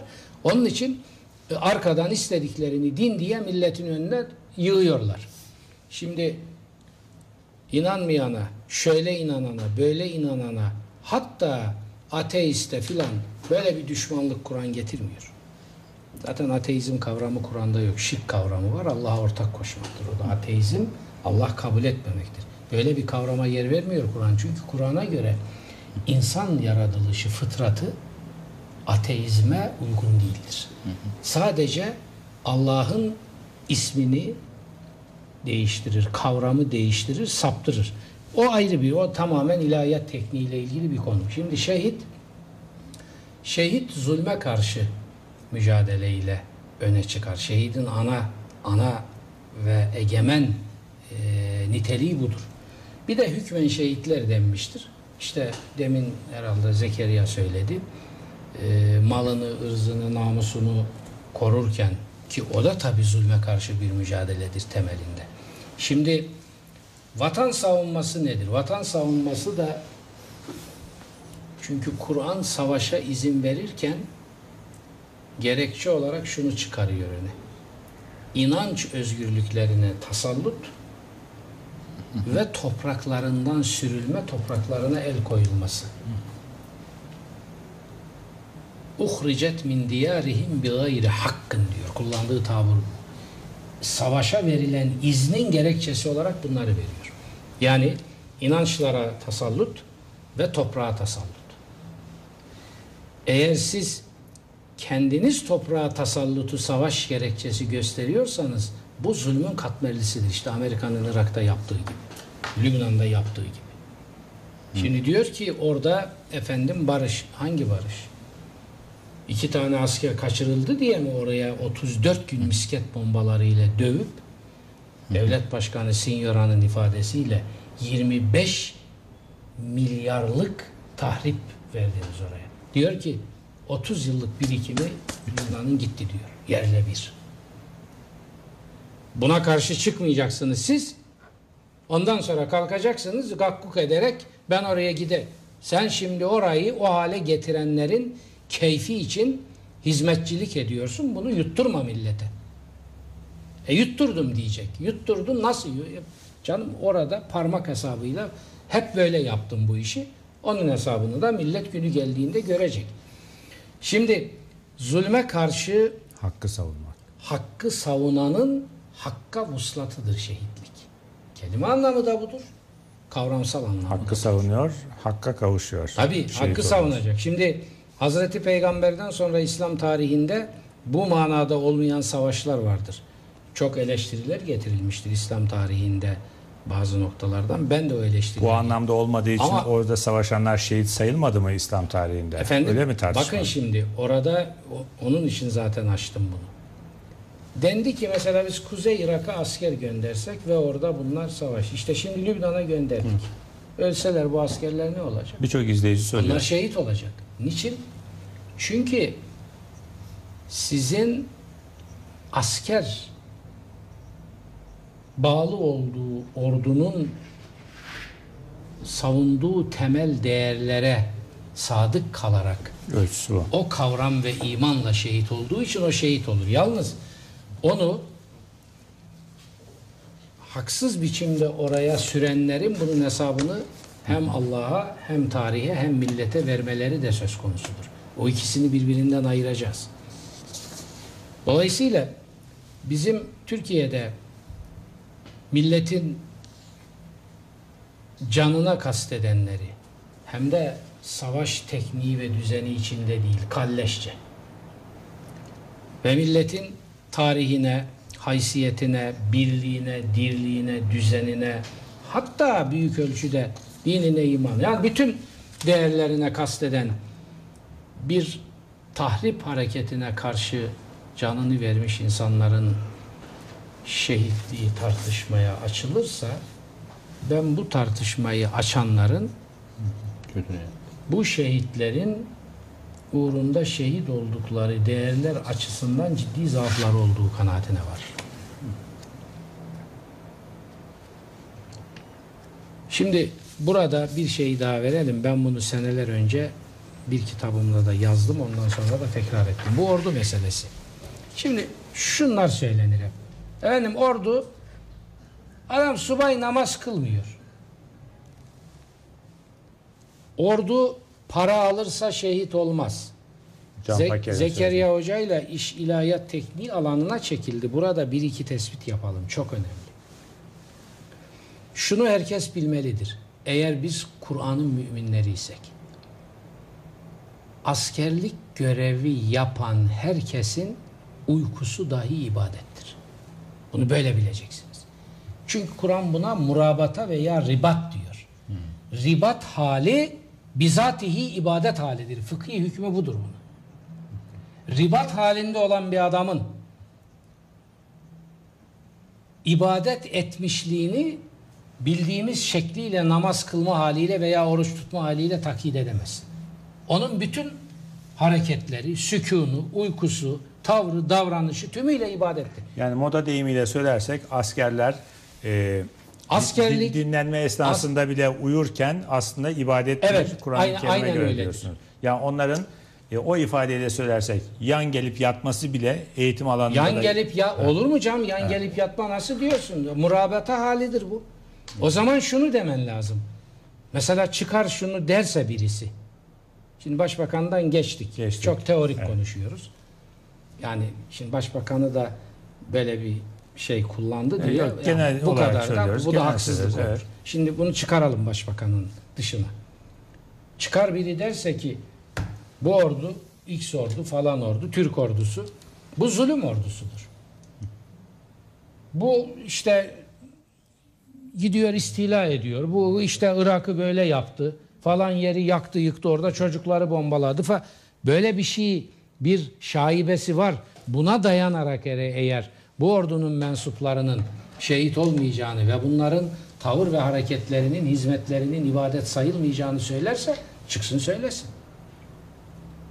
Ama böyle bir zaafı yani zulme alet olmak gibi bir şaibesi olmayan bir ordu bütün hal ve tavrıyla Kur'an'ın anladığına eğer değer veriyorsak murabete halindedir. Ribat halindedir ve ribat bizatihi ibadettir. Bir de e, ilim adamları için galiba var değil mi? O da öyledir. E, alimin uykusu. İlim adamları için daha ayrı destekler var. Mesela şunu koyalım. Kur'an'a göre bir numaralı ibadet okumaktır.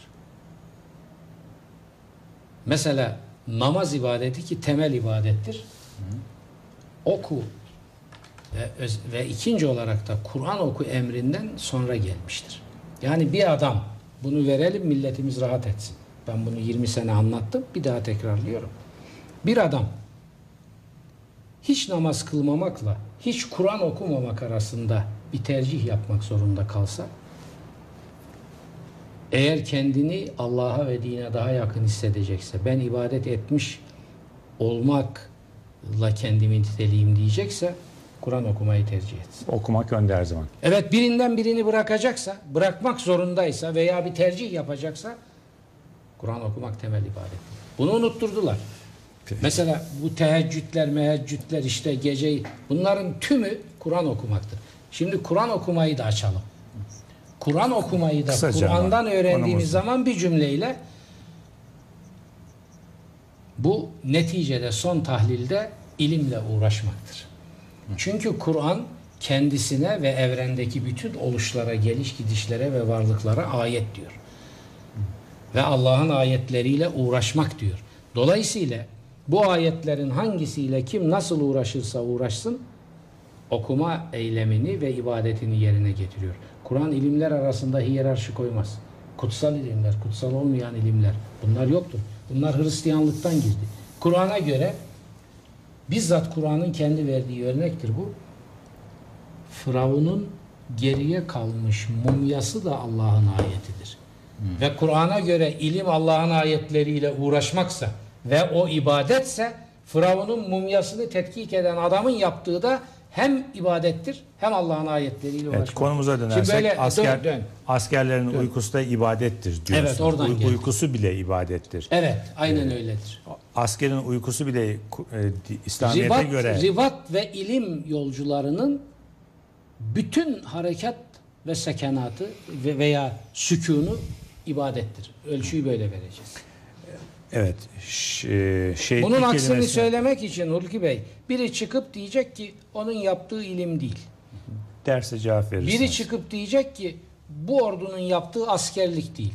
Bunlar şey şey yap, tuluat yapıyorlar. Derse cevap verirsiniz ama şu şehitlik kavramını siz de Zekeriya Beyaz Hoca'dan sonra açıkladınız. Ee, şehit kavramı tanık olmak. Şehit tanık olmak. Zulme karşı hakkı savunarak İkincisi- hakka vasıl olan adamın Evet, sıfatıdır. yani savaşarak ölen kişi şehit olur diyorsunuz. Bir de önümde bir İslami kavramlar sözlüğü var. Yazarlarından birisi de şimdi Diyanet İşleri Başkanı Ali Bardakoğlu. Evet. Orada Allah'ın isimlerinden de birisidir diyor şehitlik. Aynı zamanda. Doğru. Değil mi? Tabii. Deniyor ki Tabii. şehit vasfı Kur'an-ı Kerim'de toplam 35 yerde geçmektedir. Bunlardan 20'sinde Yüce Allah'ı tavsif eder. Tabii. Deniyor. Sizin e, Şehit meallerinizde kelimesi aynı de- zamanda Esma-ül Hüsna'dandır. Yani o da Allah'ın şehide 99 Cenab-ı. Hakk'ın verdiği e, Ü- büyük üstün bir değer ve isim Türk vi- olmuş oluyor. İslam vicdanının verdiği büyük değeri gösteriyor. Evet. Tabii Kur'an'da şehit e, daha çok şu kullanılıyor. Allah yolunda ölen mi? Allah yolunda ölen öldürülen veya topraklarından sürülüp çıkarıldıkları için imanları tasalluta uğradığı için savaşanlara izin verildi diyor. Yani şehit kavramının çok değişik bağlamlarda Kur'an'da gündeme Ama getirildiğini kökeni var orada. Ama kısaca oradan İslam e, ilimleriyle uğraşanlar hareket ederek şehit kavramını çıkarabilirler. Şehit Peki. işte Türk Silahlı Kuvvetleri'nde şimdi İslami açıdan şehitlik kavramını tartıştık. Türk Silahlı Kuvvetleri'nde askeri açıdan şehitlik kavramı nedir? Bu çerçevede. Aynısı. Tabii çünkü yani Türk Silahlı Kuvvetleri gökten inmiş bir ordu değil. Türk Silahlı Kuvvetleri Selçuklu, Anadolu Selçuklu, Osmanlı ordusunun bir devamı. Gelenek ve görenekleri bu süreç içerisinde oluşmuş. Cumhuriyeti kuran generallerin tamamı Osmanlı Harbiyesi'nden mezunlar. Tamam. Aldıkları eğitim o süreçten geçmiş. Yani Cumhuriyet ordusu gökten inmiş bir ordu değil.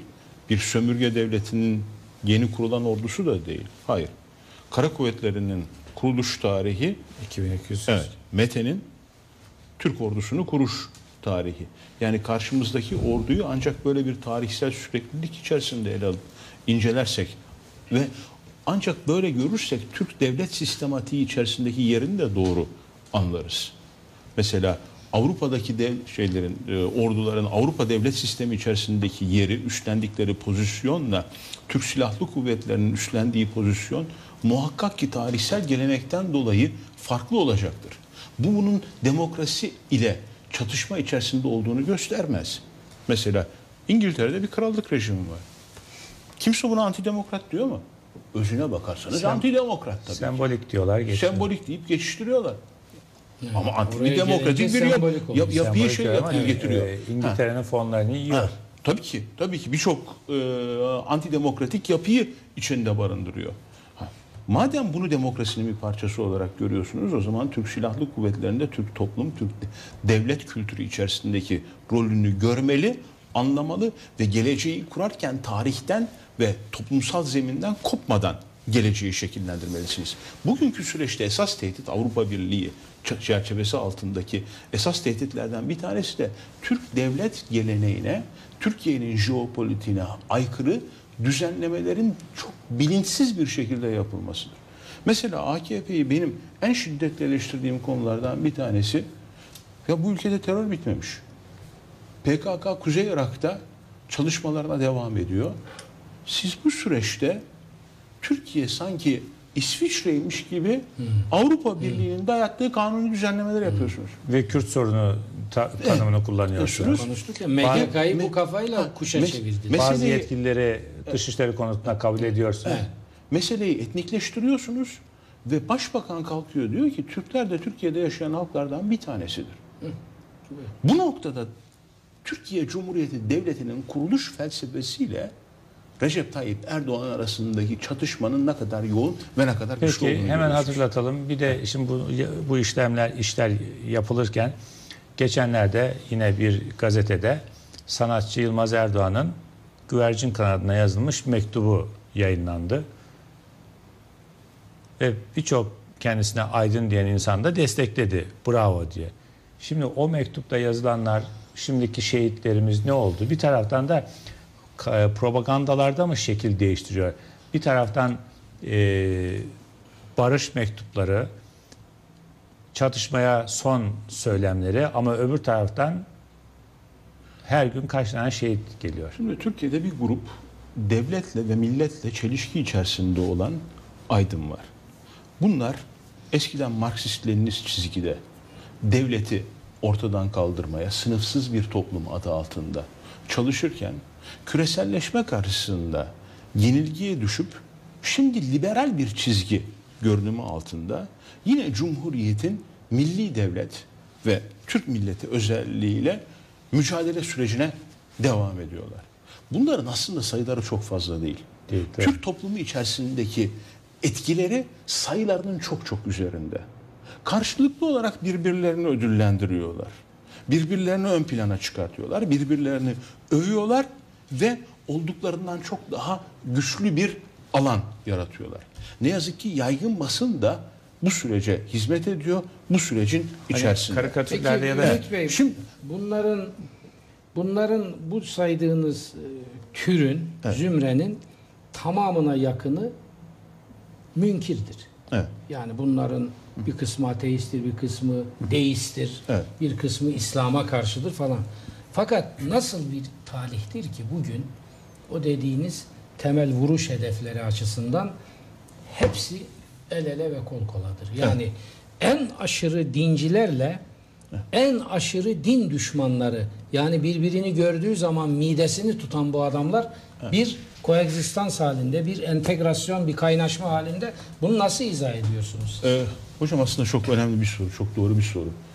Ee, 12 Eylül öncesinde e, milli devlete karşı olanların e, bir kısmının karşı çıkış gerekçesi aslında etnik olmasına, Yani kendisini Türk kimliğinin içerisinde bulmamasına rağmen ya komünizm altına sığınıyordu ya da siyasal ümmetçilik altına sığınıyordu. Ama temel hedef Türk milleti ve Türk devletiydi. Bir e, sosyalist kökenli ve şimdi ulusalcı olarak tanınan profesör bana bir sohbetimizde şöyle söyledi.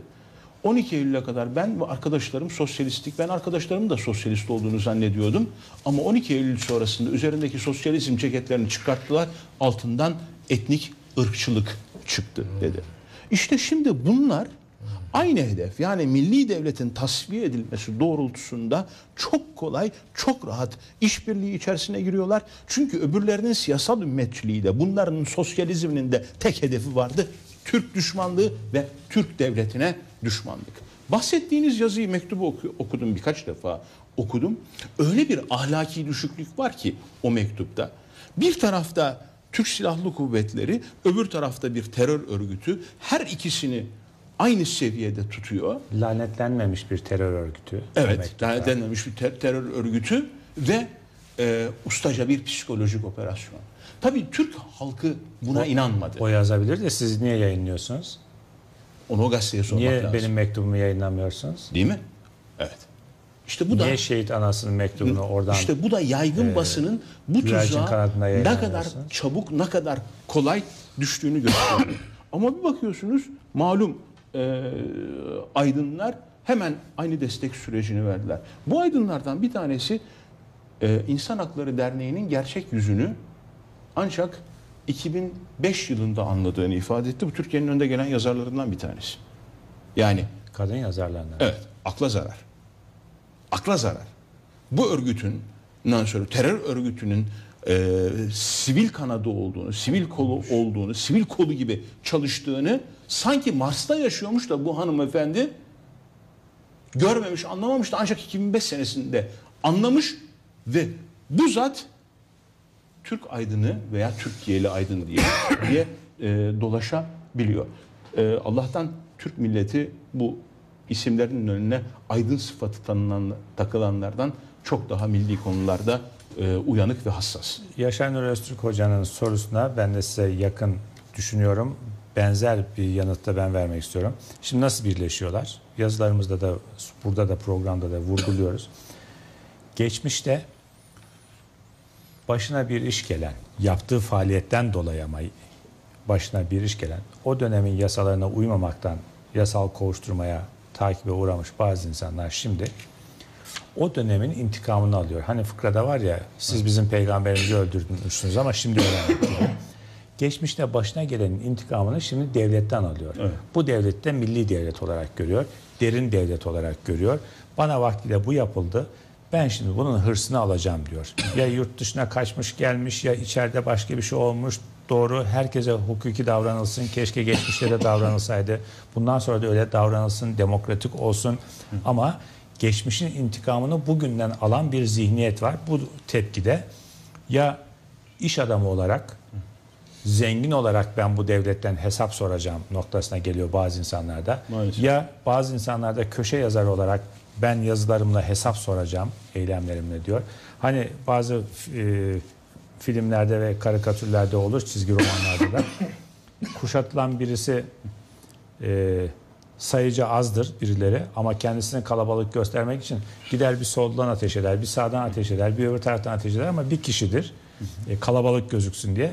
E, bu insanlar da ona benziyor. Dediğiniz gibi sayıları az ama hem orada hem burada ortaya çıktıkları için sanki toplumun büyük kesimi bunları kalabalık zannediyor ama değiller. Şimdi e, Doğu Perinçek'e de İşçi Partisi Genel Başkanı'na da bağlanacaktık. O yola çıkmış telefonuna bağlanamıyoruz. İki bir konumuz, bir izleyicimiz var. Ankara Şehit Aileleri Derneği Başkanı Hamit Köse'ye bağlanacağız. Bir de izleyicimiz İlhami Tiryaki. Ona bağlanacağız ama elimdeki notlara e, da döneyim. Bir izleyicimiz kısa mesaj göndermiş. Adı yok. Diyor ki PKK konusunda olayın dış kaynak, dış destekli olduğunu söylüyorsunuz. Sonra Kürtler deyip bize adres gösteriyorsunuz. Biz de askerlik yapıyor, vergi ödüyoruz demiş. Yarım kalmış mesajı. Hiç böyle bir şey yok ama burada böyle bir not olduğu için bunu da okudum ki eşitliği Ama göstermiş yani olalım. şey. Kürtler diye bir şey yok. Yok. PKK ve terör diye bir şey var. Yanlış bir ifade. Bir başka izleyicimiz Bülent PKK'nın en büyük kahrını aslında Kürtler çekiyor değil mi? Kürt vatandaşlar. Kürt kardeşi, yurttaşlarımız Evet. çekiyor. Esas acıyı onlar çekiyor. Şimdi bir şey tekrar altını çizmemiz lazım. Kısaca söyle. 1984'ten 2006'ya kadar PKK kadroları içerisinde eline silah alıp dağa çıkanların sayısı ta- taş çatlası 35 bindir. Bunu az görmüyorum. Ama sayı bu kadar. Buna karşın gönüllü veya ücretli olarak eline Türk devleti için silah alanların sayısı 120 bindir. Bunlar da Güneydoğu Anadolu'da yaşayan vatandaşlarımız. Korucular mı diyorsun? Evet, koruculardan bahsediyorum. Çarpışmışlardır, ölmüşlerdir. Koruculara karşı hep kapsamlı bir psikolojik operasyon yapıldı PKK kaynaklı veya PKK'ya yakın unsurlar tarafından. Her yerde olduğu gibi, bürokraside bile olduğu gibi yüzde üç, yüzde beş korucuların içerisinde de tabii Tevekkül negatif ediyor. unsurlar Şimdi vardır. Son raporda da Koruculuk kaldırılsın diyorsun. diyor adam. diyorlar. Abi. Korucular kahramanca mücadele etmişlerdir. Haysiyetle mücadele etmişlerdir. Daha iki ay önce ben Ömerli köyüne korucuları katledildiği Yani bir köyde korucu 19 derken galiba şunu da içeriyorsunuz. Yani Kürt yurttaşlarımız Tabii, var. tabii, Kürt tabii. yurttaşlar- Zaten yüzde doksanı Kürt, Kürt, Kürt yurttaşımızdır. Ondan sonra cenaze tör- e, anma törenlerine katıldım. Nasıl 1984'te direniyorlarsa hala direnmeye devam ediyorlar. Evet. O anlamdaki ise o- o- Kürtlerden o- bahsetmiyor. Orada bir, Evet. orada bir sorun yok. Ee, ama tekrarlamış olduk. Yaşar Nuri Öztürk Hoca da ne dedi? PKK'nın terörle yaptığı en büyük zulüm Kürt yurttaşlarımıza dö- dönüyor. Ee, orada oranın gelişmesini engelliyor. Öğretmen gidiyor, öğretmeni öldürüyor. Çocukları eğitimsiz bırakmak için, propaganda yapmak için. Okul yapılıyor, okulu yakıyor. İş makinesini yakıyor, yatırımı engelliyor falan filan. Ee, bir de politikacılarımıza, hani geçmiş politikacılarımızı andınız ya, onlara bir onların kulaklarını eda çınlatalım. Şimdi hep askeri önlemlerle değil bu iş. Tabii. Teröristi yok ettiniz, teröristi saf dışı bıraktınız falan. E ama orada dediniz ki daha şu kadar insan çıkmıştır. Evet. Eline silah almıştır teröre destek vermek için. Bunların hepsi terörü desteklediği için, inandığı için çıkmıyor ki. 3-5 tanesi belki çıkmıştır. 3-5 tanesi yabancıların maşasıdır ama bunların bir kısmı bizim ne yazık ki idarecilerimizin, politikacılarımızın oraya yatırım yapmayıp oradaki bizim insanlarımızı, gençlerimizi işsiz, çaresiz bırakıp kahvanelerden e, psikolojik bunalımlara sokup bir kısmı bunalımdan çıkmak için bazen söylerken bile konuşurken ne diyor işte yazı, yazıları görüyoruz. Dağa mı çıkayım? Evet. Değil mi? Şimdi fındık üreticisi bile diyor ki dağa mı çıkayım? Hani bu bir söylem haline geldi. Şimdi bunu bu hale getiren, bu düşünceyi akıllara sokan politikacılar da suçlu mudur, değil midir? Tabii ki suçlu. Politikacılık o koltukta oturup 4 senemi 5 senemi doldurayım. O arada bir tane makam arabasıyla gideyim geleyim mesleği midir? Politikacılık bir meslek midir? Bana göre değildir. Hep söylüyorum bir kere daha yeri geldi söylüyorum. Mesleklerinde bir yere gelmiş insanların, başarılı insanların belli bir dönem ben artık bu yolla, politika yoluyla ülkeye hizmet edeceğim yeridir. Meslek değildir. Politika para kazanma yeri değildir. Ama ben o koltukta oturacağım, para kazanacağım, dönemin bitince gideceğim. Böyle bir şey yok. Öyle yapıldığı için uzun yıllardır gençlerimiz Doğu ve Güneydoğu Anadolu'da pek çok gencimiz kendisini kullanmak isteyen bölücü örgütün dış güçlerin eline düştü ne yazık ki. Yani onlar da inanmadığı halde belki oraya gittiler. Her ne nedenle olursa olsun eline silah alıp daha çıkan insan suçlu bir kere onu söylüyoruz. Teröre bulaştıysa terörist zaten ama onları bu hale getiren, bu altyapıyı hazırlayan o politikacılar, geçmişteki yöneticileri de e, analım ama iyi niyetle anmayalım. Şimdi elimdeki notlara tekrar dönüyorum. Bülent Elgin isimli izleyicimiz diyor ki iyi akşamlar. Siz Roş TV'nin kapatılma, kapatılmadığından söz ediyorsunuz. Bırakın Roş TV'yi Diyarbakır'daki PKK'nın nokta nokta haber ajansında kapatamıyoruz diyor. Şimdi bunu araştırmamız lazım. Ee, birisi der ki bizi PKK'lı gösterdi ama ben bu ismi burada görüyorum. Bu söze de inanıyorum ama burada telaffuz edemiyorum. Diyor Doğru ki söylüyor. Diyarbakır'daki PKK'nın nokta nokta haber ajansında kapatamıyoruz diyor. Bırakın Danimarka'daki Roş TV'yi. Biz de o vakit o zamanlar Roş TV tartışılırken demiştik ki Roş TV oradan canlı yayın yapıyor kardeşim onu engelleyemiyorsunuz. Orada gidip de Danimarka Başbakanı Rasmussen'e bir şeyler söylüyorsunuz kamuoyuna karşı ama burayı niye kapatmıyorsunuz? Bir başka izleyicimiz diyor ki Avrupa Birliği'nden söz etmiş. 9 Eylül. Bugün 9 Eylül oldu. Geceyi devirdik. İzmir'in Evet. kurtuluşu. Evet. Avrupa Birliği'ne girdikten sonra Yarın girersek gidiyoruz. 9 Eylül'ü İzmir'in kurtuluş olarak kutlayacak mıyız diyor. Yani AB üyesi Yunanistan'a karşı İzmir'in kurtuluşu kutlanacak mı diyor. Kutlanacak mı? Yarın gidiyoruz biz bir genel Daha iyi başkanların olmadık. tümü bence çağrılmış. Yani belediye başkanının orada verdiği bir resepsiyon var. Nasıl Şimdi kutlanıyor da işte AB üyesi olunursa kutlanacak mı diyor, kalkacak mı? Vallahi kutlamaya devam edeceğiz. Şurada imkan verecek misin? Ee, Çok Vereceğiz. hayati Telefona mı dönelim? Bu bir iki şey var. Şimdi buyurun, çok Sizin, hızlıca e, alalım. işaret ettin. Şimdi bu doğuda sadece PKK tamam ve ona alet olan ve o Kürt yurttaşlarımızın e, çektikleri. Bunu derken biz burada bu İnönü Ceberut'una da bir atıf yapmamız lazım. Yani İnönü'nün Türkiye'de devlet memurları kavramına getirdiği eee, standartlar nereye getirdi Türkiye'yi? Bakın Doğu senelerce efendim iyi olmayan memurların sürgün alanı gibi e, görüldü. Şimdi oradaki Kürt vatandaş ne dedi? Ya bizim yerimiz demek ki adı konmamış bir cehennem. Çünkü suçlu olanları buraya sürüyorlar. Bunu bu devlet yıllar önce fark edip bunu kaldırmadı. Orada kendi eliyle kendi aleyhine bir bilinçaltı yarattı. Onun için ben hep söylüyorum 1940'dan sonrası yani Atatürk'ten sonrası 50'ye kadar şimdi 50'den sonrayı biz işte din istismarı falan başladı diye eleştiriyoruz. Ama 40 ile 50'nin arasını da bir eleştiriye tabi tutmak lazım. Ve bu ülkede Atatürk'e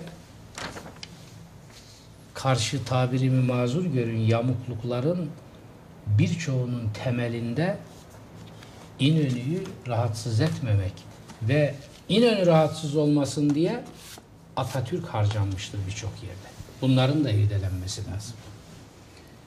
İkincisi bu din ve siyaset siz dediniz E, tamam ki doğru onu İnönü'yü irdelediniz de ama şimdi işi İnönü'ye oraya atmak yerine ben mesela son 20 yıldaki, son 30 yıldaki politikacılarımızı tartışmanın daha anlamlı olduğunu düşünüyorum. İnönü derken yani onun şahsıyla e, tabii, ilgili demiyoruz. Yani o, o icraat, o bir dönem. Or- orada bir tagallüp var. Bunu bunu göreceksiniz. Biz bunu babamızdan, dedemizden dinledik. Yaşayanlardan dinledik bunları. O var ve mesela hala ben onu bir süre içinde kaldığım CHP'de onun hala devam ettiğini gördüm. İyi ama ben şimdi size bir şey diyeceğim. Şimdi Siz fazla açmıyorum ben onu. gene söyleyeceğim. Şimdi CHP olayı değil. Şimdi DYP'de iktidar oldu bu ülkede. Erbakan da iktidar oldu. Üçlü koalisyon da oldu. Daha önce Demirel sürekli geldi gitti. Daha önce Özal oldu. Ondan önce başkası oldu. Ben e, bu politika askeri yönetimler geldi bu ülkeye. Yalnız Bunları devlet kastediyorum. memurluğu ile ilgili konmuş olan standartları bu dediklerin getirmedi. Ama her Bunların şey hepsi değişiyor. Döneminin standartlarıdır. İyi de gelen her şeyi değiştiriyor. Bunu da değiştirseydi. Yatırım Değiştirmediler. yollarını açsaydı. Tabii oradaki değiş- gençlerimizi kazansaydı. Bugün de Değiştirmedikleri için kazansaydı. millet onları değiştirdi. Yani, Ama e, getirdikleri de onlardan iyi çıkmadı. Şimdi bir izleyicimiz Hasan Kahraman Kayseri'den diyor ki PKK koordinatörü konusunu Orgeneral İlker Başbu hemen reddetmeyelim, peşinden kaldırıp atmayalım, bir de değerlendirelim mealinde söylemişti. Sayın Ümit Özdağ bunu nasıl değerlendiriyor diyor. Şimdi Kara Kuvvetleri Komutanı böyle söyledi. Doğru bu mealde ben de yanındaydım onu söylerken. Hemen reddetmeyelim bir bakalım dedi. Siz nasıl Şimdi- değerlendiriyorsunuz? Her şeyden önce Sayın İlker Bir Başbuğ... şey söyleyeyim pardon. Ee, burada konuğum olan ADD Genel Başkanı, eski Jandarma Genel Komutanı Şener Er Uygur Paşa PKK koordinatörlüğünün Türkiye'ye PKK'yı tanıtma girişimi olduğunu söylemişti. Onun yorumu buydu. Buyurun. Evet. Ee, tabii değerli paşamın yorumunun e, hangi kaynağa dayandığını bilmiyorum. Ama e, şundan eminim ki e, Kara Kuvvetleri Komutanı'nın önündeki belgeleri, okuduğu belgeleri ne Şener Paşa okudu, ne ben okudum, ne biz okuduk. E, bu anlamda benim koordinatörlük e, müessesesine karşı e, ciddi şüphelerim var, tereddütlerim var, endişelerim var ve Amerika Birleşik Devletleri'nin e, Büyük Orta Doğu genelde ve özelde de e, İran ve Irak ve Türkiye politikaları çerçevesinde PKK'nın etkili bir araç olarak kullanıldığını bilmem ve yakın gelecekte de Amerika Birleşik Devletleri'nin PKK'ya karşı İran'la bu sorun devam ettiği sürece etkili bir harekata girişmesinin mümkün olmadığını bilmemden dolayı kaynaklanan bir endişe. Etkili olsun diye yarın Amerika ey PKK sizde bir koordinatör atayın eksik kaldı. Bak Amerika'da da Türkiye atıyor. E, PKK koordinatör olduğuna göre bir de siz koordinatör atayın deyip bu üçlü bir araya gelirse PKK'yı tanımış olmuyor musunuz o zaman? Şimdi tabii ki öyle olursa son, sonuçta Bu tanımı var. Ama Türkiye bu tuzağa düşer mi? Türk Silahlı Kuvvetleri bu tuzağa düşer mi? Türk Genelkurmayı bu tuzağa düşer mi? Hiç sanmıyorum. Vallahi Hiç 2000, sanmıyorum. 2000 yıllık Böyle- geçmişi Evet. var dediniz. Evet. Yani 2000 yıllık bir ordu. Ordu böyle bir deneyimleri- tuzağa düşmez. Düşmemesi gerekir. Ee, bizim gösterdiğimiz milli hassasiyeti Genelkurmay Başkanı da taşıyor. Kara Kuvvetleri Komuta- Komutanı da taşıyor. Ee, ve onlar da bazı şeyleri yapmak için herhalde bazı gelişmelerin olmasını bekliyorlar. Ee, 2007 çok kritik bir sene. Çok üzerinde konuşmadığımız bir konu var. 2007'nin Aralık ayında Kerkük'te biliyorsunuz e, referandum yapılacak. Bu referandum ile Kerkük'ün e, Kuzey Irak'a Barzani ve Talabani'ye bırakılması söz konusu olacak. Bu aynı zamanda dünya petrol rezervlerinin yüzde dördünün e, Barzani ve, ve Talabani'nin kontrolüne verilmesi demek. Kerkük'te şu anda Türkmenlere karşı inanılmaz bir baskı sürüyor. Türkmen liderleri katlediliyor. Türkmen örgütleri baskı altına alınmış durumda. Türkmen cephesinin arkasından AKP bütün desteğini çekti ve Türkmenlere dedi ki siz de Bulgaristan'daki Türkler ne yapıyorlarsa onu yapın. Onları model olarak alın. Bu ben Yani? yani işte siyaset yapın. Ee, Bulgaristan'daki Türklerin yaptığı siyaseti yapın. Bu şu ana kadar yapılmış en komik bakın Bizden komiği şunun yerine beklemeyin. söyleyeyim. Alçakça dememek için komik diyorum. Teklif çünkü Avrupa Birliği sürecinde olan bir Bulgaristan var karşımızda ve o Bulgaristan içerisinde Türklerin Avrupa Birliği süreci içerisinde yaptığı siyaset var. Öte yanda Peşmerge'nin makinalı tüfeği altında, Kalaşnikov'u altında oy kullanamayan, oy kullandırılmayan bir Türkmen var. Bazı köşe Ve o yazarlar... arada Lübnan'a asker O gönderiyorsunuz. anda orada Lü- Lübnan'a asker Bu yolluyoruz. tarafa bakmıyorsunuz, bu Evet. öbür tarafa. Evet. Bakın işte deniliyor ki Türkmenlere bu kadar az oy çıktı. Türkmen cephesinin desteği yok ila ila. Efendim 600 400 bin kişinin yaşadığı Telafer'e saat 4'te öğleden sonra 4'te 4 tane sandık götürüldü. Saat 5.30'da o sandıklar alındı. Telafer halkı nerede oy kullanacak? Kullandırtmadılar. Kerkük'te birçok sandık PKK şey tarafından, e, peşmergeler tarafından alındı ve yakıldı içindeki oylar. Böyle bir baskı altındaki Türkmenlere siz gidin Bulgaristan'daki Türkler gibi siyaset yapın derseniz bunun adı şudur. Sizi satıyoruz. Türkiye Türkmenleri satmıştır. Yok öyle söylemeyelim. Hayır hayır öyle söyleyelim çünkü doğrusu bu. Türkiye Türkmenleri satmıştır. Türkmenlerin bundan sonra önünde bir tek şey kal- Ama kaldı, Avrupa- süreç kaldı. Avrupa'yı- Barzani 2007'de Aralık'ta Kerkük'e el koyar. Çünkü bu referandumdan ne çıkacağını biliyoruz. Türkmenler direnişe geçer. Türkmenlere yönelik katliam başlar. Ondan sonra Türkiye'nin ne yapacağı kendimize sormamız gereken sorudur. Bir sene içerisinde bu noktaya geleceğiz. Nasrettin Hoca'nın hikayesi var. Ben sana yapacağımı biliyorum demiş. Ne yaparsın demiş. Dönmüş arkasını gitmiş işte. Bakın ondan sonra da Türkiye yani Kerkük'te Türkmenler katledilirken ses çıkarmaz ise Kerkük'ü koruyamayan Türkiye Hakkari'yi korumakta zorlanır. Kesin. Tamam. Bunun da altını çizelim. Bu noktaya gid- gid- gidiyoruz. Şimdi Ha, bir koordinatörlük şüpheyle karşılamalıyız, incelemeliyiz. Ondan sonra ve Amerika Birleşik Devletleri'nin bugüne kadar bize uyguladığı uyutma taktiklerine son verici bir siyaset benimsemeliyiz. Bunun bir tek göstergesi var. Defaatle söylüyorum. Tekrar söyleyeceğim. Biraz önce paşam da ifade etti. Her zeminde bunu 4 seneden beri anlatmama rağmen e, gelişmesine imkan verilmiyor. Habur sınır kapısını kapatalım efendim. Yani Kandil'e asker yollamamıza gerek yok. Habur sınır kapısını kapatalım. Kuzey Irak'ta iş yapan Türk firmalarına Türkiye içinde onların zararlarını tazmin edici iş verelim. Kuzey Iraklıların kurmuş olduğu Mersin, Adana, Gaziantep, Habur üzerindeki çizgiyi kıralım. Çünkü bu kaçakçılık çizgisi. Ve Bankalardaki paralarına el koyalım. Ve ondan sonra diyelim ki Kimin Barzani, parasına el koyuyoruz? Barzani. Barzani'nin ondan sonra diyelim ki Bay Barzani buyur bakalım. Buyur bakalım. Türkiye içerisinde bir terör hadisesi olduğu zaman terör hadiselerine Süleymaniye'de cevap verilsin, Erbil'de cevap verilsin, Zaho'da cevap verilsin, Doğuk'ta cevap verilsin. Şunu sorabilirsiniz. E Türkiye terör mü yapacak? Evet efendim gerekirse yapacak. Benim askerim öldürülüyorsa, benim yurttaşım öldürülüyorsa terör eylemlerinde bunun cevabını Hakkari sınırına gelip sana gelirsem terör gösteririm olmaz. şeklinde değil. Cevap Ha, ha. ki. Bu devletin milli cevabı olur. Hayır. Bu, bu terör olmaz diyor. Terör cevap hayır. Ha. Teröre Bu cevap olur. o nef, nefsi müdafaa. Nefsi müdafaa şeklinde. Tabii. Yani Kuzey Irak'ta kamu güvenliğini ortadan kaldırırsınız. Türkiye içerisinde Barzani silah kaçakçılığı yapıyor. PKK'ya yeni bomba teknolojilerini veriyor ve öğretiyor. Türkiye içerisinde belirli aşiretleri paraya bağladı. Para veriyor, kimlik veriyor. Türkiye içerisinde gazete kuruyor, gazeteci satın alıyor. Adam Türkiye içerisinde Türkiye örgütleniyor. Millet Meclisi'nde kaç tane milletvekilim var dedi. Ha, bak, bütün bunları görelim. Hala Türk devleti şunu anlamış değil. Taktik tehdit Türkiye için PKK, stratejik tehdit Barzani'dir. Eğer Türkiye tehdit düzenlemesini buna göre yeniden yapmaz ise bu 10 yılın sonunda çok ağlarız. Ve sizin söylediğiniz şey var ya efendim, hesap sormak dediniz geçmişteki politikacılardan.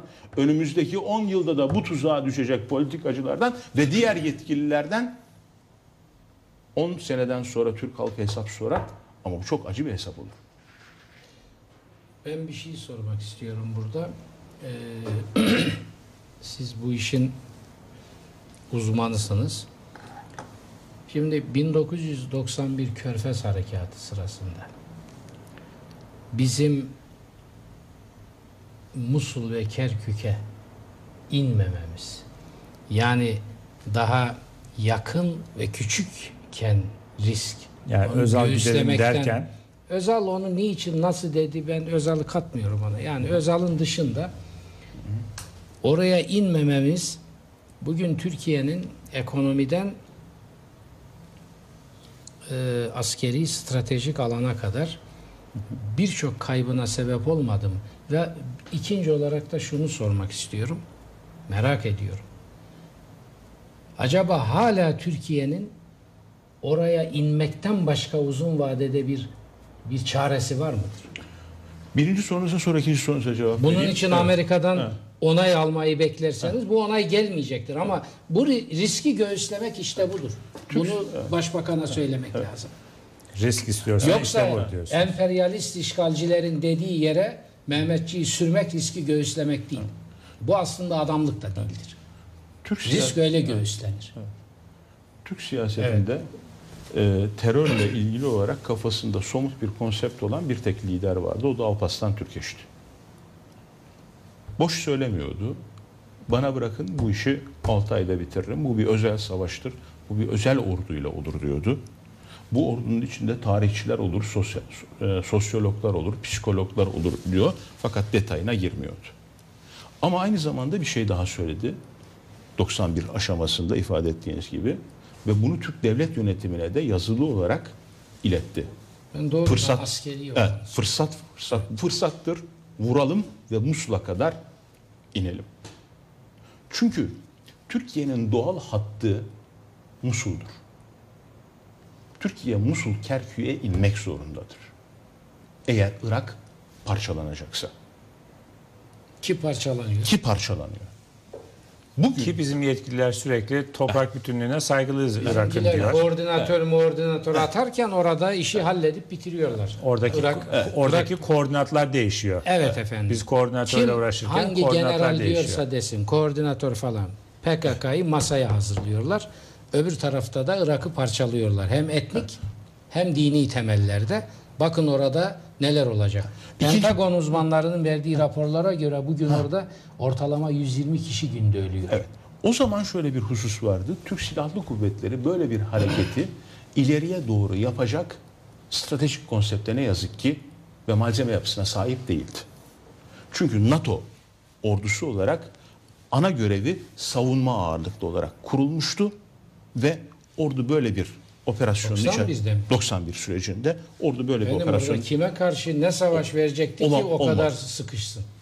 efendim Ve benim bildiğim durum yani, ifade benim edilen buydu. duyumlar Amerika da o zaman Ha, Amerika bunu istedi mi istemedi projesinde işte Tabii hayır, istemedi. yeşil ışık yakmış deniyor buna. Ben istemediğini İstemedi. ben istemediğini biliyorum çünkü istemesi de çok e, makul değil.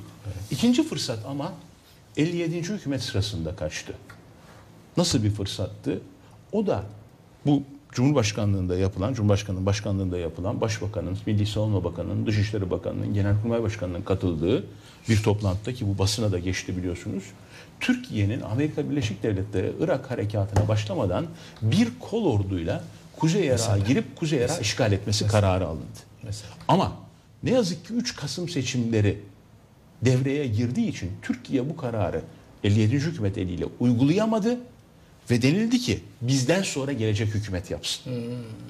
Ama AKP hükümeti bu yola gitmedi. AKP hükümeti bu yola gitmediği gibi 1 Mart tezkeresini yanlış bir pazarlıkla getirdi. Bir Türkmenleri asli unsur olarak Amerikalara kabul ettiremedi. İkinci yanlış tezkerenin tek olmasıydı. Ne demek istiyorum? Aynı tezkere içinde Türk ordusunun Irak'a Amerikan ordusunun da Türkiye'ye girişi birbirine bağlandı. Oysa bunlar iki ayrı tezkerede Hiç gerçekleştirilmeliydi. olmazsa bu yapılabilir. Bir, oylayın. Evet Bey, Türk ordusu Irak'a bir kol orduyla giriyor. İki, Amerikan ordusu Türkiye üzerinden Irak'a girecek mi girmeyecek mi? Eğer böyle yapılsaydı sonuç daha farklı olurdu. Şimdi geldiğimiz noktada bir şeyi görelim. Kuzey Irak'ta yaşayan insanlar Türkmeniyle, Kürdüyle, Arabıyla, Süryanisiyle bizim kardeşlerimizdir. Bizim onlarla ilgili bir sorunumuz yok, bir düşmanlığımız yok. Esasen Osmanlı'nın eski yurttaşlarıdır bunlar. Ama karşımızda bir Barzani ve Talebani çetesi var. Bu insanların kanıyla, emeğiyle yıllarca beri politika yapan, bunların hedef alınması ve ezilmesi gerekiyor. Bunun yöntemi de Kuzey Irak'a yönelik ezici bir diplomasinin uygulanmasıdır. Evet. Bu ezici diplomasinin amacı Kuzey Irak'ı Türkiye için tehdit olmaktan çıkartıp Türkiye'ye dost hale getirmek. Ve bu, ancak bunu gerçekleştirebilirsek PKK'ya karşı alacağımız önlemlerle PKK ve bölücülük tehdidini Türkiye için ağır bir tehdit olmaktan çıkarabiliriz. Peki telefonumuzda türlü olmaz. bekleyenler var. Hemen Evet. dönelim. Çok beklettik.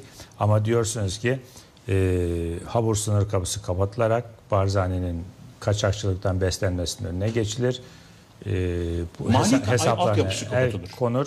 Gıkını çıkaramazlar burada. Demek ki yapacak çok şey var. İktidara gelecek insanlar bazen şöyle düşünüyor. Ya her şey yapıldı bize bir şey kalmadı. Bakın yapacak o kadar çok şey var ki.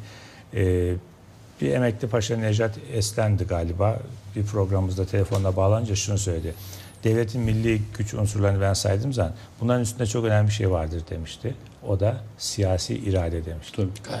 Yani Biz- milli biz de devletin telaffuz ettik ya onu. Devletin O milli yok. gücü unsurları, nüfusu, ordusu, ekonomisi falan toprağı ama siyasi irade yoksa hepsi sıfır deniyordu. Yani devlet bir manada o siyasi iradenin Tabii. kendisi zaten devlet o. Tabii. Evet. Diğerleri mekanizmalar ve enstrümanlar. Sayın, Sayın Hamit Köse iyi geceler. Geceler Sayın Hulki Bey. Kusura bakmayın biraz beklettik. Buyurun. Estağfurullah efendim. Buyurun efendim. Ee, Sayın Hulki Bey, şahsınızı ve Sayın e, Ümit Özdağlar hocamı ve Nuri hocamı saygıyla selamlıyorum. İyi geceler diyorum. Ee, ben e, şuna e, bir katkıda bulunmak istiyorum. Bize göre bizim ülkemizde kesinlikle Kürt sorunu yoktur. PKK sorunu vardır. Ee, sözde aydınlar, onlar bize göre karanlık kişilerdir. Ee, bunlar e, deniz Bazıları, kenarında... ba- bazıları hepsi değil. Tabii e, kastettiğim kişiler kendilerini biliyorlar. Bunlar e, Boğaz'da otururlar, doğuya ağıt yakarlar. Halbuki Ankara'dan öteye gitmemişlerdir. Bunların çocukları da gitmemiştir. Eğer bizim ülkemizde Kürt sorunu olmuş olsaydı Şu andaki parlamentoya bakın 250'nin üzerinde Kürt kökenli parlamenter vardır. İcracı bakanlık olmak üzere kabinede 5 tane icracı Kürt kökenli bakan vardır. Eğer ülkemizde Kürt sorunu olmuş olsaydı bunun Türkiye parlamentosunda işinin olmaması gerekirdi. Zaten bu Kürt sorununu sorduğumuz zaman e, kimse tanımlayamıyor. Nedir bu Kürt sorunu diye. Buraya gelen konuklar da bunu söyleyen politikacılar da Kürt sorunu kavramını yazarlar da tanımlayamıyor. Nedir Kürt sorunu? Kürt olmaktan dolayı hangi sorunu yaşıyorsunuzu tanımlayamıyor, anlatamıyor ama teröre ve silahlı eyleme destek Terör- verenler e, ayrı tabii. Terör Terör sorunu var. göre tamamen dış kaynaklı, e, kaynağını dışarıdan alan şeylerdir. Şimdi bizim e, meselemize gelince, bizim çocuklarımız devletimizin emirleri gereği terör örgütüne karşı devletin üniter yapısı için, bayrak için, ezan için, toprağımız için canlarını, kanlarını, uzuvlarını mücadele ederek şehit olmuşlardır. Bizim çocuklarımız şehit olurken siyasiler ne yapmışlar? Canları pahasına askerlerimiz, güvenlik güçlerimiz dağda, karda, kışta, eksi 40-50 derecede e, canlarını, kanlarını, uzuvlarını ortaya koyarak teröristleri yakalamışlardır. Devletin adaletine teslim etmişlerdir. Ama siyasiler ne yapmışlardır? Topluma kazandırma yasası adı altında, eve dönüş yasası adı altında, topluma kazandırma yasası adında bunları affetmişlerdir. Ben buradan e, sormak istiyorum. Bu isimle çıkarılan aftan pişman olup da devletine, ailesine bağlanan hiçbir terörist olmuş mudur? Kesinlikle yoktur. Hepsi cezaevlerinde daha eğitimli olarak, daha bilinçli olarak cezaevinden çıkarılan teröristler dağa gitmişlerdir. Bunun e, Genelkurmayımızın açıkladığı bilgilere göre son e, şu anda AKP hükümetinin eve dönüş yasası adı altında çıkardığı terörist sayısı 3600'dür. 3600'dür. Biz e, bu soruyu acaba dağdaki teröristi e, Sayın Başbakanımızın son dönemde askerlik yan gelme yatma yeri değildir diye e, bir sorusuna cevap olarak bunu söylemek istiyorum.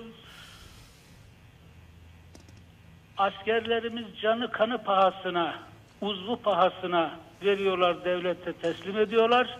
Ama onlar işin kolayını seçip hemen onları affetmekle meşguller. Acaba burada yatan kimdir? Onu öğrenmek istiyorum. Biz e, şehit aileleri, dernekleri ve şehitler olarak, şehit aileleri olarak Sayın İçişleri Bakanımızdan, Sayın Meclis Başkanımızdan, hatta ve hatta Ankara Büyükşehir Belediye Başkanı Sayın Melih Gökçek'ten randevu talep etmemize rağmen bizimle görüşmemişlerdir. Ama görüyoruz ki Sayın Meclis Başkanımız zanaları hemen adeta cezaevinden çıkarcasına neredeyse e, karşılama mangası hazırlamak suretiyle mecliste kabul edip onlara kutsal bildiğimiz meclisin çatısı altında ülkeye ihanet eden kişilere yemek vermişlerdir. Bir de Sayın Bakanım bizim ülkemizde her gün şehit cenazeleri gelirken yetkililerin hiç görmeden, görmemezlikten gelerek İsrailli iki askerin kaçırılışıyla ilgili o ailelerle görüşmek üzere İsrail'e kadar gidebiliyor orada o ailelerle görüşebiliyor. E o zaman biz e, şunu sormak istiyoruz. Bizim çocuklarımız kimin için neden şehit verdik? bu olayları gördükçe çok üzülüyoruz ve kendi kendimize soruyoruz. Bir tane zenginin, bürokratın, milletvekilinin, fabrikatörün, hatta ve hatta bir tane generalin çocuğunu bize şehit olarak gösteremezsiniz. Yoktur. As, isterseniz O zaman öyle bir yaklaşım sergilemeyelim. O da ayrımcılık gibi Çocukları olabilir. mı yok? Yoksa efendim Ee, yoksa o şekilde Hamit Bey, Hamit Bey o şekilde söylerseniz şimdi bir terörle mücadele yapılırken bu sefer bu tarafta bu kesimde bir ayrımcılık gibi anlaşılabilir. Onun için zengin çocuğu, fakir çocuğu e, bu tabi toplumda çok tartışılıyor. E, asker çocuğu e, gibi ayrımları isterseniz başka bir zaman tartışalım. Şimdi bunları e, konuşmayalım da Şimdi Hulki Bey biz, ben de askerim. Ben de askerim. Kesinlikle asker şey şey yapmıyoruz. Bizim çocuklarımız şey yapıyor ki kesinlikle askerin zaten şu anda yapılan icraatlar bu konuda mücadele eden askerlerimizin ve güvenlik güçlerimizin moralini bozmuştur. Şimdi bu olaylar e, hep fakir fukara çocuğudur. Bunu oradan sonra eğer ben şuna inanıyorum. Bir e, bu şehit aileleri içerisinde bir zenginin veya oradan sonra bir siyasetçinin çocuğu olmuş olsaydı bu terör olayları inanıyorum ki kökten çözümlenmiş olacaktı. Çünkü bu kadar devlet hoşgörüyle bu kadar ihanet eden kişileri affetmezdi. Bugün oradan sonra binlerce fakir fukaranın çocuğu şehit olmuştur. Parlamentoda bu ülkeye ihanet eden kişilerin e, oy birliğiyle e, idam cezaları kaldırılırken, af çıkarılırken bir tane parlamentoda e, parlamenterin çocuğu yoktur. E, Lojmanlarda, lojmanlarda ölen bir tane milletvekilinin çocuğuna aylarca, yıllarca bu konu gündeme gelmiştir. Hamit Bey ben size bir soru sorabilir miyim? Buyurun efendim. Buyurun. Ee, ben yurdun değişik yerlerinde ziyaret ettiğim e, şehit aileleri derneklerinde e, ortak bir şikayete rastladım. O da e, şehit ailelerinin faaliyet göstermelerinin devlet tarafından arzu edilmediği, e, bastırıldığı, şehit ailelerinin toplumsal anlamda ön plana çıkmalarının sistematik bir şekilde devlet tarafından istenmediğine dair şikayetlerdi. Bunu sadece bir yerde değil, değişik yerlerde dinlediğim e, için e, size de sormak istiyorum. Acaba siz böyle bir şey hiç hissettiniz mi? Böyle bir baskıyla karşı karşıya geldiniz mi? Yoksa bu bir yanlış algılama mı bazı e, çok hassas olan insanların? Ee, Sayın hocam bu konuda gerçekten haklısınız. Bakın bizim e, derneğimizin eski ismi Terör Mağdurları Sosyal Yardımlaşma ve Dayanışma Derneği'ydi. Evet. Bizim derneğimizin şehit aileleri derneği ismini e, şehit ismini kullanamazsınız diye e, şey yaptılar. Baskı yapmak suretiyle e, bize bu ismi kullandırtmadılar. Ama Kim biz yaptı bu baskıyı? olarak kullandık. Hamit Bey kim yaptı baskı? E, Baskı derken e, şunu söylemek istiyorum. Efendim şehit ismini kullanamazsınız. Peki kardeşim ben şimdi şehit ismini kullanamazsam bana kuvvet onaylamış çocuğumun şehit olduğunu. Emekli sandığı bana şehit maaşı veriyor. Evet. Cebeci askeri şehitliğine e, şehit diye defnedilmiş. Mezar taşında şehit, Şehit diye yazıyor. yazılı. Evet. Peki ben bunları bu kadar e, bana şehitlik madalyası vermiş hem devlet övünç madalyası hem oradan sonra e, silahlı kuvvetlerin verdiği madalya. Fakat bir derneğe gelince efendim siz şehit ismini kullanamazsınız. Bu bence Ama bunu bir iki kişi affedersiniz bunu bir, bir iki kişi söylemiş olur da yasal dayanağı yok ki. Yasalarımıza göre sadece Türkiye ve Türk adını almak için Bakanlar Evet. Kurulu izni gerekiyor dernekler açısından. Diğer ama- yapılan baskıların da ama Hulki Bey da yasal dayanağı yok. Ha, yani- ama şehit aileleri üzerinde, Yani dernekler direnseler üzerinde alabiliyor. de- dernekler üzerinde belirli baskıların olduğu faaliyetleriyle çok ön plana çıkmalarının arzu edilmediği yani sosyal çok ön plandaydılar. evet, sosyal Sonra- vicdanı e, rahatsız ettikleri daha net ifade edilirse e, bazı devlet yetkilileri tarafından düşünülüyor ki e, bundan dolayı e, bana ciddi şikayetler geldi. Şimdi onu Hamit Bey'e e, sormak istedim. Sanıyorum e, benzer bir e, tespiti kendisi de yapmış. Sayın Hocam ben şunu e, söylemek isterim. E, şu anda bizim e, şehit ailelerinin e, derneği federasyon oluşmuştur. Geçici federasyonumuz kurulmuştur. 16 Eylül Cumartesi de e, federasyon genel kurulumuzu yapacağız. Şehit aileleri federasyonu olarak. Yani Hayırlı terör mağdurlarından kurtulacağız. İnşallah asli unsur olarak kendi e, şeyimize dönmüş olacağız. İnşallah. Siz program başında galiba televizyon sorunu nedeniyle e, TESEV Vakfı Başkanı Can Paker'in açıklamalarını izleyemediniz. İzleyemedim efendim. Benim Evet. televizyon arızalıydı, izleyemedim. Evet, Can Bey o sırada dedi ki Can Paker ileride ordu paralı hale gelirse şehitlik kavramı da değişebilir. Yani demek istiyor ki bizim anladığımız şu e, ileride paralı ordu olursa para alacaklar. O zaman para karşılığında ölenlere de şehit denmez gibi bir anlam çıkıyor. Birçok kişi böyle anladı bunu. Bu konuda e, yanıtınız ne olur? Ee, Sayın Hulki Bey, ben e, şunu e, söylemek isterim. Bu e, e, bu konuda eğer bu ülke hepimizinse e, sağlıklı anayasamızdan kaynaklanan e, yetkiye dayanarak sağlıklı her Türk vatandaşı askerliğini yapmakla yükümlüdür. Eğer bu iş paraya dönüşecek olursa biraz önce kapalı da olarak bahsettiğim zenginler ücret para ödeyecekler, fakirler can ödeyecekler. Buna sağlıklı düşünen Türk milletinin olumlu bir e, cevap vereceğini tahmin etmiyorum. Eğer bu vatan hepimizinse e, sırası geldiği zaman hepimiz